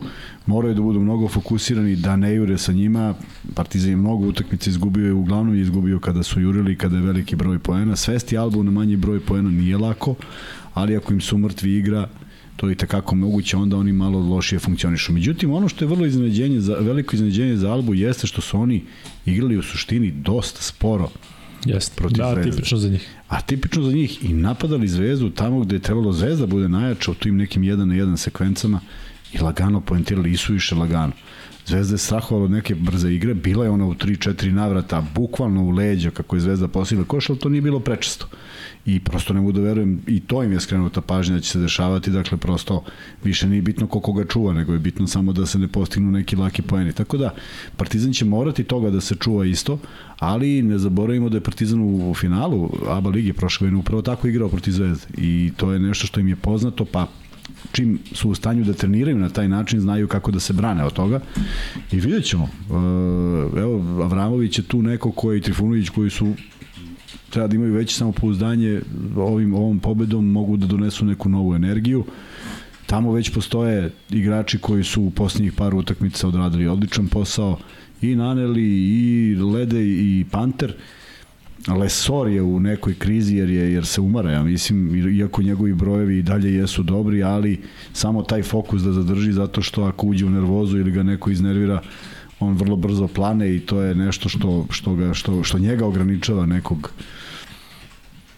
neka kvalitetnije, kvalitetnijeg broja minuta na terenu, tako da Partizan ima čeme da odgovori, Egzum, uh, Papa Petru, um, Trifunović, Smajlagić, zaista uh, moraće se pomuče da bi pobedili, ali mislim da imaju isto što sam mislio za Zvezdu, ja prosto sam iznenađen da, da Zvezda nije, da, da je olako na taj način izgubila utakmicu. Mislim da će Partizan odigrati čvršću odbranu i da da im je to glavni recept kako da ih poremete. Koliko Partizan treba da gleda u tu utakmicu Alba Crvena zvezda kao neku ličnu kartu e, Albe i koliko je Alba u suštini e, sposobna da igra na neke različite načine. Kod njih znamo baš te Mislim da neke ovo, osnovne da, stvari. mislim da Dakle, će ovo to je to, biti, da. tako, da svi idu biti. skok, svi mogu da šutnu, igra se blizu. On, da, oni su sad prekinuli seriju i videli su da ovo radi. I Tako prvo što će probati, probaće da odigraju nešto slično. Naravno da ovde ti sad kad pogledaš utakmicu i kažeš čekaj bre, od tih, od tih silnih poena Loa, on je to uradio sve u igri 1 na 1. Dakle, prosto moramo da igramo 1 na 1. Ne, nema veze šta, je, šta su onih četvorica trčali levo, desno, ako, ako primiš koš, kako primiš. Tako da, tu treba biti fokusiraniji i, i, i, i naravno, mora se Low pogodi takvo veče. Da li će se pogoditi ili neće, to ćemo da vidimo. Da li će Sigma biti ispod nekog njegovog nivoa, jer jesmo zapamtili te asistencije, ali nije to bilo nekih neverovatnih broj, neverovatan broj poena neka... od onog Sigme od pre dve, tako tri je, godine pre par kad je godina bio- kad je dominirao ovde. Prema Da. da. tome, uh, vidjet ćemo. I oni su bili u nekoj krizi i tražili su sebe i možda su našli neki novi način kako da igraju a, kad imaju tu brzu petorku možda odigraju brže nego što je nego, u stvari onako kako smo navikli a gro utakmice može da se desi da igraju pozicijalno. Kuzma, kakvu odbranu treba igrati na Maodo Lovu koji je odigrao onu majstralnu partiju protiv Zvezde, dakle, verovatno dobio neko neviđeno samopouzdanje, pošto je tek izašao manje više iz povrede.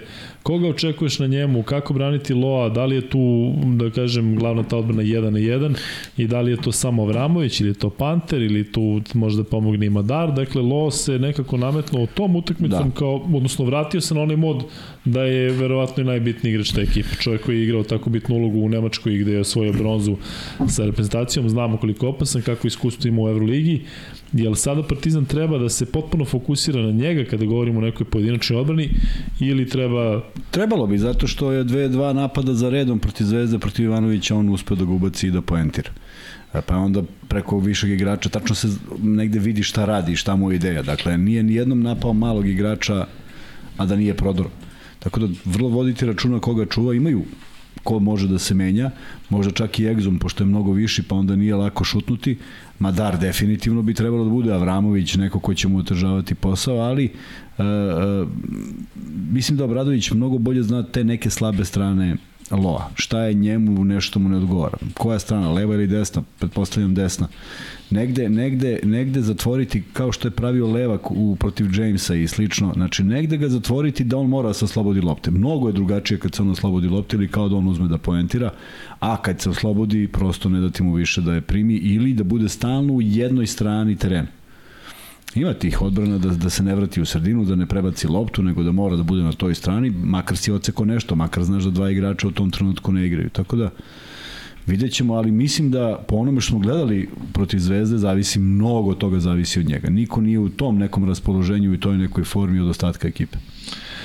Dobro, e, kažu ovde da bi treći free bet trebalo da bude u vezi Partizana, zato što smatraju da je, Pa onda uveđi Partizan. da je pa znaš da imamo oni treći da neko šarkaški, ali da bi bio balans, Ne, evo. Nenad KG, kada on kaže iz Kragujevca, dakle, naš drugar, kada, kada da predlog, nema šta. Dakle, uskoro ćemo i da ispucamo treći free bet, umeđu vremenu samo da kažem da se u četvrtak igraju još tri utakmice pored eh, Bayern Crvena zvezda i Partizan Alba, sastaju se Barcelona Žalgiris, to će biti interesantno da vidimo Eskivičiusa protiv Kaunasa, da li ćemo u bivši tim zakucati onako ekser što bi se reklo, Panathinaikos Efes, Efes bez Misića, Panathinaikos sa novim trenerom i tu će biti vrlo interesantno. I onda dolazimo do meča Monako Makabi, tu će biti jako, jako zanimljivo da vidimo ko će da divlja više i bit će jako zanimljivo da vidimo Kuzma kako će izgledati taj odnos Monako, odnosno Saša Bradović, Mike James, šta očekuješ ti? Očekuješ da se tu situacija smiri? Ja mislim da Vidjet će sa. Jamesom biti tek problema. Da, da, da. Dečko, Čim krenu, da, čim krenu teško da, ali se to neverovatno smiri, sa svima. Jel postoji trener sa kojim on nije imao problem? Evo, ja bih volio njega da pitam.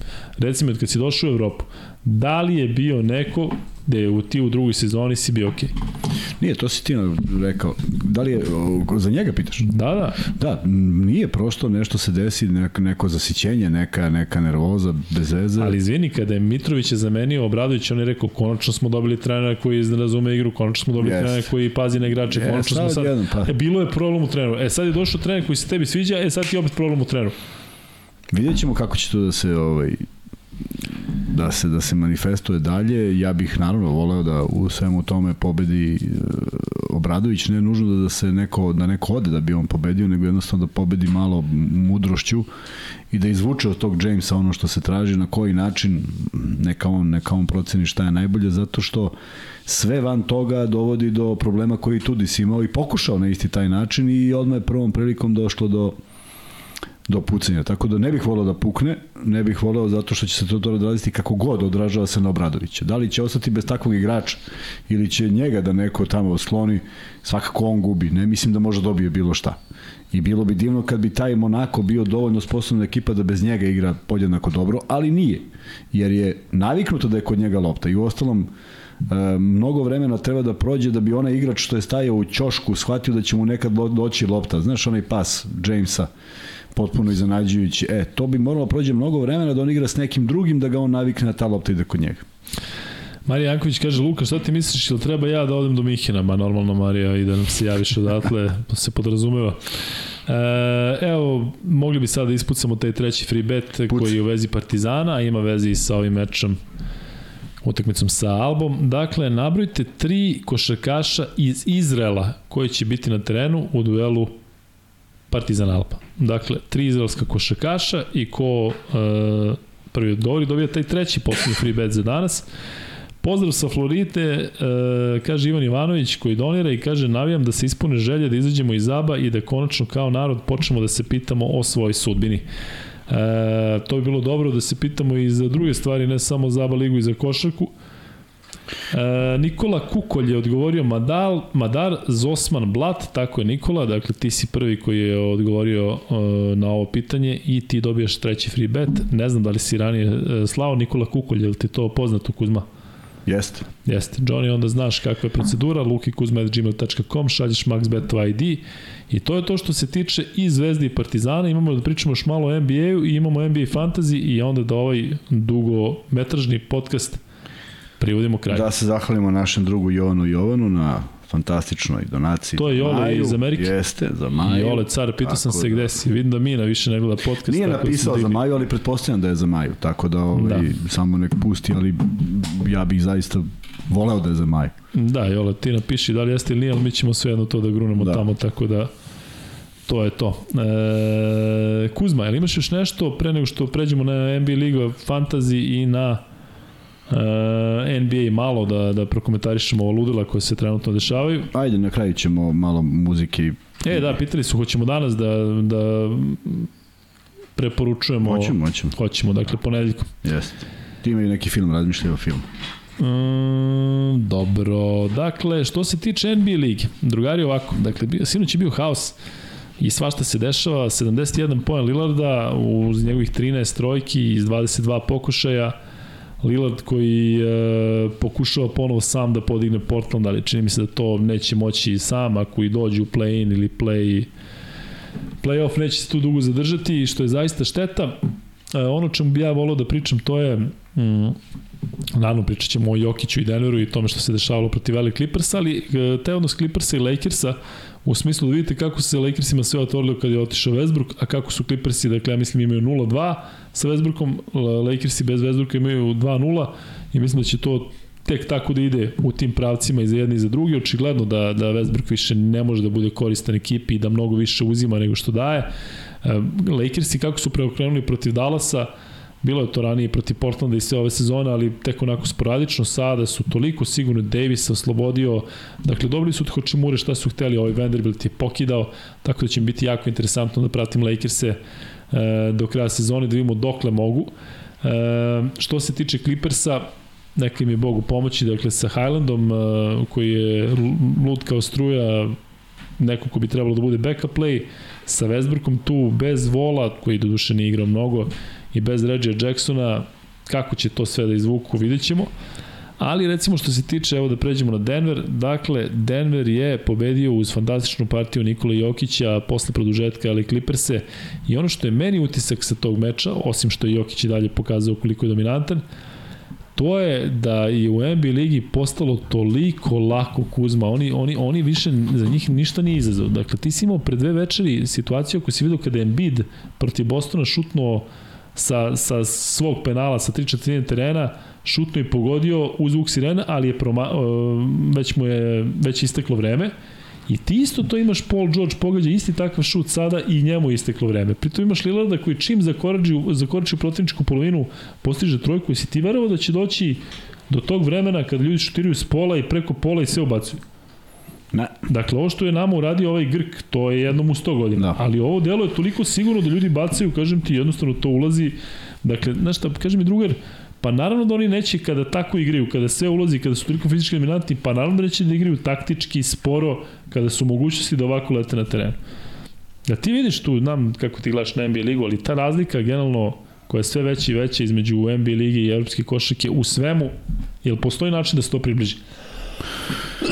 Pa, trude se da se približi, naravno, ali ovde samo vraćamo na nešto što mi poznajemo kao košarku. Nove generacije, ovo je za njih košarka što gledaju u Americi i to je sasvim legitimno, njima je zabavno. I mene je moj brat iz Australije koji je malo znao o košarci 90. godine pitao jedno fantastično pitanje koje nama izgledalo kao da je on došao ne iz Australije, nego kao da je došao iz neke druge planete i kaže A što neko ne nauči da šutira s pola i šutira samo s pola i ne možeš ga braniš? Evo, i to se desilo 40 godina kasnije neko šutira s pola i, ovaj, i u problemu si da braniš. Prema tome, a, sve je stvar kako se doživljava igra. Slušao sam mnogo izjava tih nekih mojih savremenika i Hall of Famera i igrača 90-ih nisu zadovoljni onim što gledaju, možda su svi sujetni, ljuti i ljubomorni, a možda ima i nečega u tome kako se doživljavala igra. I sad, znaš, na, na šta aludiram? Na, na neke bez obzira na neverovatno uspeh LeBron Jamesa sa postignutim poenima i broj 1 u broju postignutih poena, on ima toliko gafova na terenu, tih nekih da ne poštuje igru. On? Se, da. Pa kako, nećeš samo kad uzme loptu pa šutne pa ne dobaci sa pola. Dobro, pa ima takvih situacija sve na vreme, ali... Ne, ja, ja kažem sve na vreme. Michael Jordan nema ni jednu tako. Nema, zato što se drugačije pristupalo igri. Da, razumem šta hoćeš da kažeš. Da ovaj, dakle, ovo je sad zabava i ovo to ima ako... pravo da u bilo u kom trenutku uradi bilo šta i ponekad to uradi. Upravo to. I nekad uradi nekad je lepo, a nekad se svi smeju. Može napravi 6 koraka, 9, 12, neko neće da broji u ono vreme. I vraćam se ovaj, na, na, na neku priču ovaj, Danas smo gledali sudije koje su svirali više koraka nego što je običajeno, zašto su Fibine sudije. A, nije moja generacija bila sporija od današnje koliko smo morali da vodimo računa o koracima koji se sada tolerišu. Aha. Zašto na polovini terena više nemaš prednost, pa se ne računa. Nama se računalo. Namaš nikad u životu nisi mogao napraviš taj korak kada ga neko ne dume. Znači, kad si, kada bi sada uveli striktnost koraka, isto bi bila sporija košar. I kada bi u NBA stavili striktnost koraka, i isto bi bila sporija košarka. Ovako, to je jedan spektakl koji sudije tolerišu iz njima zanih razloga, I, ovaj, I viđali smo sve i svašta. Tako da, ovaj, gde sam, šta si mi uopšte pitao? Da, za NBA. I onda se dešava da neko, ne mogu kažem zlopotrebljava, ali to meni nije košarka. Da neko pređe pola i da šutne. Uz, neka ima kakav god hoćeš procenat šuta. To za mene nije prosto košarka. Ali za nije najlakše ako, ako ti napraviš a napad od 24 sekunde sa tri kretnje, da neko dobije tri bloka i da on uzme da, da bi došao do tog to šuta za tri, ali zar nije ovo lakše da dođeš do poena tih ako čovjek može da ubaci sa 10 pa jeste, ali onda, 7 od 10 puta? To je onda samo pitanje kada će stavi linija za 5 poena. Onda to više nije košarka koju znamo. Ili za 12 poena. Ili koliko košta, koliko košta, koliko važi iz tvog reketa. Pa će možda neko se oproba i datli da bude prilično precizan. Mislim, nije to sport koji znamo. On polako već gubi kada kada pogledaš one statističke podatke broj šutnutih trojki od 90 i neke pa kako ide pa se sve promenilo. Već se sve promenilo a ne ako ćeš da uvedeš još nešto tako da neko i slažem se pogađaju sa neverovatnih udaljenosti sve to stoji. Aj nek idemo na varijantu podinu koš za metar. Možda će bude interesantnije vidiš kako će da odustanu od toga. Ili najbolja stvar ukinuti trojku. Zavisi kakva bi to stvar bila za košarku Bi volao, a? Kako ne bi? Pa zamisli taj Lillard šta bi radio u reketu. Ali kako Lazić onda ti šutira te trojke što voliš? Ne, on, dugu dvojku, šutuće on predugu dvojku. Ali Lillard neće šutnuti s pola. Nego će ići da, i da se nadigrava. Morat će da dođe Što do mi koša. da neće šutni pola? Pa da mo- pa, pa može. On može da da trojku E, sa 7, i okej. 27 Sve stoji. i može sa 11 metara, Sve stoji. će A da sad ti šutne. kažeš lakše je da on šutne sa 7.27 nego ovaj Ewing da da ispod koša. Pa nije lakše. Jebi ga, nije lakše. Pa što se tiče Lillada, ponekad delo da je lakše. Razumem Okej. te šta kažeš, ali Kako Lillard ponekad? je Pa koji mu je ovo 71. poen u karijeri? drugi put u posljednjih mesec dana. Koji mu je u karijeri? Peti put. Pa, znači, pri, Treći je svih vremena, dakle, Tako, Chamberlain, i uze- Kobe, Tako, pa on. I uzo i rekao, sad ću ja ovo da radim. I evo, i on će vjerojatno sad još da stigne do 70 ako bude imao dobar procenat šuta. A to mu neko dozvoljava. To nekom je lepo. Nešto se prodaje uz to. Instagram slike, kikiriki, kokice. Patike otkud te koje- Patike. u kojima pa, Bogu. se. Pa znači, hoćemo... Ali mislim da ne radi on to zbog toga, nego da je to prateće zbog kada neko napravi tako nešto, da Ne jednostavno... znam, mislim da tamo ne postoji ništa slučajno. Prosto nikad mi nije delovalo Viš da da je nešto štela, slučajno. kao ajde večeras Nije, neki... nije štela, nego jednostavno, Lillard, slušaj, dođi sine, sad ćeš ti da prangijaš to za sve pare. A ko to zove taj što kaže Ko god, sine, a? kogo me god cinulo. Bilo ko zove. Pa bilo ko. Da. Sad, pa, Evo je Mina, javlja se e, donacijom, tu je Mina, hvala Mina, ali više nam je drago da si tu nego što, što, što znači donacija, ali zabrinuli smo se da si se, da si se nešto ovaj, distancirala. Dobro. E, Srki gasio ovu usporednju oko Jelca, molim te, ne mogu da verujem da se ljudi opet zezaju na taj račun, imali smo onog jednog bolida koji je tu nešto psovao, ali mi ćemo sada u inat oko Steve Jelovca da sve uh, glasnije govorimo ono da mu se da dvorana i taj kada budemo imali naš, uh, no, našu utakmicu i kada budemo imali ja i Kuzma vodili ekipe i tu ćemo da ubacimo to oko Jelovca, tako da hvala onom koji, koji je bio onako bolestan pa se tu ovo, sad ćemo još jače da guramo priču oko Steve pokojnog, tako da Biće to dobro. E, Kuzma, ti imaš, dakle, fantasy tabelu i onda imamo da preporučimo ljudima knjigu, film jeste. i pozorišnu predstavu, hoćemo i to da ubacimo? Nećemo. E, Da, i umetničko, koji muzej dodajete da pogledate koju sliku. Eto, pa viš, mogli bi se ravno vreme. Ali koji muzej i koju sliku? Sad ćemo prvo. Seržinjo, daj te fantasy tabele A, NBA-a, pa da ovaj, imamo jedno, tako? Jedno, NBA. samo NBA, tako E. je. E sad ja ne vidim tamo šta je, pošto mi smetaju kamere, pa ću ja da uključim ovde. Eto. I kaže ovako, kaže. Ti Kuzma oduži, taman ja da odem da sipam vode. Bubanj Niš je na prvom mestu sa 12.130 bodova, zahvaljujući ovih 327. Sa koliko nisam čuo, sad 12.000? 130. Sačekaj da ti kažem još nešto.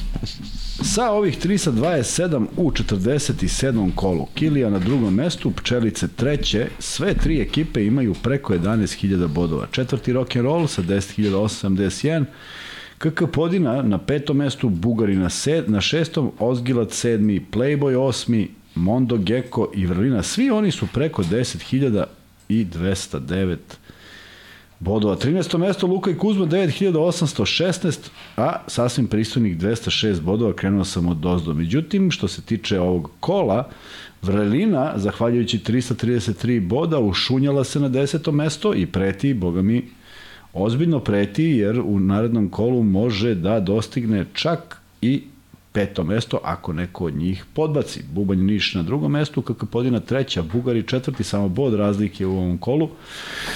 Ražani Warriors C 305, MP, MVP 287 bodova na šestom mestu, Rock'n'Roll na sedmom, Viktor 5, osmi, Fear the Beard deveti i Playboy deseti. Dakle, mnogo drugačija tabela u ovom kolu nego konačna, ali zato su neki i napredovali kao što je rekoh Bubanj Niš to bi bilo to što se fantasy lige tiče. Čekamo Luku da se vrati, a ja bih da kažem nešto o još jednoj dobroj knjizi. Ako ste čitali Nika Hornbija i gledali možda njegov film High Fidelity, onda znate o čemu se radi. Ima sijaset dobrih knjiga, od stadionske groznice, navijaču, futbolskom navijaču, vrlo onako jedna simpatična knjiga, međutim ja bih o knjizi Dug put do dna, vrlo interesantna, vrlo mračna, vrlo vesela, vrlo sve u isto vreme, vrlo životna, ljudi koji se sreću u problemima, koji postaju prijatelji, koji shvataju da imaju mnoge zajedničke stvari, iako to na prvi pogled nije izgledalo i za svaku preporuku, a inače pogledajte, pročitajte bilo šta od njega u, u onom prvom njegovom delu života i rada su zaista interesantne knjige, tako da svaka preporuka. Što se tiče muzike, uh, nešto što je obeležilo to tinejdžersko vreme, a dolazi sa strane, dolazi u jednom izuzetno dobrom zvuku, koji je potpuno različit od dva albuma koje ću vam preporučiti. Radi se o grupi Cult, jedan album je Electric i verovatno ko je pratio zna kak, kakav je zvuk tog albuma, a drugi je Sonic Temple, potpuno drugačiji, potpuno u drugačijem maniru, oba kvalitetna na svoj način i neke daj mi pusti sad Šta sad, sad si ušao neke, neke pesme koje su obeležile taj period, dan danas se slušaju pa jedan od ta dva, a možda i oba, preslušajte, ima mnogo dobrih pesama, iako su oni šetali malo od jedne do druge tačke, pa se posle gasili, pa se spajali, pa sve to išlo gore dole, ali jesu jedno vreme predstavljali neki bunt i nešto dobro što je stizalo na vinilu tih 80-ih. Svaki put kad Kuzma kaže tako da, jedan mali zeka plače. Zanimljivo.